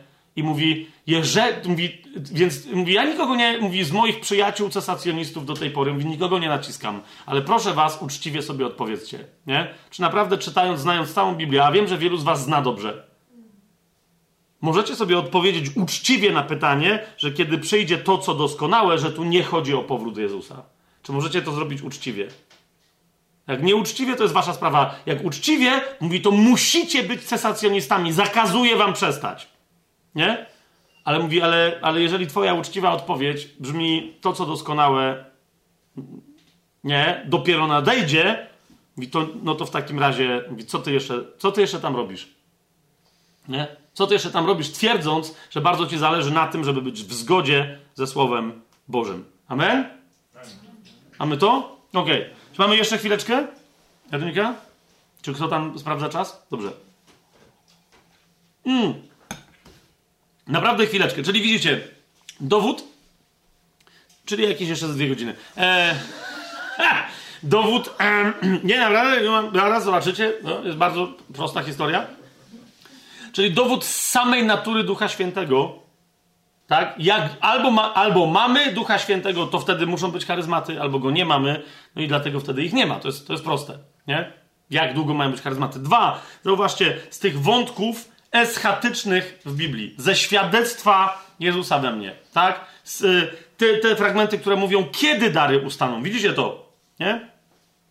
Przy przyjściu Pana Jezusa. Więc jakby tyle myślę, że w temacie, nie? Eee, no, jest ten jeden cesacjonista, który mówi, że biblijnie rzecz ujmując, rzeczywiście już nie ma podstaw. Nie ten, o którego teraz wspomniałem, tylko jeszcze inny. Ten, o którym mówiłem e, parę naszych spotkań temu. Powiedziałem, że on tam zadał pytanie, dzisiaj powiem, jakie on tam pytanie zadał. On mówi, dobra, świetnie, mówi, widzę więc biblijnie, nie mam biblijnie podstaw, żeby nie wierzyć w kontynuację darów. Nie, to by było bezsensowne, nie? Mówi, ale pytanie moje brzmi, to dlaczego w takim razie ja tych darów nie widzę w kościele? To było jego pytanie. Ja mówię, nie jestem, to było bardzo interesujące, mówię, ja nie jestem cesacjonistą biblijnym, nie? Mówi, biblijnie widzę, że nie, okej, okay, mam prawo się spodziewać, ale jestem cesacjonistą praktycznym, eklezjalnym, mówi, nie? Jestem w kościele, który jest w nurcie, w denominacji yy, konkretnej, która jest w całym nurcie teologicznym i nie mamy żadnych darów. Gdyby Bóg się chciał przejawiać, no to by się nie przejawiał? To dlaczego w takim razie on jednak praktycznie widzimy, że powstrzymał swoje działanie? No, już dzisiaj troszeczkę wspomniałem na ten temat, jakby czy to Duch Święty powstrzymał swoje działanie, czy my jednak mamy pewien poważny margines wolności, w ramach którego to my powstrzymujemy. Wiecie o co mi chodzi? Jego działanie on się wtedy nie narzuca. Niemniej, yy, na początku następnego sezonu będziemy szerzej odpowiadać na to pytanie, bo myślę, że ono jest interesujące. Z wielu ludzi, którzy wierzą absolutnie w dary, widzą to w Biblii, yy, raz na jakiś czas ich doświadczają, wciąż mają pytanie, czemu nie tak często, jak, jak wydawałoby się, że w dziejach apostolskich yy, to miało miejsce. Tu też jakby nieco już na wstępie was, wiecie, uwrażliwiam, jakby, żeby się trochę uspokoić, bo, bo zauważcie, że Paweł miał fazę naprawdę ekstremalnego, ale to naprawdę ekstremalnego yy, chodzenia w znakach, cudach non-stop. Piotr miał taką fazę i one są konkretnie opisane, że tu, w tym miejscu, na tym etapie, ale zwróćcie uwagę na jedną rzecz, że mając taką fazę, ta faza nie jest opisywana jako non-stop. Tak? Mamy Filipa, który w Samarii, zobaczcie, to jest szał. To, co się tam dzieje. I potem mamy Filipa w Cezarei jakoś ten szał nie jest opisany. Natomiast on ma córki prorokinie. Nie? Jakby, rozumiecie, przełożyło się to na coś innego. Nie? Mamy, mamy Pawła, który z jakiegoś powodu nie doświadcza żadnego cudu. Eee, nie ratuje okrętu przed katastrofą, zauważcie, chociaż mówi, że Pan mu obiecał, że nikt nie zginie przy nim, jak go posłuchają. Pamiętacie to, nie? Więc jakby, okej, okay. ale zobaczcie, że bardziej proroku, ale potem żmija go kąsa, Paweł ją szczepuje i się okazuje, okej, okay, bogowie jednak stąpili na ziemię, nie? Więc zwróćcie uwagę, że dzieje apostolskie można przeczytać w parę godzin, jak ktoś powoli bardzo czyta, naprawdę w parę, albo szybko, to w zależności zależy, jak, wszystko zależy od tego, jakie kto tam uważa tempa za właściwe. Chodzi mi tylko o to, że jednak dzieje apostolskie same z siebie obejmują parę dziesiąt lat działalności Pawła. Nie? I Piotra. Piotra i potem e, Pawła. I w ogóle Kościoła. Parę dziesiąt lat. Zobaczycie, jak zobaczycie, ile tam jest y, y, tych faz takiego przebudzenia cudotwórczego, to Znowu niektórzy mówią, nie, ono cały czas takie było, tylko już się nie chciało Łukaszowi w kółko pisać. No jakby, nie? Rozumiecie o co mi idzie? Naprawdę Łukaszowi się nie chciało pisać. No może zwrócił uwagę na to, zwrócił uwagę. Nie? Więc jeszcze raz, jak czytacie, yy, to jest dobre pytanie, dlaczego także w historii Kościoła chodzącego w wierności Panu i tak dalej. Zobaczcie czwarty rozdział dziejów apostolskich. Tylko tyle. Będziemy o tym więcej mówić, ale jak ktoś się nie będzie mógł doczekać do wiecie, następnego sezonu. Zobaczcie czwarty rozdział. Nie, nie otwierajcie teraz, tylko tam jak się Kościół modli. Zobaczcie, pierwsze prześladowanie leciutkie przyszło. Nie? I oni nie mieli pewności, że, będzie, że będą łatwo chodzić w darach, w znakach i w cudach i tak dalej. Wiecie o co mi chodzi? Tylko się modlą, wyraźnie to adresują. Nie? My wiemy, Panie, że Ty wyciągasz rękę. My to wiemy, ale czy my pod tą ręką będziemy chodzić? To jest źródło naszego zatroskania. Nie? Więc oni wtedy, rozumiecie, dlatego chodzili w tych darach, bo oni wiedzieli, że to jest zawsze kwestia łaski i jak łatwo człowiekowi przejąć to i zrobić z tego swój program i się oprzeć na własnej sile. Nie? Niemniej, yy, niemniej yy, jedną rzecz, którą na koniec tego sezonu bardzo bym chciał, żebyśmy zrobili a propos charyzmatów, bo mocno akcentowaliśmy to, że one były zawsze obecne, gdziekolwiek był Duch Święty i będą obecne, gdziekolwiek będzie Duch Święty, dopóki żyjemy pod prawami tej ery. Jak się pojawi nowa era, będzie Duch Święty, ale wiecie, po prostu większość tego, co teraz przejawia się, jak Paweł mówi, cząstkowo, wtedy będzie jawne. Tak? Więc. Natomiast, natomiast, czy to jest tylko tak? Jakby po co? Po co? E, Czemu służą te przejawy Ducha Świętego, te ujawniania się obecności Ducha Świętego? Czemu one służą? Jaki mają cel? Już na to zwróciliśmy, już na to zwróciliśmy uwagę, częściowo jak mówiliśmy o Jezusie, o Kościele i tak dalej, ale chcę do jednej bardzo mocnej rzeczy, bo to nie jest tylko dowód na to, że mamy Ducha Świętego. Rozumiecie? Bo, no bo to, po co mi jest dowód na jak ja mam Ducha Świętego i ty masz, jakby po co, po co Duch Święty się musi aż tak bardzo przez nas przejawiać? Nie? Otóż zasadniczo trzy nurty widzę i ja myślę, że jak my z, z tych trzech nurtów sobie zdamy sprawę, to kochani, zaczniemy widzieć więcej znaków i cudów dosłownie z dnia na dzień, jak sobie jako Kościół zdamy z tego sprawę. To jest dosłownie przepis nie? Ja wiem, że teraz gadam głupoty, bo jaki to jest przepis, ale bo, bo chodzi mi o to, że pokażę wam, jakie są cele Ducha Świętego. A pojecie, jeżeli my je zrozumiemy i powiem Duchu Święty, my, dobra, fajnie, to my chcemy te cele realizować z Tobą, to wtedy Mu pozwolimy działać w tych celach. Nie? Otóż, po pierwsze, te cele Jezusa to są cele, Ew nie Jezusa, tylko Ducha Świętego, e, ale i Jezusa. Te cele to, to są cele ewangelizacyjne, I znaczenie charyzmatów cały czas w kościele ma znaczenie ewangelizacyjne, umówmy się, ale są jeszcze dwa, mianowicie drugie znaczenie to jest znaczenie doksologiczne. No, takie słowo sobie mądre wymyśliłem. Aż se palca dodrapałem w imieniu Jezusa. Dobra. Um, I trzecie to jest znaczenie edyfikacyjno-pastoralne. Ja to wymyśliłem. Przepraszam was. Ktoś mi sugerował, że jeszcze, że powinno być personal, pastoralne, nie, nie personalne, co ja bredzę. Że pastoralne powinno być czwarte. Według mnie to jest jedno i to samo. Zaraz jak sobie wyjaśnimy, co to znaczy, no to wszystko będzie jasne. Pierwsze, znaczenie ewangelizacyjne. Otwórzmy sobie Ewangelię Łukasza. Myśmy o tym naprawdę na tyle dużo mówili, że ja nie będę tego naprawdę rozwijał. Mam dwa cytaty, tyle, nie? Ewangelia Łukasza, yy, siódmy rozdział. Ok? Przychodzą, pamiętacie, mówiliśmy o tym ostatnio, uczniowie Jana Chrzciciela do Jezusa. To jest siódmy rozdział Ewangelii Łukasza, 22, 21, 22 werset. W tym właśnie czasie wielu uzdrowił z chorób i dolegliwości i uwolnił od złych duchów, a wielu ślepych obdarzył wzrokiem. No, bo oni go zapytali, czy ty jesteś tym, który ma przyjść. Pamiętacie? Tak? Nikt nie pamięta. No dobrze, to w 20 wersecie gdy ci mężczyźni przyszli do niego, powiedzieli: Jan Chrzciciel przysłał nas do ciebie z zapytaniem, czy ty jesteś tym, który ma przyjść, czy mamy oczekiwać innego. Czy, czy ty jesteś Mesjaszem? Cała nasza ewangelizacja to jest głoszenie: Jezus jest Mesjaszem, Jezus jest synem Bożym, Jezus jest zbawicielem świata. Tak? Oni się go pytają, czy ty jesteś tym zbawicielem. Jezus Powiedziane jest, że w tym właśnie czasie wielu uzdrowił z chorób, dolegliwości, uwolnił od złych duchów, wielu ślepych obdarzył wzrokiem. Jaka jest odpowiedź Jezusa?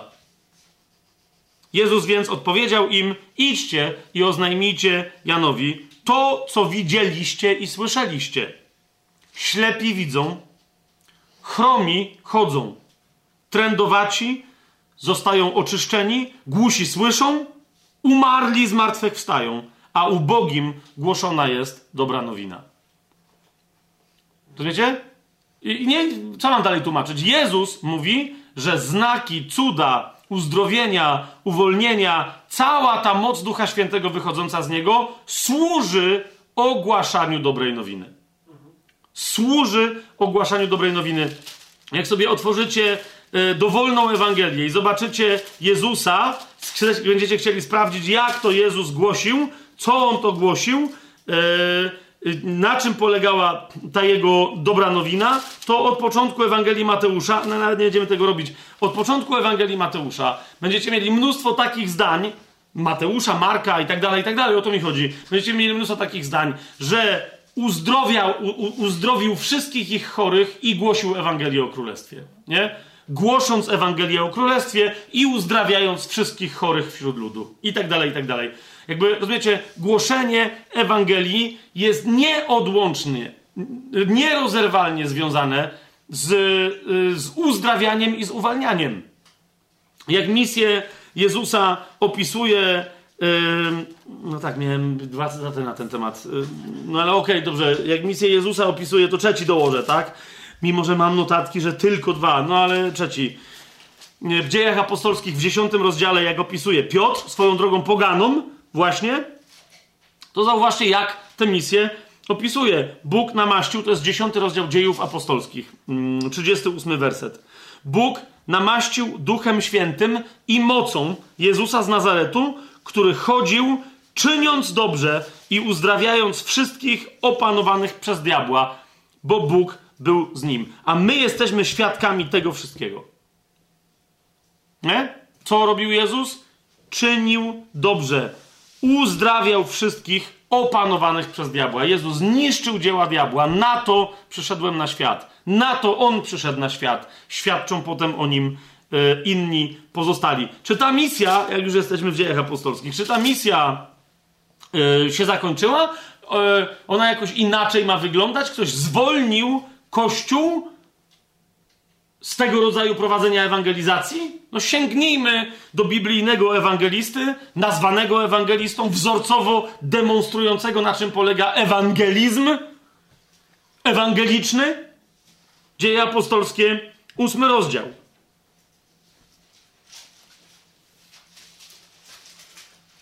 Czytamy, ósmy rozdział od piątego wersetu. I słuchajcie bardzo wyraźnie, patrzcie bardzo wyraźnie, co tam jest napisane. Filip przybył do miasta Samarii i głosił im Chrystusa. Czy to jest ewangelizacja? Jest. Lud jednomyślnie przyjmował to, co mówił Filip. Kiedy? Gdy go słyszeli. Okej. Okay. Yy, czy tylko o to chodziło? Nie. Słowo Boże mówi przecież bardzo wyraźnie. Lud jednomyślnie przyjmował to, co mówił Filip, gdy go słyszeli oraz widzieli wizualizacje dobrze przygotowane w PowerPoincie, które wyświetlał na dobrze przygotowanym sprzęcie przez profesjonalny rzutnik bęku na dużym ekranie.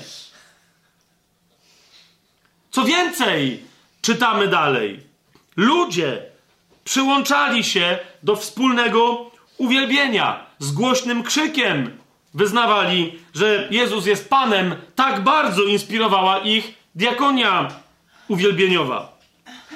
Nawet niektórzy sparaliżowani i łomni dali się wciągnąć w hulanki i tańce. No nie! No nie! Wielka radość zapanowała na stadionie. No nie! No tak czy nie? No nie! Jak jest opisana wzorcowa ewangelizacja, która nie jest prowadzona przez Pana Jezusa, nie jest prowadzona przez żadnego z apostołów. Po prostu przez ewangelistę, nazwanego w Słowie Bożym ewangelistą, jednego reprezentanta tej jednej konkretnej służby w ramach pięciorakiej służby. Teraz już czytam naprawdę i się nie wygłupiam. Filip przybył do miasta Samarii i głosił im Chrystusa. A lud jednomyślnie przyjmował to, co mówił Filip, gdy go słyszeli i widzieli cuda, które czynił. Duchy nieczyste bowiem wychodziły z donośnym krzykiem z wielu, którzy je mieli. Wielu też sparaliżowanych i ułomnych zostało uzdrowionych i wielka radość zapanowała w tym mieście. Radość jest wynikiem czego? Po pierwsze, głoszenia Ewangelii, po drugie, świadczącej o prawdziwości tej Ewangelii masy cudów, po trzecie, uwolnień, po czwarte, uzdrowień. Trzy wersety. Zatem, zatem to jest znaczenie ewangelizacyjne charyzmatów. Tak? To jest znaczenie ewangelizacyjne. Przypomnijcie sobie Pawła, jak do Rzymian mówi, że dobrą nowiną o Jezusie zapełnił całe terytoria, wszystkie regiony od, Jeroz- od Jerozolimy aż po Il- Ilirię. Jak? Mocą Ducha Świętego, mocą znaków i cudów. Słowem i uczynkiem.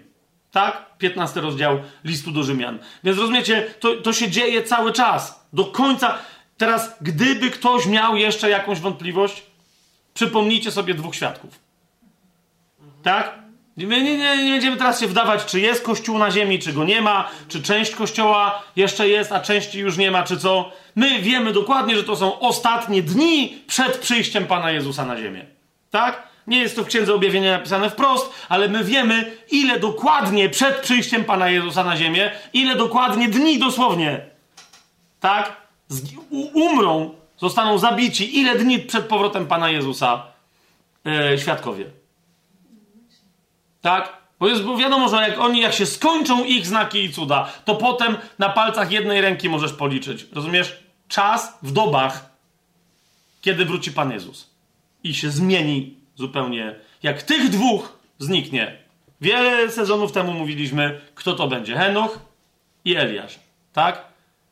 Jak tych dwóch zniknie, to się wtedy dopiero skończą cuda i znaki. Nawet gdyby miało zabraknąć kościoła, rozumiesz, oni. Zresztą pamiętacie, czym oni walczą i dlaczego jest taki wściekły na nich yy, kolega bestia. Chyba, że to będzie koleżanka, no nie? Kolega antychryst i, i fałszywy prorok, tak? Dlaczego? No właśnie dlatego, ze względu na to. Dlaczego cała ziemia ich nienawidzi? Bo fajnie jest czcić antychrysta, który mówi tu, ja jestem Bogiem, to są moce, a oni wychodzą i mówią, my mamy też takie moce i ty nam ich nie dałeś. My się tobie sprzeciwiamy, prawdziwy Bóg nam je dał.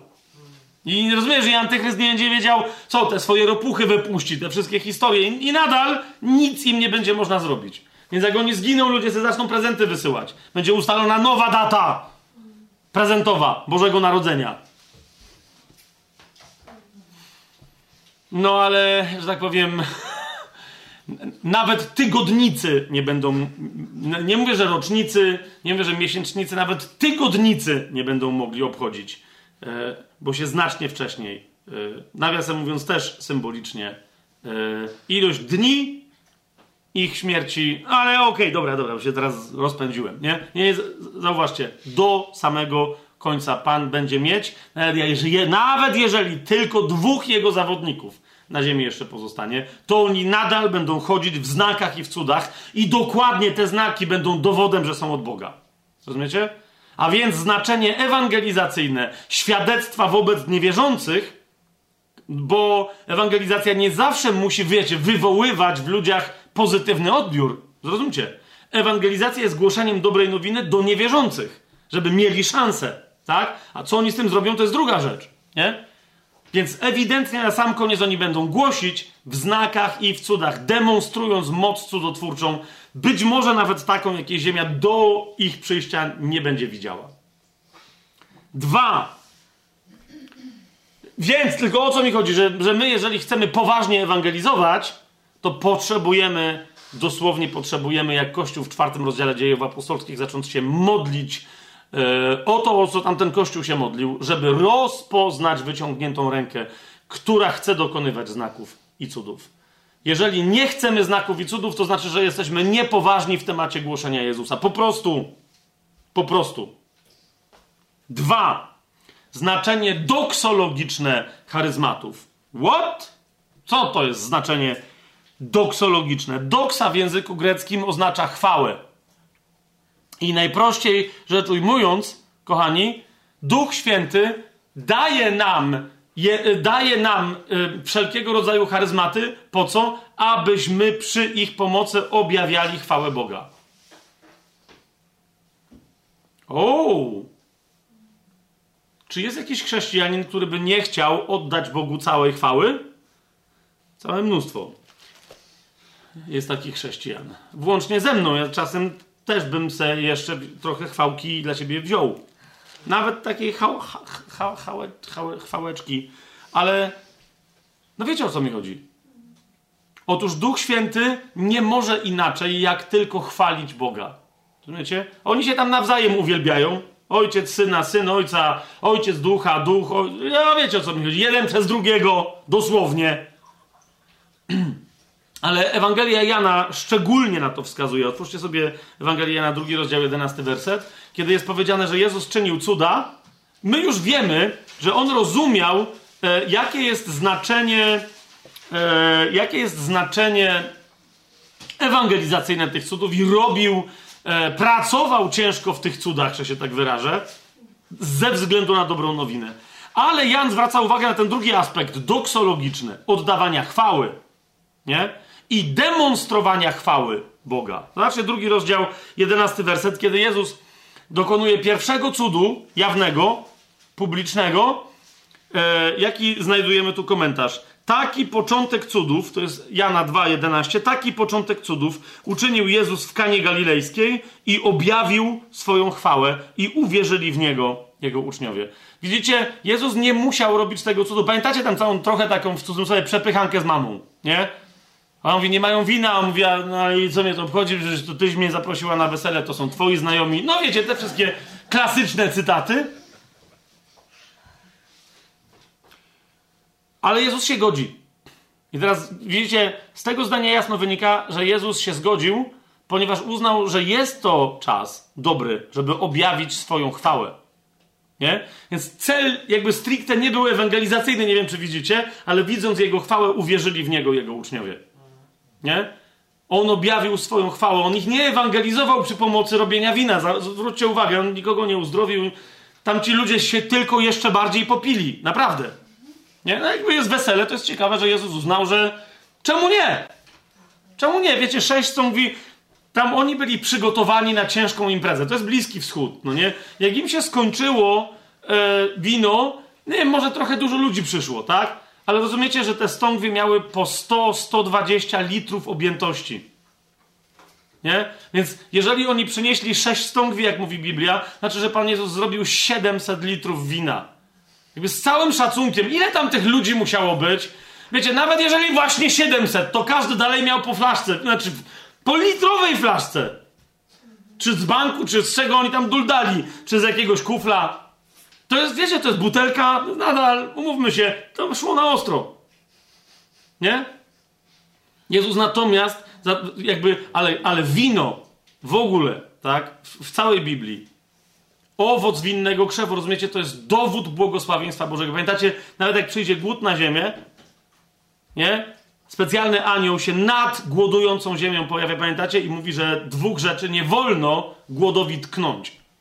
Nie? I ustala jakby ich cenę, ich wartość i tak dalej. To jest wino i oliwa. Nie?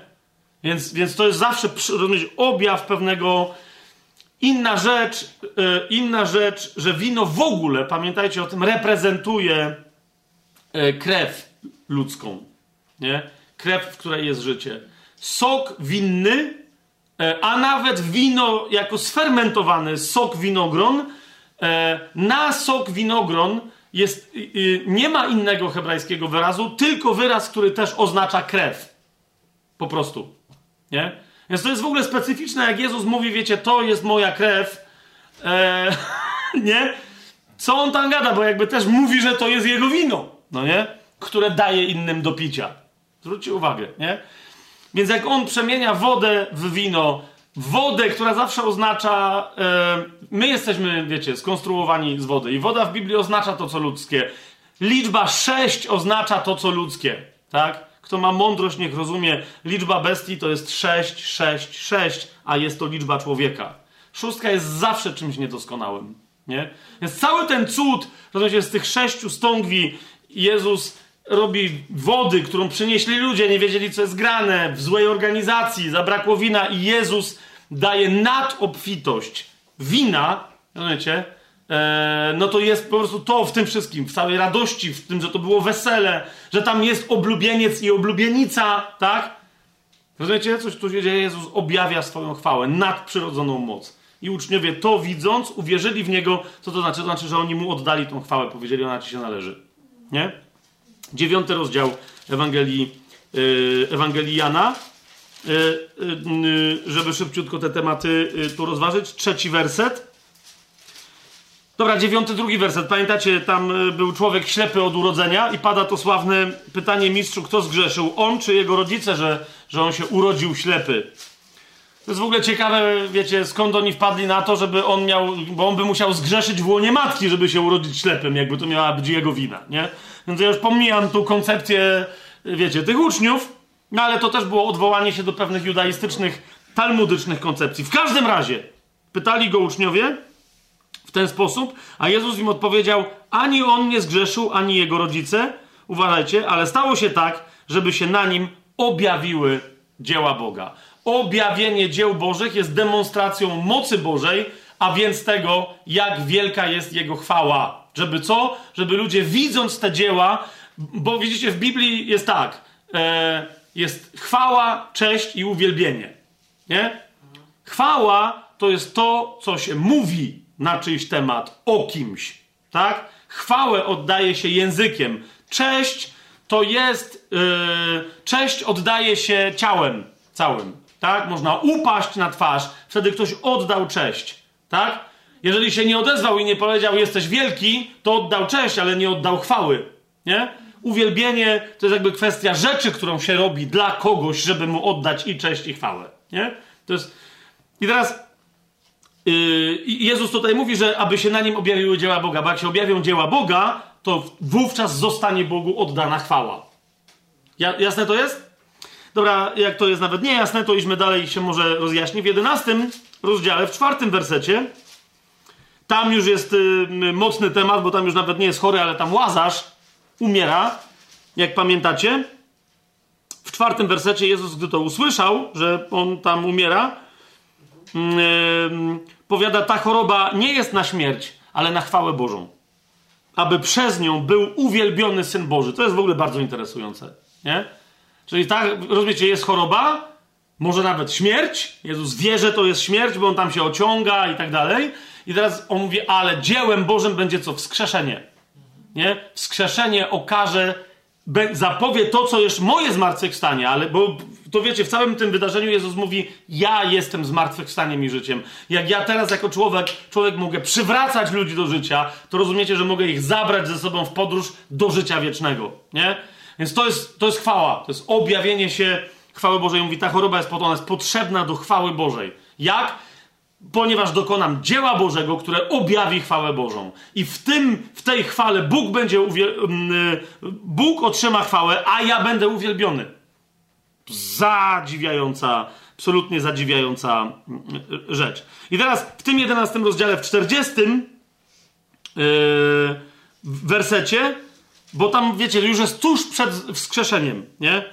Marta mówi, panie, ale on tam cuchnie, od czterech dni leży w grobie, jakby naprawdę, ja rozumiem, ja ci wierzę, ale nie uśmieszaj się, nie? I teraz zauważcie pytanie Jezusa, czy nie powiedziałem ci, że jeżeli uwierzysz, ujrzysz chwałę Bożą? I teraz jako chrześcijanka, jako chrześcijanin posłuchaj tego zdania Pana Jezusa. Jeżeli uwierzysz, ujrzysz chwałę Bożą. To jest przy ewidentnym, rozumiesz, on jest pewny, nie? Ale teraz zauważ, o czym on mówi. On nie mówi, ale jak nie uwierzysz, Marto, no to, to on nie, nie wyjdzie stamtąd. Bo Jezus wie. Pamiętacie? On mówi, ojcze, ja wiem, że ty mnie zawsze wysłuchujesz, nie? On tylko do niej mówi, Marto, uważaj, uważaj, bo jesteś tak skoncentrowana na poznaniu cielesnym, że nie zauważysz chwały Bożej. Rozumiesz? Zobacz, co ja teraz robię. Zobacz dzieło Boże i uwierz, że to jest dzieło Boże, a wtedy zobaczysz chwałę Bożą. Widzicie, problem cały polega na tym, że my y, najczęściej jak wołamy o jakieś cuda, albo jak się pytamy, czemu jakiś cud nie nastąpił i tak dalej, to jest w jakich okolicznościach? Zauważcie, to są okoliczności, w których my mamy swoją osobistą potrzebę. Tam nie ma potrzeby ewangelizacyjnej i nie ma żadnej potrzeby uwielbieniowej.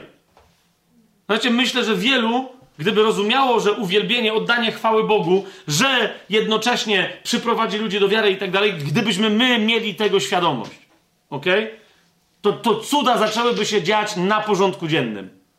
Ponieważ ktoś, i ile jest takich osób, które się modlą o chorych, po co? Żeby mieć osiągnięcie wierzącego. Jak, wiecie, jak, jak zuchy, no nie? To mam specjalistę od, od scoutingu, nie? To się, te, sprawność, tak? Jest, się nazywa tak, to się nazywa, naszywkę wtedy mają, nie? Uzdrowiłem.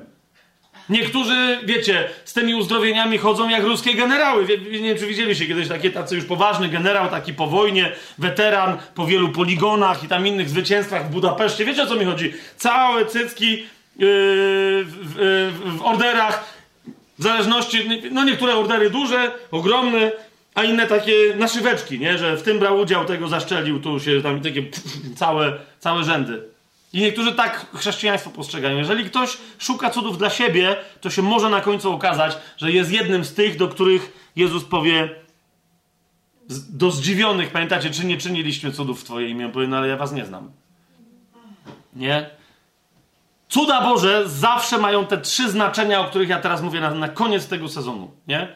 Ewangelizacyjne zawsze są ogłoszeniem wobec świata prawdy o dobrej nowinie, która jest w Jezusie Chrystusie i o dobrej nowinie, która jest w nadciągającym Jego Królestwie. Dwa, ma, mają znaczenie doksologiczne, mają objawiać chwałę Bożą. Jeżeli jakiś człowiek chce objawić swoją chwałę, niby, że w imieniu Jezusa, to po prostu, nawet jak tam będzie jakiś cud, to Pana tam nie ma, mówię ci. Nie? 14 rozdział Ewangelii Jana, a propos tego, czy dzieła Boże rzeczywiście wywołują chwałę, tak? Zobaczcie, 14 rozdział e, Ewangelii Jana, zaprawdę, 12 werset. Zaprawdę, zaprawdę, amen, amen. Powiadam wam, kto wierzy we mnie, dzieł, których ja dokonuję i on będzie dokonywał i większych od tych dokona, bo ja odchodzę do mojego Ojca. I trzynasty werset, a o cokolwiek będziecie prosić w moje imię, to uczynię. Widzisz jeszcze raz, jak ty robisz coś w imieniu Jezusa, to nie ty robisz na litość boską, tylko on to ma robić. Jeżeli imię Jezusa przez ciebie jest przyzywane, a niestety znam takich chrześcijan oraz niechrześcijan, zwłaszcza na to, którzy się posługują imieniem Jezusa jak magią, literalnie, ponieważ widzieli posługiwanie się imieniem Jezusa i cuda i myślą, że ono, to imię magicznie właściwie zastosowane, że dokonuje cudów. Więc o cokolwiek będziecie prosić w moje imię, to uczynię. Po co? Aby ojciec był uwielbiony w synu. Widzicie to? Jezus mówi: Ja zrobię coś.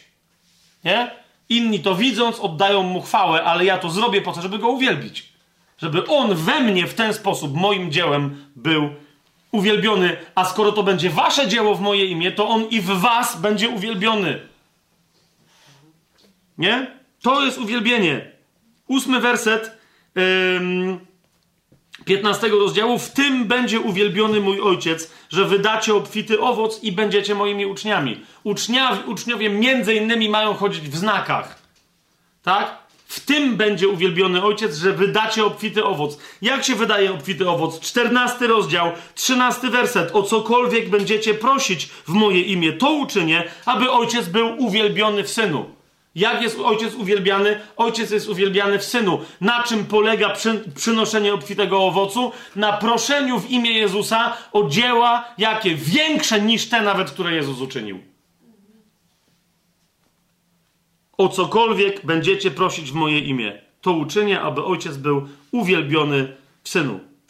Kto wierzy we mnie, dwunasty werset, dzieł, których ja dokonuję, i on będzie dokonywał, i większych od tych dokona, bo ja odchodzę do mojego ojca. Po co?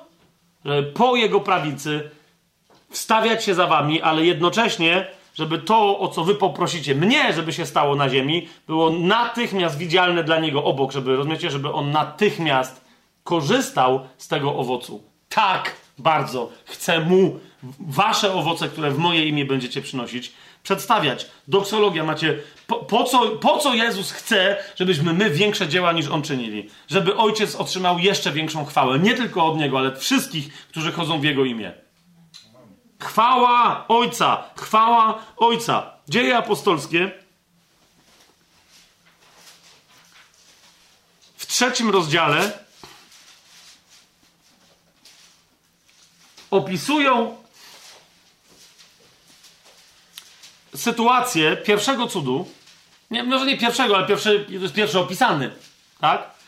Piotr i Jan wchodzą do świątyni yy, i wnoszą tam jednocześnie przez bramę zwaną piękną yy, człowieka proszącego o jałmużnę, yy, który był chromy. I był chromy od urodzenia. Jak on zobaczył Piotra i Jana, jak mieli wejść do świątyni, prosił ich o jałmużnę. Chcę wam zwrócić uwagę na tą sytuację. Co się dzieje normalnie, kiedy ludzie profesjonalnie, a to był profesjonalista, proszą o jałmużnę? Ty wiesz z całą pewnością, że oni ci potem będą dziękować. Nie? Jak, jak mu dasz pieniądze, jak mu dasz złoto, to idźcie do zawodowego, wiecie, żebraka gdzieś w Krakowie, nie? No teraz jest trochę mniej, bo jest jakby te pandemie, to wszystko, ale no przecież wiecie, o co mi chodzi, nie? Jak jest taki zawodowiec, który ma stałe miejsce, a ten miał stałe miejsce, o to mi chodzi, on się nie będzie, to jest, wiesz, to jest, to jest zawód, on z czego ma żyć, nie? Dasz mu dzisiaj, jak, jak wiesz, jak on cię wyśmieje, to jutro mu nie dasz, nie? Więc on nie będzie, to rozumiesz, to jest gość, który dziękuje. I ja takich znam, ja czasem mówię, weź, uspokój się, nie, nie dziękuj mi, ale czy mogę się za ciebie pomodlić, nie? Niemniej, to było jasne, że jak, wiesz, jakby mu rzucił, jakby mu oni rzucili złoto czy srebro, on by dziękował. Więc komu by oddawał chwałę? Im.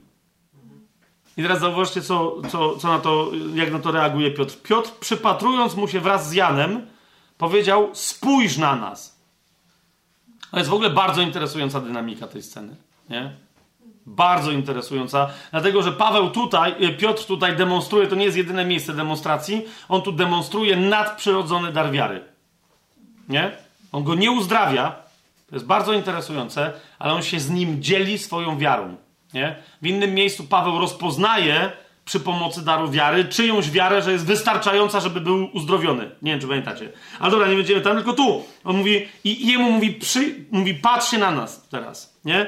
On więc spojrzał na nich uważnie, spodziewając się, że coś od nich otrzyma. Wtedy Piotr powiedział, i uważajcie na to, nie mam srebra ani złota, ale to, co mam, to ci daję. No ale jakby czekaj, a potem Piotr mówi, że przecież to nie naszą mocą, a niczym. Więc co on mu dał? To, co mam, to ci daję w imieniu Jezusa Chrystusa z Nazaretu. Wstań i chodź. Co on mu dał? On mu dał, rozumiesz, dzieło, które wynika z osobistej znajomości z Jezusem, w imieniu Jezusa Chrystusa. Nie? Mówi, patrz na nas. A, a w sercu, może nawet i na głos, powiedział, Panie Jezu, Ty też patrz na nas. Nie? Bo my potrzebujemy, nie? żebyś Ty dał mu zdrowie. W imieniu Jezusa Chrystusa z Nazaretu wstań i chodź. I teraz zauważ następna rzecz, bo wtedy tu, tu jest dar wiary, nie? W odróżnieniu od innych sytuacji Jezusowych, pa Pawłowych i tak dalej, Piotr co robi? Bierze go za rękę i go podnosi, nie? To ja nie będę teraz tego rozwijał, bo jak będziemy mówić konkretnie o charyzmatach, to będę wyjaśniał, jakby na czym polega dar wiary nadprzyrodzony, ale to jest dokładnie to. Ująwszy go za prawą rękę, podniósł go i natychmiast wzmocniły się jego nogi i kostki. A on zerwał się, wstał i chodził. Wszedł z nimi do świątyni, chodząc, skacząc, uwaga, i chwaląc Boga.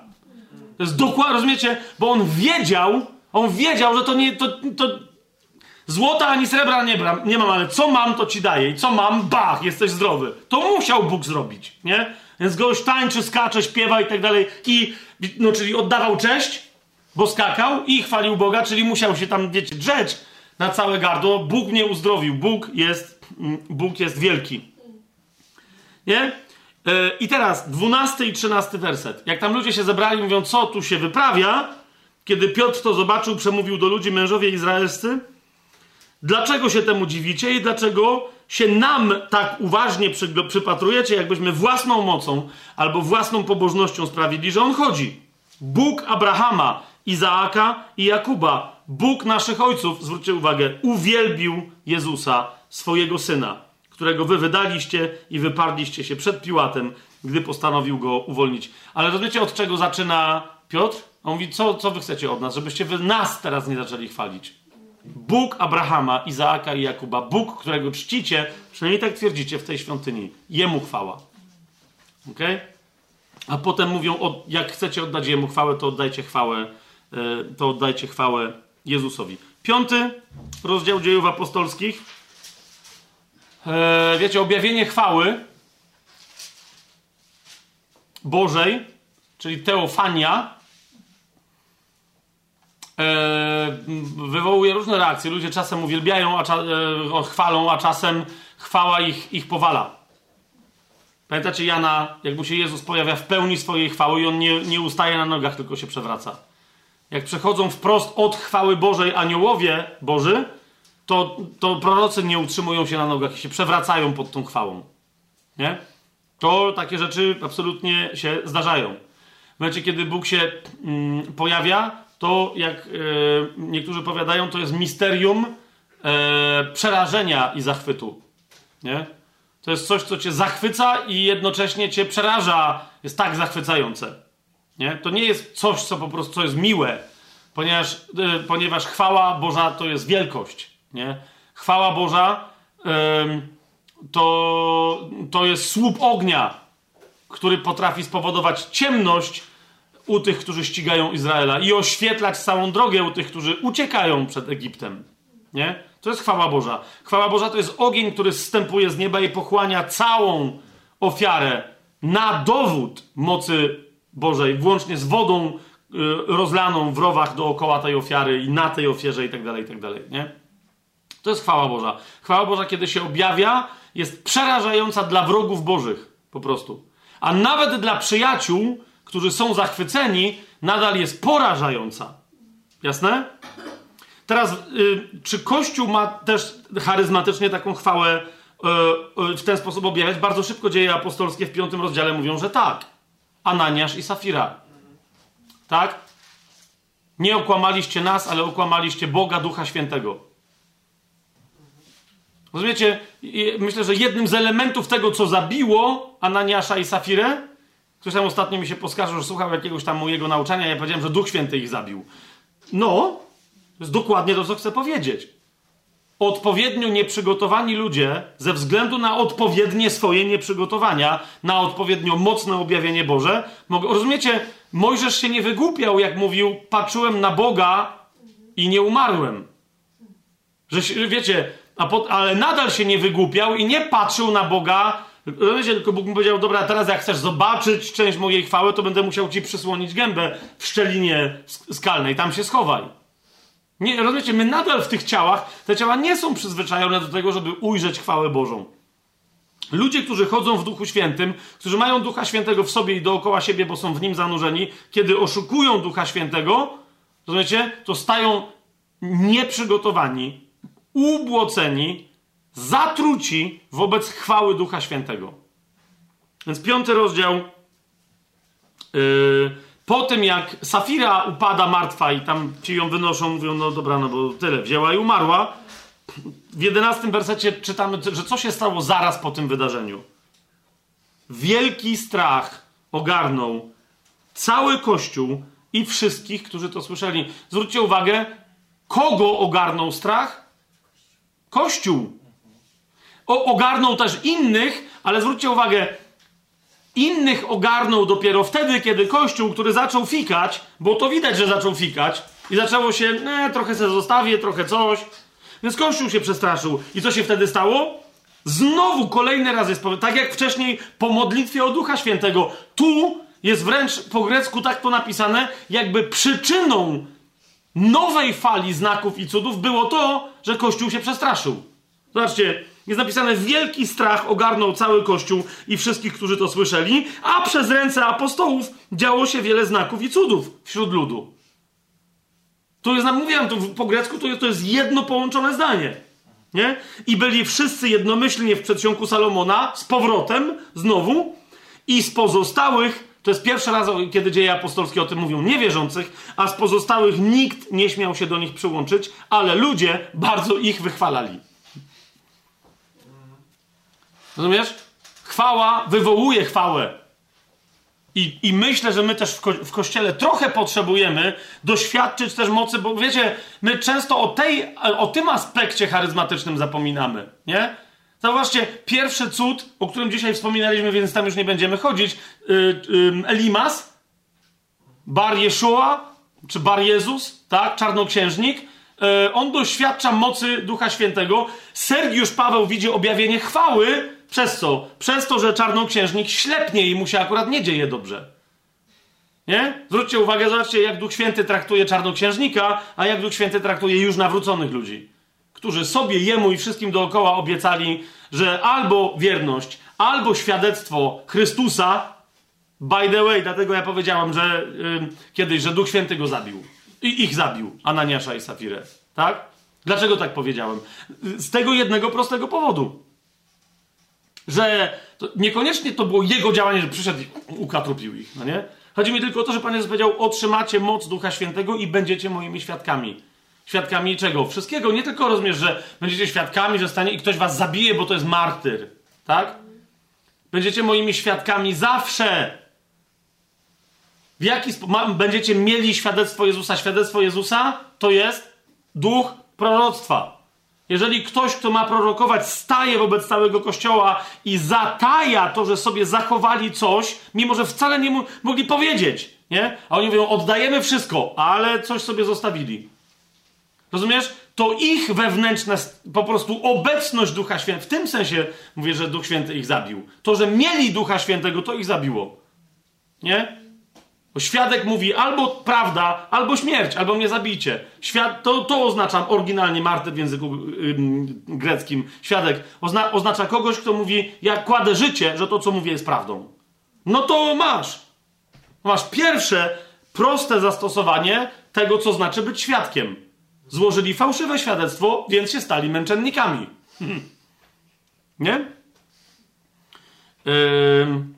w tym samym piątym rozdziale jeszcze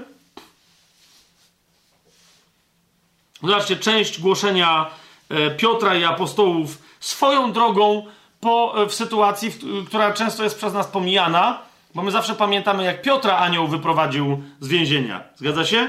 E, nie wiem, czy zauważyliście, że jest moment, bo ostatnio zauważam, że mnóstwo ludzi o tym nie pamięta. W, osiem, w piątym rozdziale, w osiemnastym wersecie jest moment, kiedy to wszyscy apostołowie zostali schwytani i wtrąceni do więzienia. I anioł Pana ich wszystkich wyprowadził. To jest 18-19 werset i dalej, nie? I Sanhedryn tam się zdziwił, czekaj, a oni nie mieli być w więzieniu? No byli, no to co oni robią, że głoszą? I wtedy oni już, wiecie, już ich nie, bo już się wtedy bali ludzi, bo ludzie się bali ich, więc wtedy tylko ich delikatnie zaprosili, czy nie chcielibyście panowie porozmawiać, no nie? I znowu co się dzieje? Mając, rozumiecie, objawienie anioła, który ich uwalnia z, z więzienia i tak dalej, co, co, co się dzieje? Y, Piotr i apostołowie odpowiadają, bardziej trzeba słuchać Boga niż ludzi. To jest 29 werset. I zobaczcie dalej. Oni mówią, we, w, tym wszystkim cały czas chodzi o co? O chwałę, którą my mamy oddawać. Bóg naszych ojców, 30 werset, wskrzesił Jezusa, którego wy zabiliście, zawiesiwszy na drzewie. I teraz popatrz, co się dzieje. Tego Bóg wywyższył swoją prawicą, aby był władcą i zbawicielem, aby ludowi Izraela dać pokutę i przebaczenie grzechów. A my jesteśmy Jego świadkami w tym, a także Duch Święty, którego Bóg dał tym, którzy są Mu posłuszni. Rozumiesz? Oddają, oni tylko mówią, oni wiedzą, że Sanhedryn to musi wszystko rozumieć. Oni po prostu wywyższają Jezusa, oddają Jemu chwałę. I cały czas mówią, że my jesteśmy świadkami, ale Duch Święty przede wszystkim. Nie? Znaczy, koncepcja w ogóle nieznana w judaizmie. Jaki Duch Święty? Kto? Jakby, czemu wy o nim mówicie, jakby on był żywy? No bo jest. No bo jest. Mogę dalej rozwijać ten wątek, ale zauważcie jeszcze raz. A więc znaczenie ewangelizacyjne. Mamy w sobie naprawdę prosić, ale szukać w swoim sercu potrzeby. Panie, chcemy skutecznie głosić. Potrzeba uwielbieniowa chwalebna, doksologiczna. Doksa, jeszcze raz powtarzam w języku greckim, to jest chwała. Ok? Po, potrzebujemy nadprzyrodzonych przejawów, aby sa, abyśmy sami w ten sposób Bogu oddawali chwałę. Sami będąc świadkami takich znaków, Bogu oddawali chwałę. Inni, aby będąc świadkami takich znaków, oddawali chwałę, abyśmy my mieli podstawę, żeby ich wzywać, żeby oddawali chwałę. Aby ludzie, widząc nasze dobre uczynki, a już się dowiedzieliśmy, że do nich Mówmy się, ktoś może przez 3 miesiące i 4 i 5 nosić komuś choremu jedzenie do domu. To jest dobry uczynek? No jest. Czy ten ktoś będzie chwalił Boga? Może. A może będzie chwalił tego, co mu nosi jedzenie, jeżeli wiecie o co mi chodzi. Ale jeżeli jest ktoś chory i cierpi i chciałby naprawdę być zdrowy, a ty przyjdziesz, położysz na niego ręce i on wstanie, to uwierz mi, nawet jak tobie podziękuję, to znacznie bardziej, jak będzie wiedział o co chodzi, będzie oddawał chwałę Bogu. Więc jak Jezus mówi, żeby ludzie widząc wasze dobre uczynki chwalili Ojca, który jest w niebie, to proszę was, miejcie y, świadomość, y, że Pan Jezus nie mówi tylko i wyłącznie o dobrych uczynkach, o których wiedzą także harcerze. Nie? Który jeszcze raz, ja to mówię, tak? Wiemy dobrze, że ja się my się lubimy z porządnymi harcerzami i skautami, tylko chodzi mi o to, że niekoniecznie skaut musi być wierzący w Boga, tak? No, ale oni wiedzą, że to są dobre uczynki. Niektórzy chrześcijanie swoją drogą są gorsi wie, wielekroć niż zwyczajny harcerz, który może być niewierzący, ale który nawet jak zapali papierosa, że się napije trochę wódki, to potem ma wyrzuty sumienia. Nie tak jest? No nie, nie, nie w życiu jakiś harcerz by coś palił, ależ. Poza tym nie wszyscy harcerze koniecznie takie rzeczy tam ślubują. Ale idzie mi o to, że ludzie robią różne dobre rzeczy. Nie? I niekoniecznie ludzie e, e, chwalą Boga jak takie dobre rzeczy się dzieją. To mają być tak dobre rzeczy, aby ludzie oddawali chwałę Bogu. Amen? I wreszcie bardzo, ale to bardzo, ale to bardzo istotna rzecz, parę, parę cytatów, szybko je przelecimy. Mianowicie znaczenie nadprzyrodzonych znaków i cudów, które jest znaczeniem edyfikacyjno-pastoralnym. Co to znaczy edyfikacyjnym? To znaczy, albo pastoralnym. To y, pastoralne znaczy pasterskie, dusz pasterskie. Tak? A um, jakie jest, co to znaczy znaczenie edyfikacyjne? To znaczy, to jest coś, co buduje, co podbudowuje, co dodaje wartości. Ok? Otóż my mamy mieć takie pastoralne podejście. Ja już troszeczkę w to teraz wszedłem, dając przykład. Po prostu do ludzi. Czemu się modlisz za jakiegoś chorego? E, żeby głosić Ewangelię innym. Ale za tego konkretnego chorego. Żeby on i ja, żebyśmy razem oddali chwałę Bogu, może jeszcze jacyś inni ludzie. Ale czemu jeszcze? Ze względów pastoralnych. Jeżeli jest niewierzący, jeżeli jest wierzący, to ze względów edyfikacyjno-pastoralnych. Już wam wyjaśniam szybciutko, o co mi chodzi. Ewangelię Mateusza sobie otwórzmy.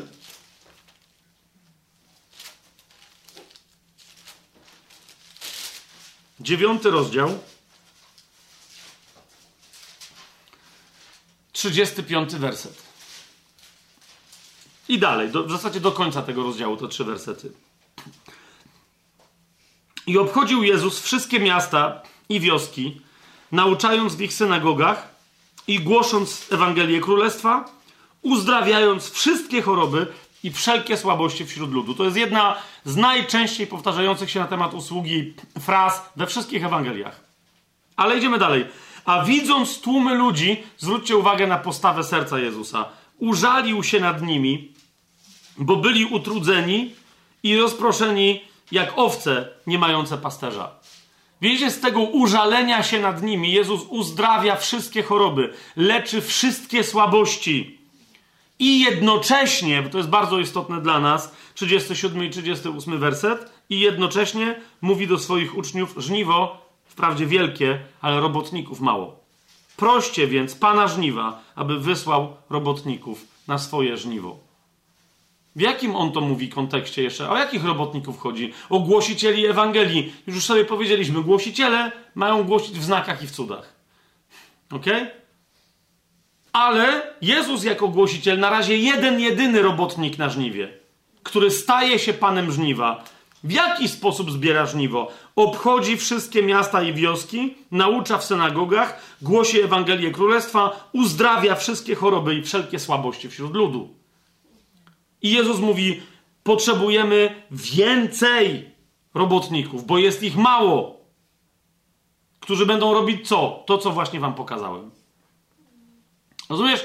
Postawa pastoralna to jest postawa kogoś, kto dostrzega drugiego człowieka, dostrzega jego biedę i chce się zająć tą biedzą, biedą, żeby mu poprawić jego życiową sytuację. Jest chory, trzeba go uzdrowić. Jest biedny, trzeba mu przelać na konto, albo dać, rozumiesz, albo dać do ręki, albo dać mu pracę, dać, nauczyć go zawodu i tak dalej. To jest, rozumiesz, postawa dusz pasterska. My robimy coś dla ludzi, bo jesteśmy przejęci tymi ludźmi. Tak? Kogoś coś boli, usuwamy ten ból. Ktoś jest opętany, uwalniamy go i tak dalej, i tak dalej. To jest jasne? Dlaczego? Dlatego, że nie jest dobrze, żeby ludzie cierpieli. To jest, to, to jest całe uzasadnienie Jezusowe. On się nad tymi ludźmi użalił. Tak?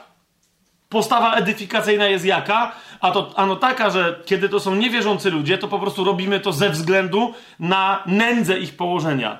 Kiedy robimy to, usługujemy w kościele, to przy okazji też budujemy kościół tego rodzaju postawą, tak? Ale najpierw, co, co Jezus? Ewangelia Mateusza, 14 rozdział, 14 mm, werset.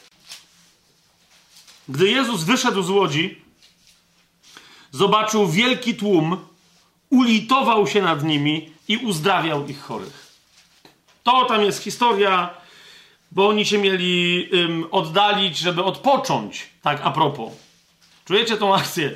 W innych miejscach jest to jakby cały kontekst tej sytuacji jest opisany, a ludzie za nimi targali. Nie? Z czym? Z bidą swoją. Jezus, który powiedział uczniom, odpocznijcie, wyszedł z łodzi, zobaczył wielki tłum i ulitował się nad nimi. Czemu? No bo mieli potrzeby. I co?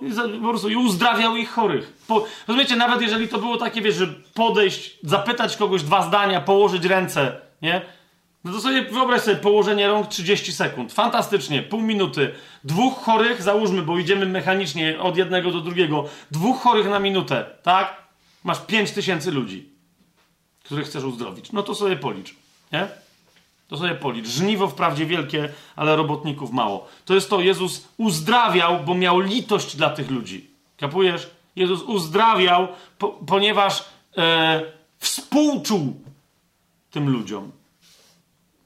Ewangelia Marka, pierwszy rozdział.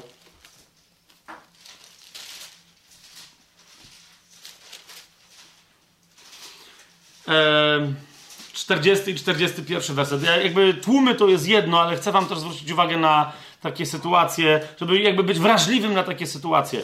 Nie? To jest. Mm, wtedy przyszedł do niego trędowaty upadł przed nim na kolana i prosił go: Jeżeli chcesz, możesz mnie oczyścić. Zwróćcie uwagę na to zdanie. Jezus, zdjęty litością, wyciągnął rękę, dotknął go i powiedział do niego: Chcę, bądź oczyszczony.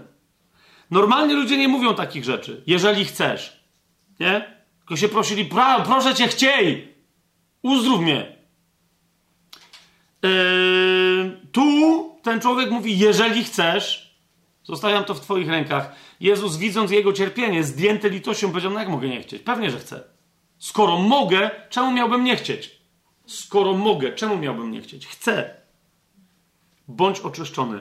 No potem wdzięczność tego trędowatego jest trochę dzika, ale jakby to zostawiamy. Nie teraz chodzi o, rozumiesz, o motywację Jezusa. Jezus zdjęty litością, pełen miłosierdzia, przepełniony współczuciem. Okay?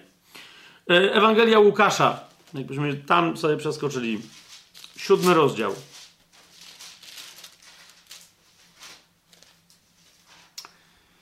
Dwunasty werset. Sławne, bardzo sławne wydarzenie. Gdy zbliżył się do bramy miasta, właśnie wynoszono zmarłego, jedynego syna matki, która już była wdową. A więc zupełnie została sama na świecie, e, bez żadnej pomocy itd., tak itd. Tak Towarzyszyło jej mnóstwo ludzi z miasta. Kiedy Pan ją zobaczył, ulitował się nad nią i powiedział do niej: Nie płacz. Potem podszedł i dotknął mar, a ci, którzy je nieśli, aż stanęli. I powiedział: Młodzieńcze, mówię ci, wstań. A ten, który był martwy, usiadł i zaczął mówić. I oddał go jego matce. Czemu ten młodzieniec został wskrzeszony z martwych? Bo Jezus się ulitował nad jego matką. Nie nad nim. Nie wiem, czy, czy widzicie, co się tu dzieje. Nie? To jest cały czas duszpasterska postawa, pastoralne podejście Jezusa. Nie? Widzi potrzeby, ona się go nie prosiła, ona nie wiedziała, kto to w ogóle idzie. Czujecie to? Dzieje apostolskie, jakbyśmy sobie otworzyli. Czy, no bo Jezus tak robił, ale czy Kościół rzeczywiście ma taką postawę? No, to jakby można byłoby mnożyć te przykłady, ale tu jest jeden taki dobry w dziewiątym rozdziale, yy, 31 werset. Najpierw ogólnie, który mówi mm, bardzo interesującą rzecz, że działanie Ducha Świętego, objawianie się Ducha Świętego jest objawianiem się Ducha Świętego, który naprawdę poza wszystkimi innymi znaczeniami tego słowa, jest pocieszycielem. Dlaczego, zauważ, dlaczego Jezus był pocieszycielem? No bo łatwo jest komuś powiedzieć, choraś, no choram, no to współczuję ci. A się ją pocieszył. Zazwyczaj ludzie siebie w ten sposób pocieszają, że są tacy, wiecie, tacy dobrzy. Nie? Ale podchodzisz i mówisz, choraś, choram. Bo to w Krakowie się akcja dzieje, no nie? I ty mówisz, no to się uzdrowiona jest teraz. W imieniu Jezusa. I ta mówi, ty, rzeczywiście uzdrowiona. Pocieszyłeś ją? bardzo konkretnie. Nie? Więc teraz popatrzcie, 9 rozdział, 31 werset i dalej. Yy, zaraz po tym, jak yy, Pawła się pozbyli, to nie jest Damaszku, bo tam mieszał dosyć ostro, i po tym pozbyciu się go, kościoły w całej Judei, Galilei i Samarii cieszyły się pokojem, budując się, to jest, rozumiesz, znaczenie edyfikacyjne charyzmatów Ducha Świętego, nie? że kościoły się budują. Naszym zadaniem jest budowanie ciała Chrystusa. Naszym zadaniem jest wzajemne zbudowanie się. Do tego jeszcze nie, szybciutko. Więc budując się i żyjąc w bojaźni pańskiej. Zwróćcie uwagę. Oni tu już mieli doświadczenie. I rozrastały się przez co? Przez pociechę Ducha Świętego.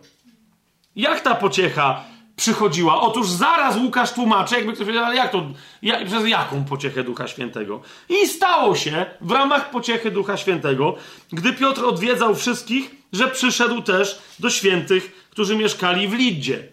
Spotkał tam pewnego człowieka imieniem Eneasz, który był sparaliżowany i od ośmiu lat leżał w łóżku. I powiedział mu Piotr, Eneaszu, Jezus Chrystus cię uzdrawia. Wstań i zaściel swoje łóżko. I natychmiast wstał. A wszyscy mieszkańcy Lidy i Sarodu, Saronu widzieli go i nawrócili się do Pana.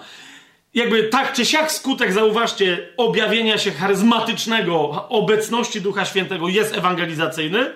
Jest to jasne, co mówię? Ale Piotr się ulitował nad, nad tym sparaliżowanym. Podobnie jak za chwilę mamy historię z Tabitą, pamiętacie, Dorcas, która umarła i, Pio- i, i, I tam zaś kobiety z kościoła mówią, że ona dla nas była taka dobra i tak dalej. I Piotr co? Na głos kościoła, litując się nad kościołem, przynosząc im pociechę Ducha Świętego, poszedł i ją wskrzesił. Tak? Nawet nie będę dalej tego wątku um, tutaj rozwijać. Pierwszy do Koryntian w takim razie, y, list do Rzymian, jak sobie w takim razie otworzymy w tym kontekście. Dwunasty rozdział.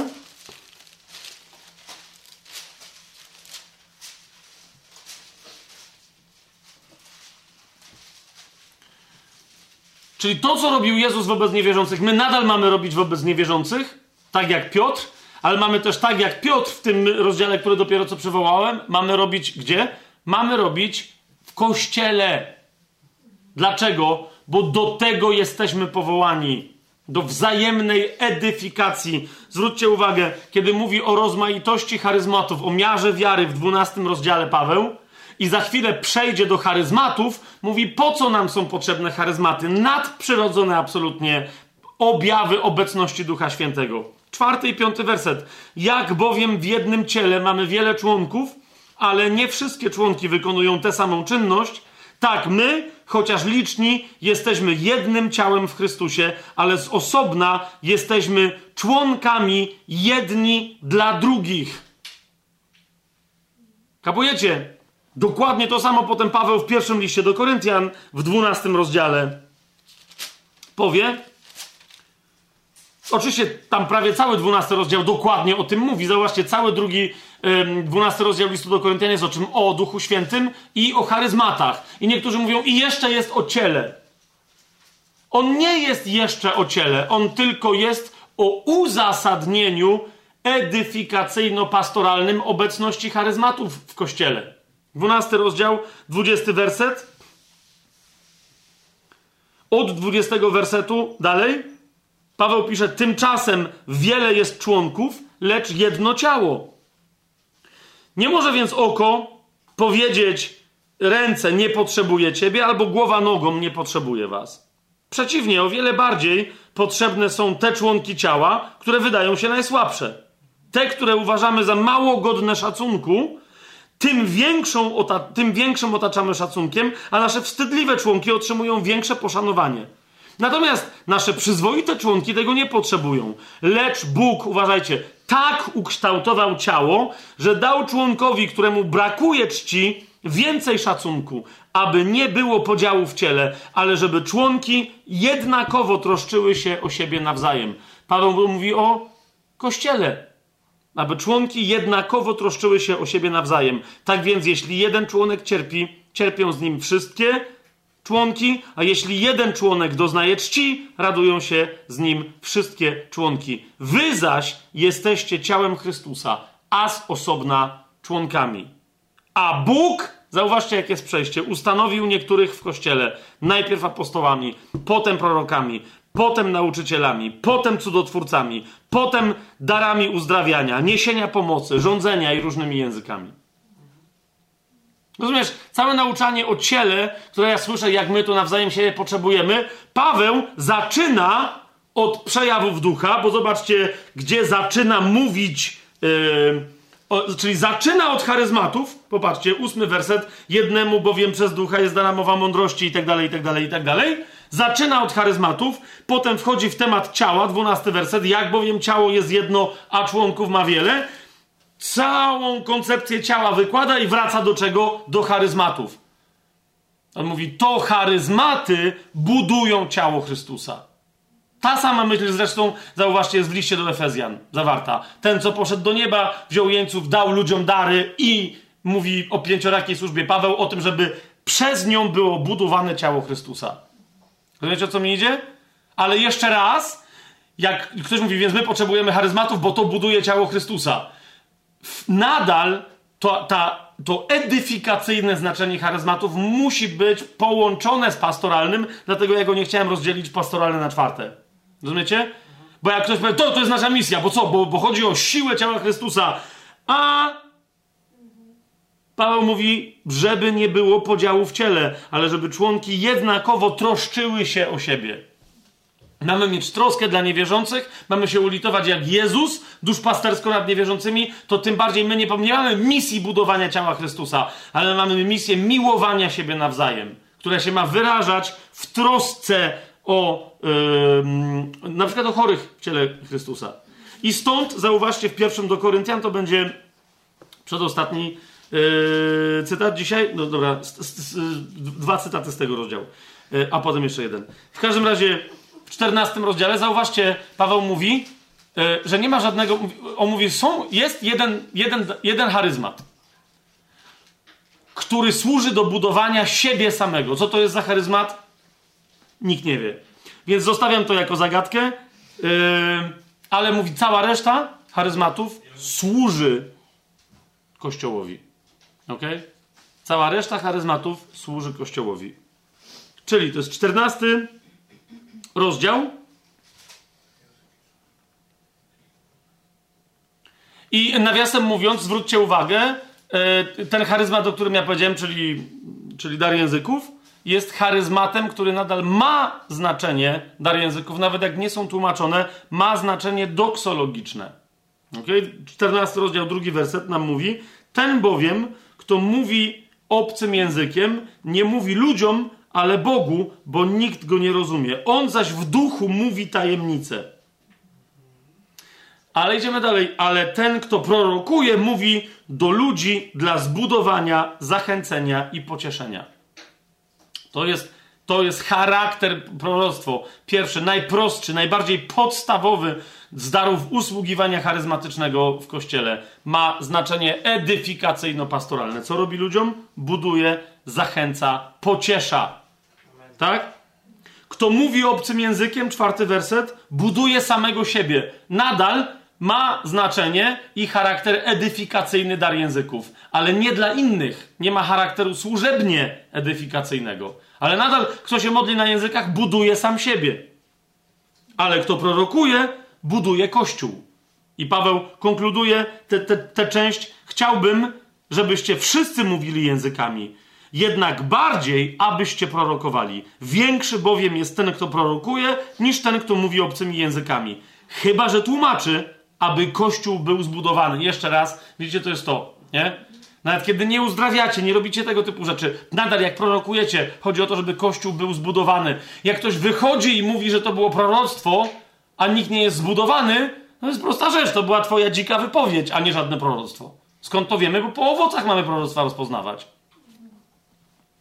W 26 jeszcze wersecie Paweł mówi o innego rodzaju usługiwaniu w kościele. Mówi, że wszystko musi mieć taki charakter. Cóż więc, bracia, gdy się zbieracie, każdy z was ma psalm, ma naukę, ma język, ma objawienie, ma tłumaczenie. Niech to wszystko służy zbudowaniu. Hmm? Każda usługa w kościele na wspólnym zgromadzeniu ma służyć zbudowaniu. I ostatni werset, który też widzę, że jest z tego samego rozdziału, jednak. Więc nie musimy się nigdzie mm, przenosić. Ostatni fragment na, na koniec tych naszych rozważań to jest 37 werset i dalej. Ja wiem, że wciąż yy, jakieś dyskusje mogą się odbywać, toczyć, coś tam się ma dziać itd., tak itd. Tak Paweł się nawyjaśniał, ile się nawyjaśniał. Myśmy się nawyjaśniali, co wyjaśnił Paweł. Tych ostatnich E, włącznie z dzisiejszym sześć spotkań poświęconych charyzmatom, myślę, że było wyjaśnieniem wystarczającym. I dlatego na koniec tego etapu naszych rozważań zacytuję Pawła, ale naprawdę biorę te słowa i wypowiadam je prawie jakby swoje. Po tych naszych wszystkich rozważaniach. Od pierwszy list do Koryntian, 14 rozdział, od 37 wersetu do ostatniego wersetu tego rozdziału będę czytać. Jeżeli ktoś uważa się za proroka albo człowieka duchowego, niech uzna to, co wam pisze, że to, co wam pisze, jest nakazem Pana. A jeżeli ktoś jest w niewiedzy, no to niech pozostanie w niewiedzy. Tak więc, bracia, starajcie się usilnie, abyście prorokowali i nie zabraniajcie mówić innymi językami. Wszystko natomiast niech się odbywa godnie i w należytym porządku. Jeżeli wciąż jeszcze miałyby się odbywać dyskusje, na przykład ze strony mm, odjechanej, że tak powiem, charyzmatycznej w taki czy inny sposób, Paweł tu mówi, jeżeli ktoś się uważa za proroka i uważa, że, że nie musi być porządku w kościele, że mogą się odbywać szaleństwa, że nie trzeba niczego rozeznawać i tak to mówię mu, to, co myśmy teraz tutaj mówili, o ile ktoś nie naprawdę nie uzasadni inaczej Słowem Bożym, ma przyjąć jako nakaz od Pana po prostu. I z drugiej strony, jak ktoś przeczy obecności charyzmatów, a więc de facto obecności Ducha Świętego, niech wreszcie skończy, mówiąc, że on jest człowiekiem duchowym, ale daj spokój. Możesz mieć Ducha Świętego, ale w sobie zasmuconego jesteś tylko cielesny. To jest nakaz od Pana. Jaki? Taki między innymi. Starajcie się, abyście prorokowali i nie zabraniajcie mówić innymi językami. Tylko nakazujcie mówić w porządku, który Słowo Boże wskazuje w rozmaitych okolicznościach. Ktoś powie, ale jakie to są okoliczności? Nie mamy dziś już czasu, ani dzisiaj w tej sesji, ani yy, w tym sezonie, chciałem powiedzieć semestrze, ani w tym yy, sezonie, żeby to rozwijać. Od tego zaczniemy następny sezon, od dokończenia tematu charyzmatów wynikłego z pierwszego listu do Koryntian. A więc sobie powiemy, jakie są dokładnie te charyzmaty, o co chodzi z porządkiem e, posługiwania się charyzmatami w kościele. Czemu prorocy muszą się poddać, skoro duchy proroków mają należeć do proroków i tak dalej, i tak dalej. I zajmiemy się też odpowiedzią na to drugie pytanie, co z tą sytuacją, gdzie ludzie mówią, czy powiedzą, no dobra, niech będzie, niech będzie ten Duch Święty z jego charyzmatami, ale czemu ci, co akurat wierzą i krzyczą, że mają te charyzmaty, czemu u nich też za wiele cudów nie widać? Nie? Odpowiemy sobie więc jeszcze też na to drugie pytanie, więc myślę, że będziemy mieli jedną albo jeszcze ekstra dwie sesje na początku następnego yy, dziesiątego sezonu. My czasem tak robiliśmy, jak się kończył sezon. Ja tak robiłem, nie my. Że coś tam ogłaszałem, kiedy będzie sezon następny, a potem się okazało, że wiele miesięcy później. Przepraszam yy, yy, za to, przepraszam. Niemniej tym razem na, naprawdę pewne rzeczy, bo się dużo rzeczy dzieje poza samym tajemnym planem, tym regularnym studium. Yy, ale też te rzeczy się porządkują, a inne, które, które się dzieją w świecie, które my rozpoznajemy w duchu i tak dalej, i tak dalej, te wszystkie rzeczy na, nakazują mnie, nakazują nam takie postrzeganie otwierają, takie rozumienie nam dają, żeby mm, na ile to tylko możliwe, żeby nie ustawać. A zatem, kiedy my to nagrywamy, to mniejsza o to, kiedy się publikacje tego sezonu skończą, no to się skończą. Myślę, że y, dziesiąty sezon, który już teraz zapowiadam, y, rozpocznie się tak, żeby trwał w cudzysłowie do wakacji, czyli żeby trwał kwiecień, maj i czerwiec. Więc albo się rozpocznie pod koniec marca, dziesiąty sezon, publika... nie nagrywanie. Teraz ja, ja, nie mówię tutaj, tak? Ja mówię do, teraz to do kamery to mówię. Eee, więc kiedy my się będziemy spotykać, że się będziemy, to będziemy na stronach tajemnego planu, gdzieś na Facebooku, e, w internecie gdzieś tam ogłaszać, kiedy będą spotkania na żywo, jak to będzie bardziej możliwe. Ale publikacja następnego sezonu e, się zacznie z końcem marca lub też najpóźniej w pierwszy piątek, jakkolwiek by to nie zabrzmiało, w pierwszy piątek kwietnia. Tak, żeby były cztery odcinki w kwietniu, cztery odcinki w maju, cztery odcinki w czerwcu. Nie? Potem pewnie w wakacje też będziemy nagrywać, ale pewnie publikacja tych nagrań będzie od września yy, się rozpoczynać i tak dalej, i tak dalej. Więc kto by teraz się czuł spięty, nie wiem kiedy dokładnie teraz ten sezon się skończy, no ale to tam maksymalnie będzie miesiąc przerwy, troszkę ponad miesiąc może, nie?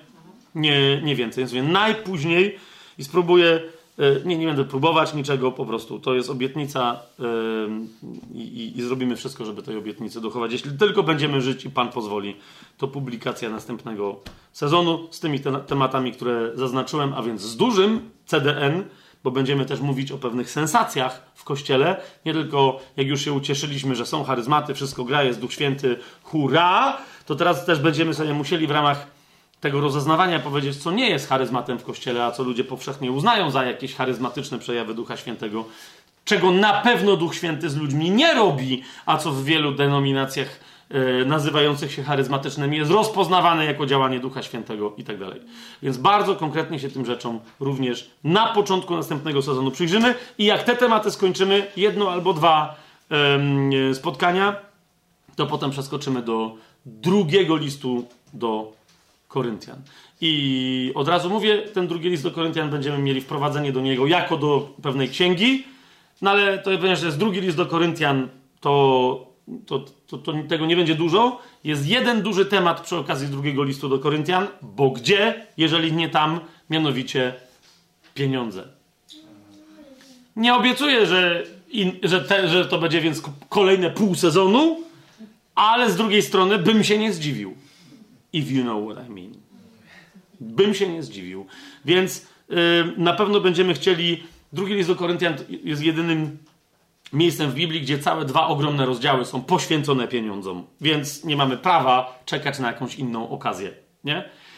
Ale też być może, że to się okaże w moim rozeznaniu tak duży temat, że podobnie jak w kwestii małżeństwa, zrobiliśmy osobne, poza regularnym studium, spotkanie całodzienne tajemnego planu i bonusowo mm, do pierwszego listu do Koryntian się pojawiło temat małżeństwo, czy też wstęp do małżeństwa i być może zrobimy całodzienne wydarzenie pieniądze. Więc jeszcze zobaczymy.